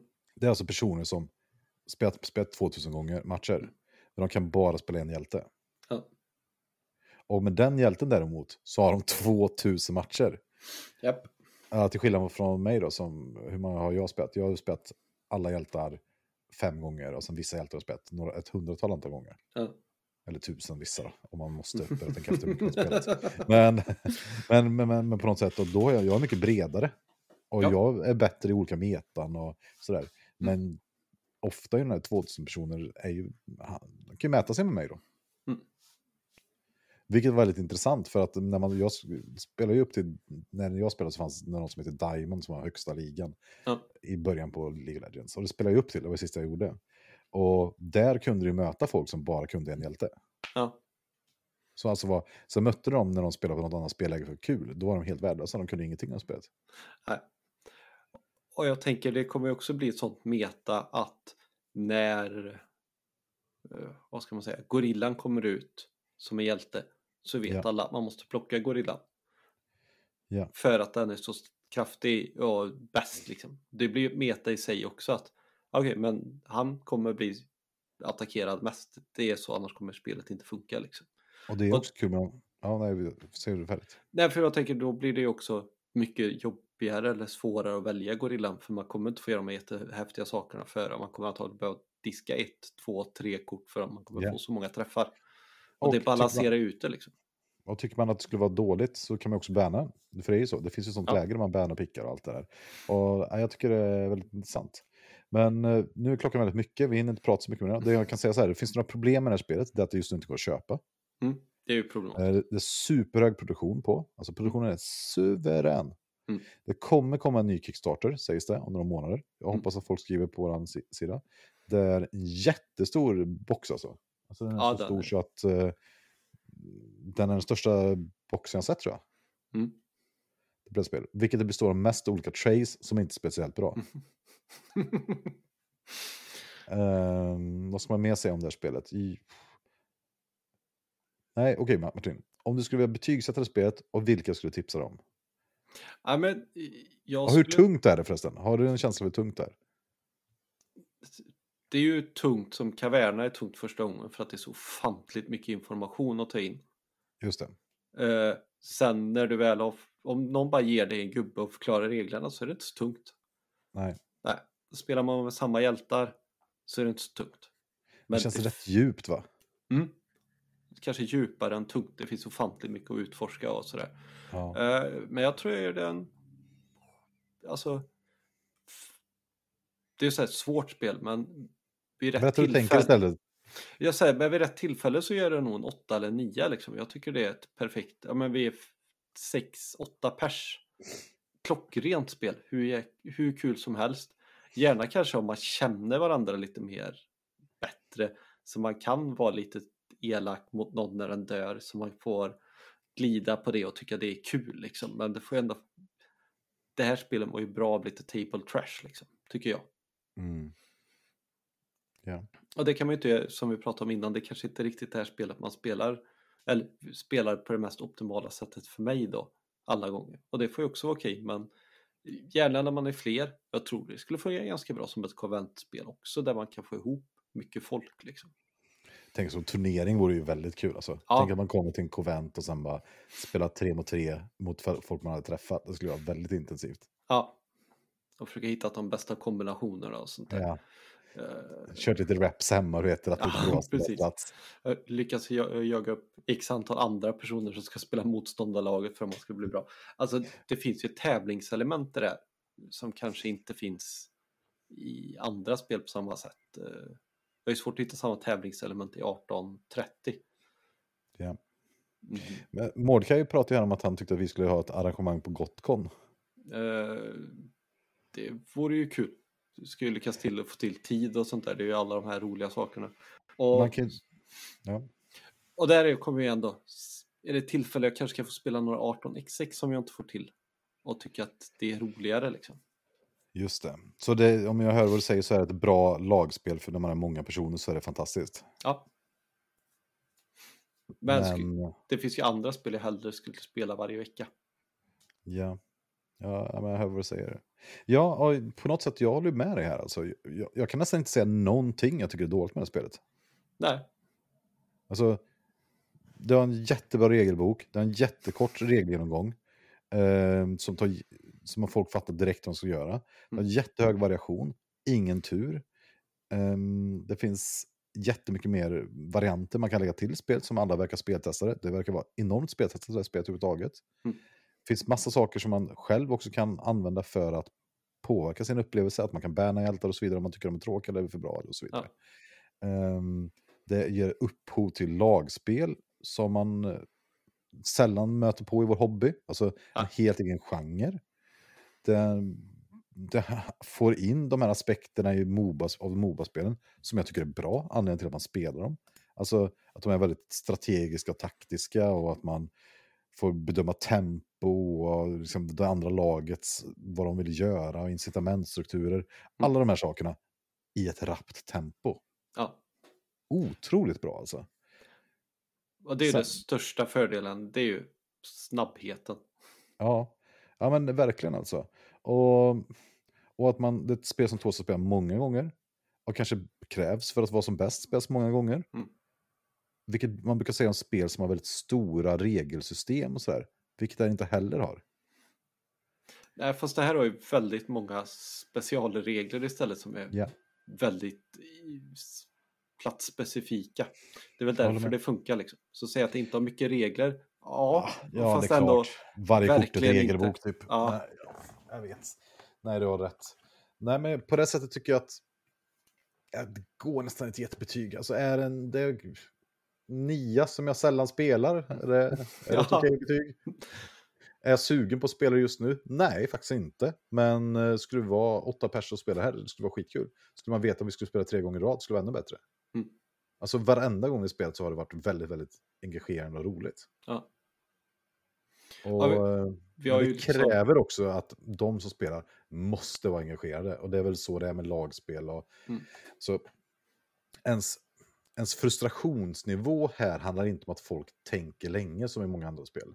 Här handlar det om att man har personer som måste vara engagerade. Alla runt bordet måste vara engagerade. Annars suger det här spelet. ja.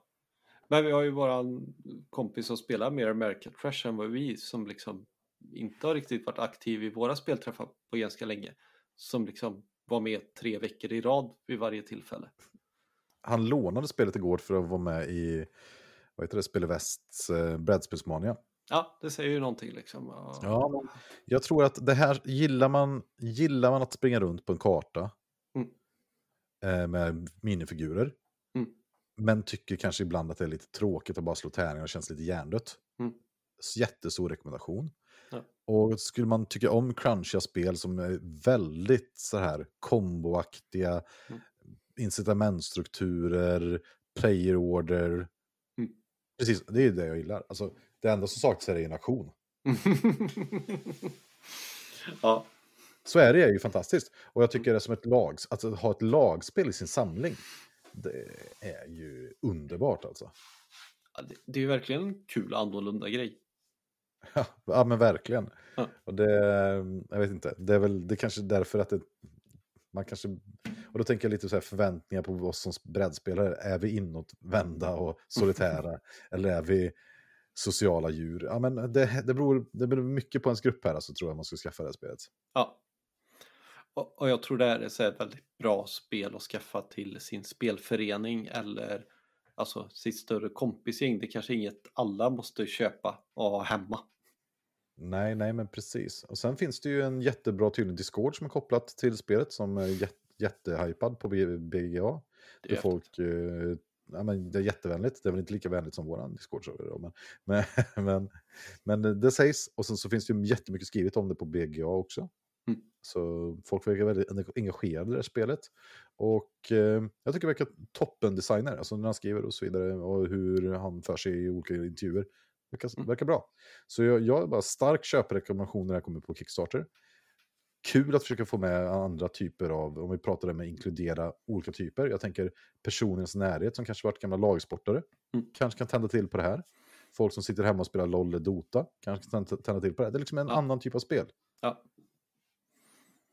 Och det är eh, super, super väldesignat. Ja, det är det. Eh, Bara att jag har svårt att förstå vad de skriver ibland. Ja, så, så det, man får ha en tolk, sanningstolk.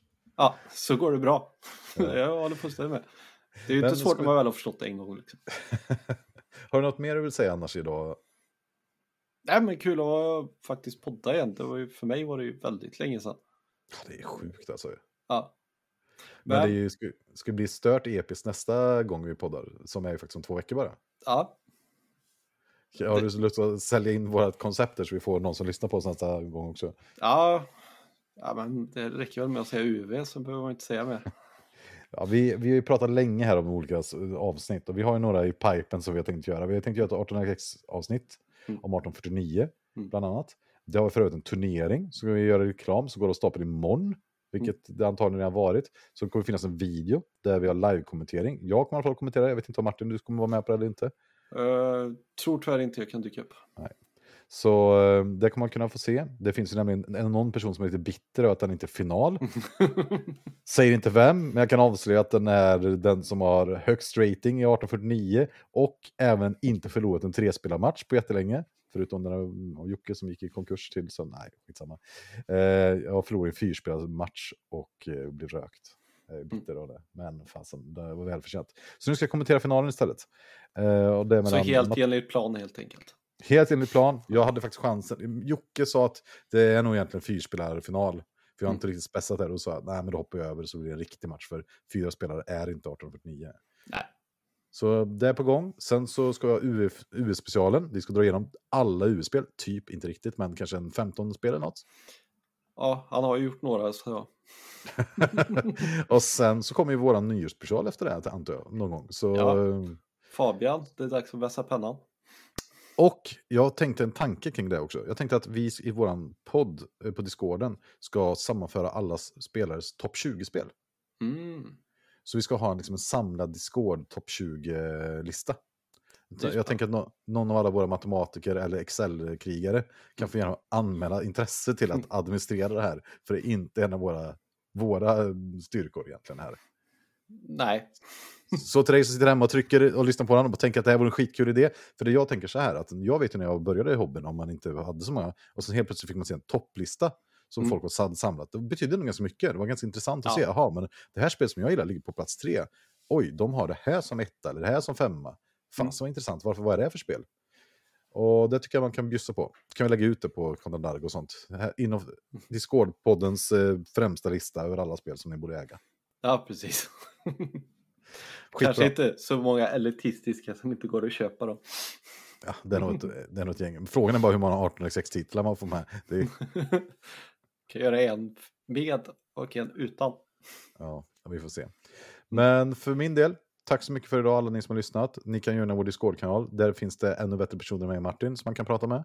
Eh, det finns, vi pratar politik, vi pratar kultur, vi pratar veckans fråga, vi pratar brädspelsrecensioner, spelar spel på BGA, vi spelar spel på 18x forum och gör massa olika saker. Jag tror vi är runt 120 pers eller någonting nu på vår eh, Discord-kanal. Ganska levande och finns massa kanaler.